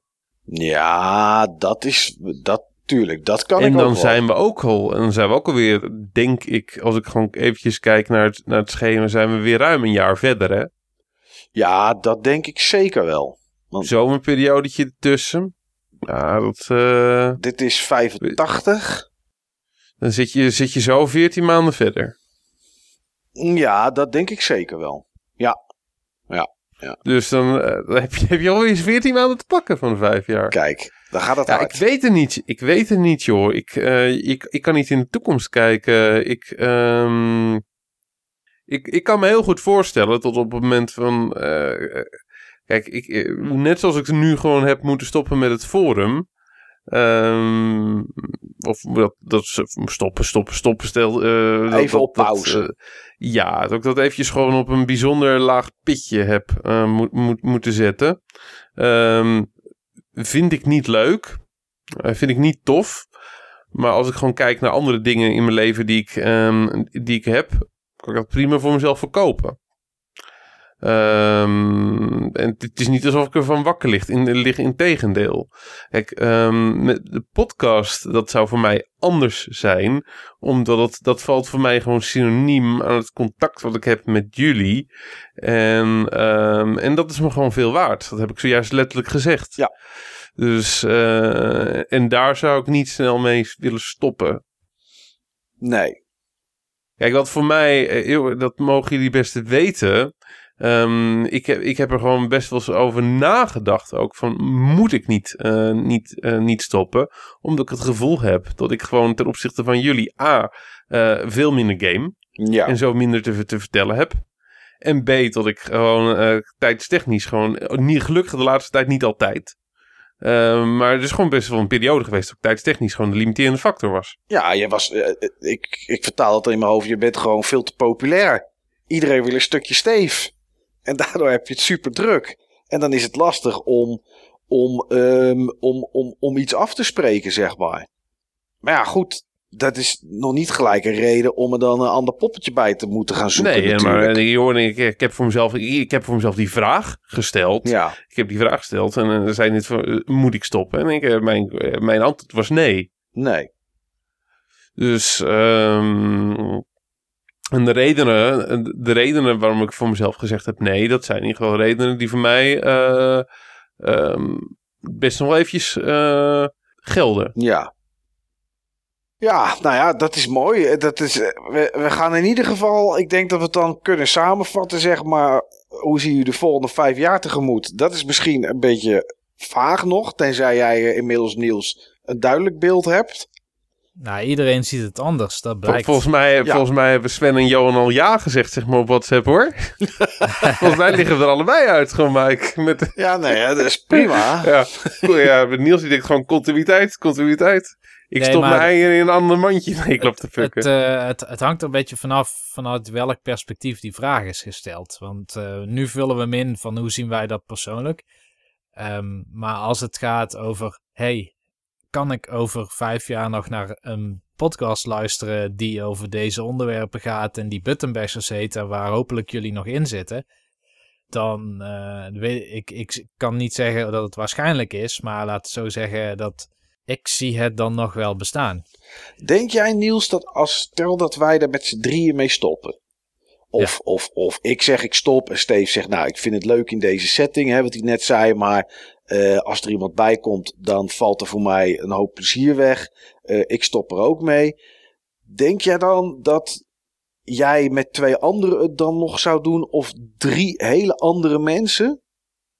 Denk je dat die dat kunnen continueren, dat het over vijf jaar er nog steeds een podcast is die Button Bashers heet en die over games gaat? Ja, dat denk ik. Ja, oké. Ik zou, zeg maar, om, om, om aan te vullen hoe ik erin zit, Ja, is, ehm, ik doe dit heel erg graag. Jij doet het ook graag, Steve doet het ook graag. Ja. Ehm, er kunnen allerlei obstakels komen waardoor het misschien echt niet meer kan om een podcast op te, op te nemen. Ja. Dat kan gebeuren, maar ik zou eerder nog ehm, minder gaan werken om door te kunnen gaan met de podcast, dan dat ik omwille van werk stop met de podcast. ja, oké. En stel dat zou echt niet kunnen, vanwege een soort afhankelijkheid van mijn werk, dat ik dat moet doen, Ja, dan zou ik waarschijnlijk vrije dagen in gaan zetten voor de podcast. Dus dan zou ik mijn vrije dagen zo inzetten dat ik alsnog de podcast kan doen. Of ik zou kijken of iemand anders de podcast zou editen. Of ik zou concessies doen aan de kwaliteit van de edit. Maar nog steeds zou ik de, de podcast, de continuering van de podcast hoog houden. En dat heeft ook een beetje te maken met hoe ik werk en hoe ik op mijn werk ook te werk ga. Ik ben heel erg loyaal aan projecten. Niet aan mensen, maar aan de projecten. Sommige mensen denken dat het loyaal is bijvoorbeeld aan de directeur. maar als hij zegt, jij moet dit doen. De directeur denkt dat? nou, na die opmerking van, van ik heb nog nooit zo lekker zitten werken als vannacht, denk ik niet dat de directeur dat nog denkt. Ja, precies. Hij zei daar ook iets over. Van nou, dan weet ik ook weer hoe jij erover denkt. Ja. Maar um, er zijn genoeg mensen. Uh, ik heb volgens mij hebben we in het begin wel eens zo'n podcast gehad. Waar uh, toen we voor hadden we volgens mij 70 luisteraars of zo. En toen hadden we voor onszelf een ondergrens gedefinieerd. Hoeveel mensen moeten er nog luisteren dat het het nog waard is om deze tijd erin te steken? Ja. En dat had volgens mij te maken ook met, ik denk met BB Bulletin, wat we toen nog een tijd hadden. Dat, dat is, eigenlijk uh, goed draaide. Dat, dat, daar hebben we toen bij besloten, omdat het editen best wel uh, tijd om op te nemen. Dat was uh, half uur, drie kwartier. Maar het editen duurde soms gewoon twee of drie uur. En ja. dat was gewoon te veel voor, voor elke week. En het was ook te veel voor het aantal luisteraars die we soms hadden. Die zaten op 50 of 60. Uiteindelijk zijn ze volgens mij allemaal boven de 100 of 110 gekomen. Mm -hmm. Maar daar hebben we toen inderdaad op een gegeven moment een grens gesteld, ja. Dat klopt. Nou ja, kijk, nu zijn er dus. Wat heb ik eerder deze aflevering gezegd? Elke aflevering uh, komt in ieder geval altijd die 250 wel over. Ja. Als als ik vanuit hun, vanuit luisteraars zou denken. En het is prettig om elke keer na drie weken of zo een nieuwe podcast te kunnen downloaden. Dan zou ik eerder zeggen: oké, dan, dan draag ik het over aan iemand die het of die het kan en wil editen. Of andere mensen die, uh, die het label zeg maar over willen nemen, maar wel binnen het format ook discussies willen blijven houden. Er zijn genoeg mensen, denk ik, die willen podcasten. Alleen het kan best een drempel zijn om ermee te beginnen. Ja. En Sven en Johan hebben die, die drempel overwonnen. Die zijn het gewoon gaan doen. Uh, die zijn er nu al vrij lang ook mee bezig. Maar het kan een goede ease-in zijn om al een template te hebben, een, een vorm van een podcast. Van we hebben een Game Talk dan hoofdonderwerp. En een, en een soort kadering van het soort onderwerpen dat je zou kunnen aanraken. En meteen ook luisteraars kan hebben. Ja zelf, dat is mijn mening, uh, Niels. Als ik eerlijk ben, ik vind dat mijn mening hier onbelangrijker is ten opzichte van, uh, van, uh, van jouw mening. Want kijk, ik vind het, ik ervaar het als onze podcast van, van ons drieën. Mm -hmm. Maar um, ik ervaar jou het, meest als de eigenaar van, um, van, uh, van de podcast. Als we een eigenaar zouden moeten uh, benoemen. Ten eerste, het was jouw idee. En jouw, uh, jouw achterliggende visie. Je liep er al eventjes mee rond. ten tweede, van al die honderden uren editingwerk werk die hierin hebt, hebt gestoft, gestopt. Maar als het aan mij zou liggen. Um, waarom zouden drie totaal andere mensen met deze naam aan de slag moeten als, als, als podcast. Enerzijds zou ik het wel tof vinden als ook de podcast gewoon losgekoppeld zou zijn van ons. Anderzijds niet. Het is wel gewoon iets waar wij onszelf in hebben, hebben gestopt. Ik ervaar het gewoon als een persoonlijk iets. Al die persoonlijke herinneringen, al die persoonlijke verhalen. Um, ja, ik, ik, zie de, de noodzaak niet zo van in. Um, andere mensen die iets soortgelijks willen doen, laten die hun eigen identiteit op, opzetten met hun eigen naam. En ook gewoon hetzelfde pad bewandelen als, um, als wij hebben bewandeld. En uh, laten ze daarvoor gebruik maken van de community. Uh, community moet altijd bestaan, moet gewoon buttonbashers heten. Op het moment dat de community zelf kiest om zichzelf niet langer buttonbashers te noemen, of dat een andere community uh, ontstaat uit deze community, net zoals dat deze community is ontstaan, ook prima. Maar um, ja, ik, ik heb zelf toch wat meer het, gevoel. Um, het, uh, de podcast crew, dat zijn wij. En het zijn onze verhalen. En het is, ja, dat is een beetje hoe ik het ervaar. Ja, dat, dat begrijp ik. Zo, ik zie het heel erg anders. Ja, um, ik denk dat dit, dat dit iets, bij Steve is het meer met gevoel. denk ik, als ik het zo, als ik het zo hoor Ja. en omschrijf. En Ja. bij Niels is Ja. het meer van, die kijkt er wat plastischer naar. Zo van, ja, maar dat, dat zijn ook onze karakters toch? Ja, dat is ons zeker kijken. Dat is, dat is gewoon, ja, ja, Ik voel me absoluut geen ehm, eigenaar van de podcast. De podcast die is er. Daar hebben wij met z'n drieën ooit voor gezorgd dat hij er kwam. Daar had ik weliswaar misschien een idee voor, maar dat is nooit geworden wat het was als we dat niet met z'n drieën hadden gedaan. En Klopt. hoe ik er nu in sta Eens. is, wij geven daar invulling aan. Maar als, als wij zouden terugtreden, om wat voor reden dan ook, dan zou de podcast nog wel bestaan. Hij blijft op eh, Soundcloud staan, hij blijft op iTunes staan. Ehm, alleen er wordt geen nieuwe invulling aangegeven. En die invulling denk ik dat anderen ook zouden kunnen geven. Of brengen. ik zou het wel Ja, vreemd vinden. ik, zie, ik, ik zie het zelf toch gewoon eventjes iets anders. Als ik gewoon kijk naar bijvoorbeeld, ik, ik zeg wel een YouTube kanaal, eh, kanaal Happy Console Gamer. Ehm, dat is heel persoonlijk. Je ziet die jongen zijn gezicht, je hoort zijn verhalen. Ehm, hij deelt ziel, eh, ziel eh, en zaligheid eh, rond zijn games en wat het voor hem betekende. Haalt zijn, zijn verloofde, haalt zijn vrouw in die uitzendingen, zijn vrienden, zijn moeder. Op het moment dat hij zou stoppen, dan, dan... Hallo, ik ben de nieuwe Happy Console Gamer. Dus maar ja, dat, zie je het dan meer als Digital Foundry? Dat zijn een aantal contributors. En als er één zou Ja. stoppen, dan zou er nog steeds Digital Foundry video's uitkomen. Klopt, klopt. Eens. Eens. Vol, volstrekt eens. En dat is ook meer van hoe ik het forum eh, eh, zie. Ehm, maar ik, ik, ik vind persoonlijk van dat. Ik vind persoonlijk dat de, eh, tot de podcast geen IGN of Digital Foundry eh, is. Nee, Ik- vind zie, zelf- dat, ik zie dat ook wel net iets anders. Digital Foundry, daar praten ze niet over. eh, eh, ik ga dit jaar 30 kilo afvallen. Zeg maar, daar zit. Of eh, ik heb ooit een keer met mijn opa heb ik een diskette geformateerd. Weet je, daar zit, dus aan de podcast zit wel net iets persoonlijkers. Dus ik, ik, Ja. zou dat niet, ik zou dat ook niet zo vergelijken. Alleen, ik zou, ik zou wel, denk ik, het, het over kunnen dragen naar anderen, zeg maar. Dat zou ik wel kunnen. Ik zou het ook wel kunnen, maar ik zou het alleen kunnen naar mensen waar ik echt een goed gevoel bij, eh, bij had. Waarbij ik het gevoel had eh, van, jongens, dit, eh, ehm, dit is het. Ja. Dit, hier, hier sta ik achter. Dit, dit is, zeg, ja, dit is gewoon, hier wil ik zelf ook naar luisteren. Een- een voorbeeld, en dat is absoluut niet, ehm, dat is absoluut niet, niet kwaad, kwaad bedoeld. Praatje podcast zou dat voor mij niet zijn.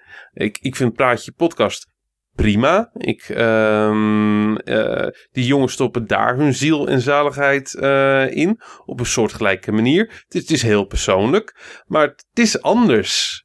Ja. Het is, het is anders. Ehm, ik...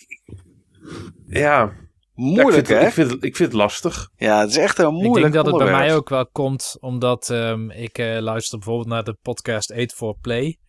En daar hebben in al die jaren genoeg mensen doorgewisseld. En, Maar daar ehm, kwam er wel elke keer eentje bij, zeg maar. En dan ging er later eentje weg, toch? Of niet? Of, of hebben ze ook wel eens een keer de halve crew in één keer helemaal vervangen? Nou, niet de halve crew. Nee, hè? Dan, maar daar hebben ze ook Maar wel vaak eens meerdere mensen tegelijk. Dat Ja, wel. hebben ze ook vaak gasten. Ik zat van de week ook naar een aflevering te luisteren van naar 8 voor. En dan, ja, dan waren ze maar met z'n vieren. Soms zitten ze er met z'n zevenen of zo.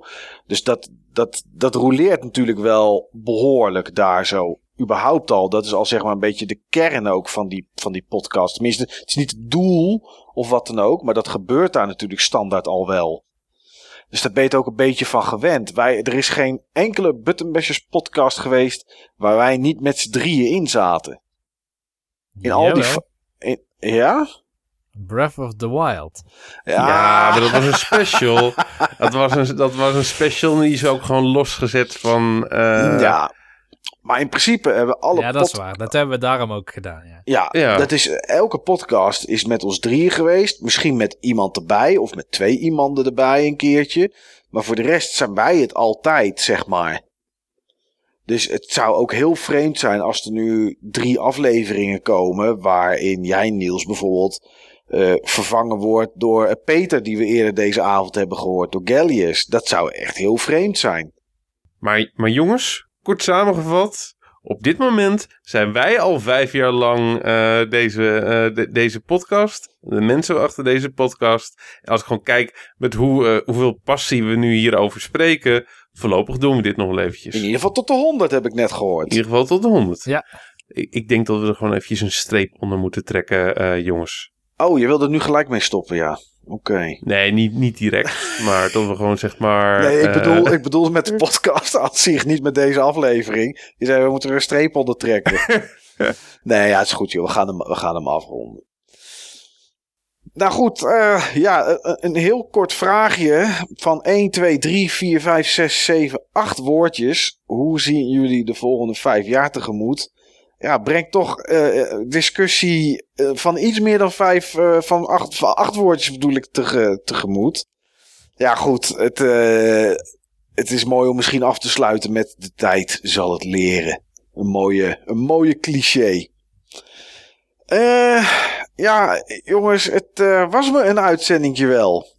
Ja, het, het, was me wel een uitzending, maar er rest stond sowieso nog één ding. En dat is? Wat we ook, wat we, wat we regelmatig hebben we gedaan ook gewoon ook uh, tussen de bedrijven uh, door in deze podcast. Volgens mij is die ook een paar keer uh, voorbij gekomen. Los naar, naar mensen toe in ieder geval. De mensen die zeg maar hebben bijgedragen aan, aan deze specifieke uitzending als gasten. Ja. Maar naast die gasten willen we natuurlijk iedereen die heeft bijgedragen aan vijf jaar Buttonbashers. Het zij als gast, het zij als, um, als, uh, als sponsor, als, um, als luisteraar, als, uh, als fan, als... Uh, kritische noot. Als, als, als kritische noot, als passant. We willen iedereen die deze podcast een warm hart toedraagt, of een koud hart, ook goed.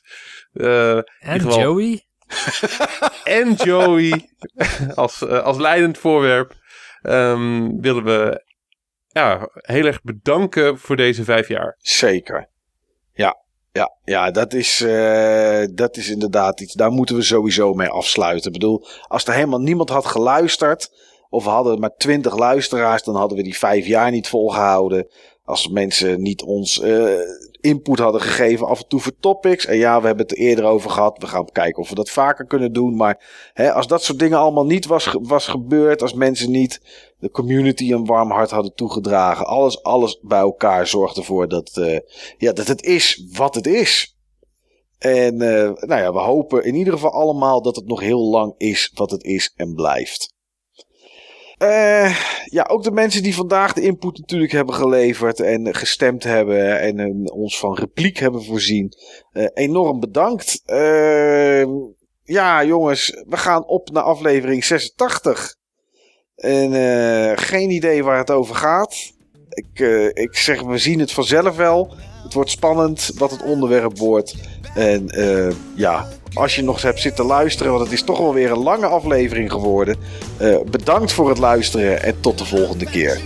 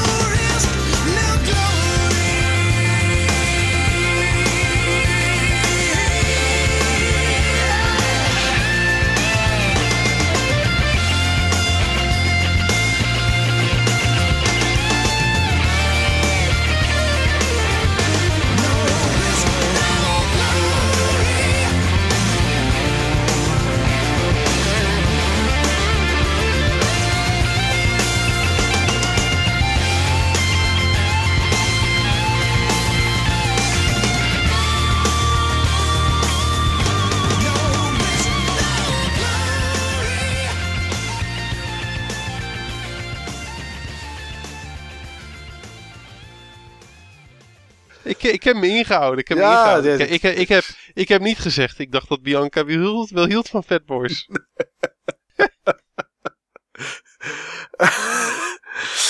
Verrek. Het is op- off-topic, maar laatst vroeg iemand, rook jij? Ik zeg nee. Ik denk, waarom, eh, waarom vraagt ze dat? Nou, er ligt een sigaar op mijn, eh, op mijn bureau. Ah, oh, dit past wel heel goed erbij ook bij al deze, al deze namen. Die zie ik nu voor het eerst liggen. Nou ja, ja. Maar goed, eh, de Fatboy, ja, erg, eh, erg prettige zak. Is wel wat prijzig, vind ik. Maar dat zijn onze wauwmomenten. Ja. Sorry, die was iets te gemaakt. Oh, highly trained professional. Eh, Oké mannen, maar dat zijn onze wauwmomenten. Goed, mannen, wij eh, spelen al geruim eh, heel veel jaren games. En we hebben eigenlijk ook wel alles voorbij zien komen. En dus zien we ook de evaluatie van de games. Eh begon Evaluatie, evolutie. Oh, zien we ook de evolutie hebben wij... Pff, oh jongens, ik ben zo moe. en hebben wij dus ook de evolutie van de games gezien. Ja, mensen gaan een beetje verlichting zoeken natuurlijk. en ze zien die heldere ster. Ja, dat, de heldere ster op internet. En dat moeten wij dan wel zijn met het, eh, met het forum. In Bethlehem.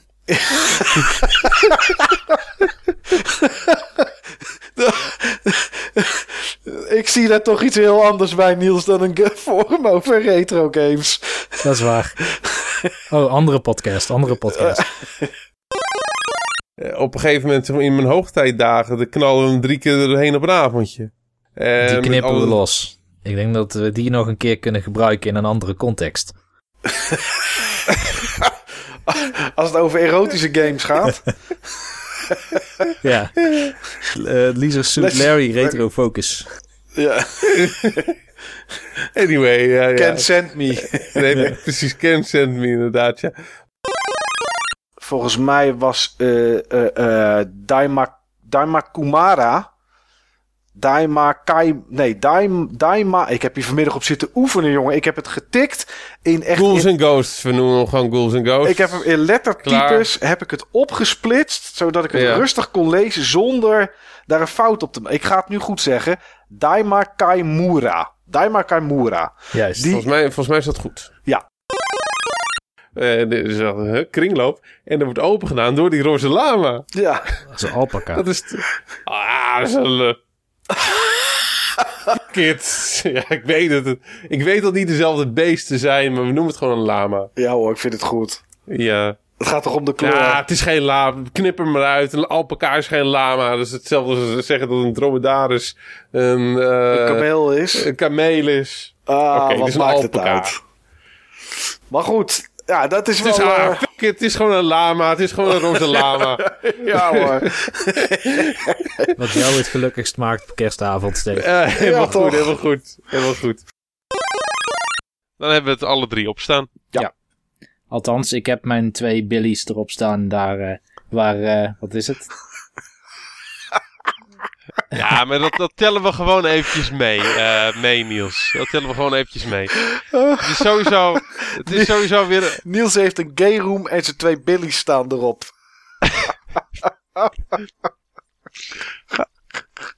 Het is volgens mij tegen onze terms of service, of niet, om dat te posten. Nee joh, nee joh. Oh, sorry, maar het is zo grappig. Ik heb mijn twee billies. Dat is wel echt schoolpleinhumor, hè? Ja, daar Ja, kan we, niks schelen. we zijn een beetje op het niveau blijven steken. Oké, ik denk dat we hier, hier gaan we wel iets knippen, toch? Ja, vast wel. Oké, eh.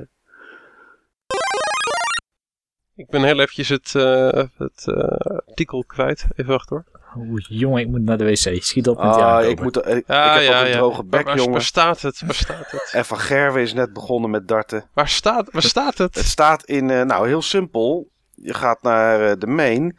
Dan ga je naar afleveringen en discussie. En, en oh ja, staat ik er- had een en linkje. er staat een, ik had een er linkje. staat een sticky. Ja. Naar welke games kijk je? Nee, even kijken. Mooiste aankoop op ja. je hoop. Ja.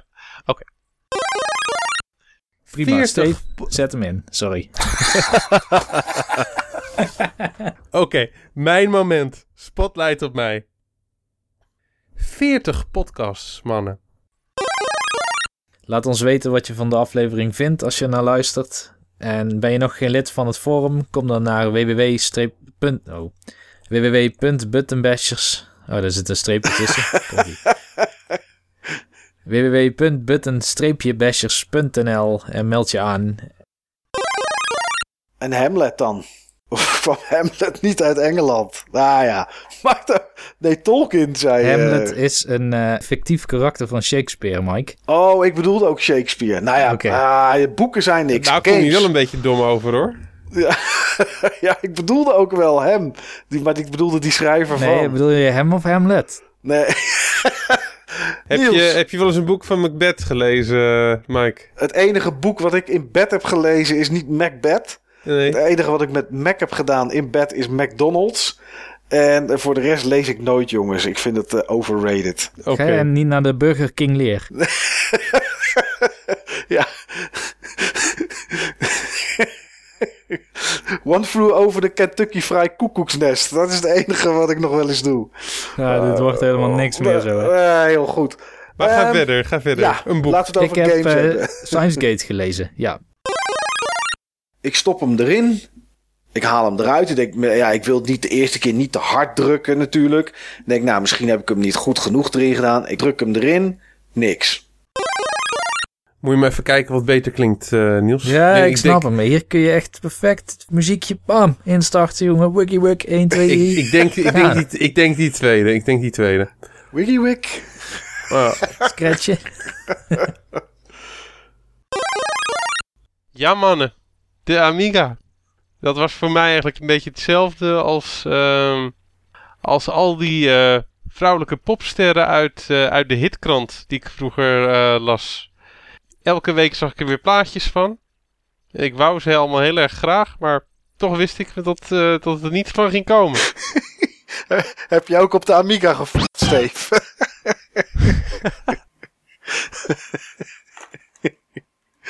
oh, haal er maar uit. Ja, wie het beter kan, moet het beter doen. Eh, Niels, wat, eh, wat vind jij het mooiste item wat je ertussen hebt zien zitten dat gevonden is? Nou, het mooiste item vind ik die van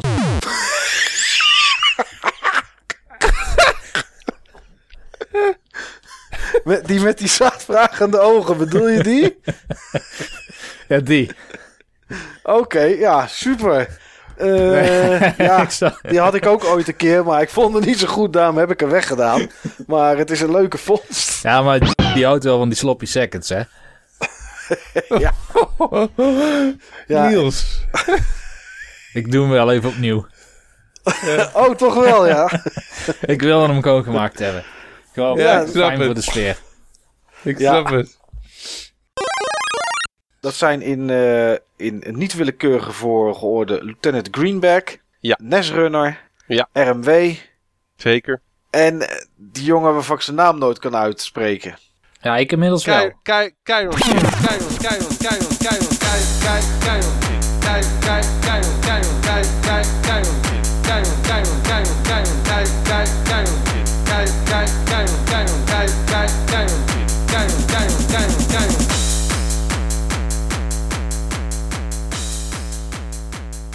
Ehm, Mike, mag ik jou een vraag stellen? altijd. Wat was voor jou de eerste open world game die je hebt gespeeld? Wat, wat jij als een open world game ervaart of op dat moment ervaarde? Ik denk dat dat Outlast is geweest. Outlast. Die ken ik niet. Outlast is een, eh, een oudere PC-titel. Ze zijn daar met een, eh, met een remake zijn ze daarmee eh, mee bezig. Gewoon uit, uit fan-oogpunt, zeg maar. En eh ja... Oh fuck, ik noem de hele verkeerde game, jongens. Outlast is die horror Je game. bedoelt Outcast, denk Ik ik. bedoel Outcast. Oh, Met die voxels. Damn. ja, met die voxels.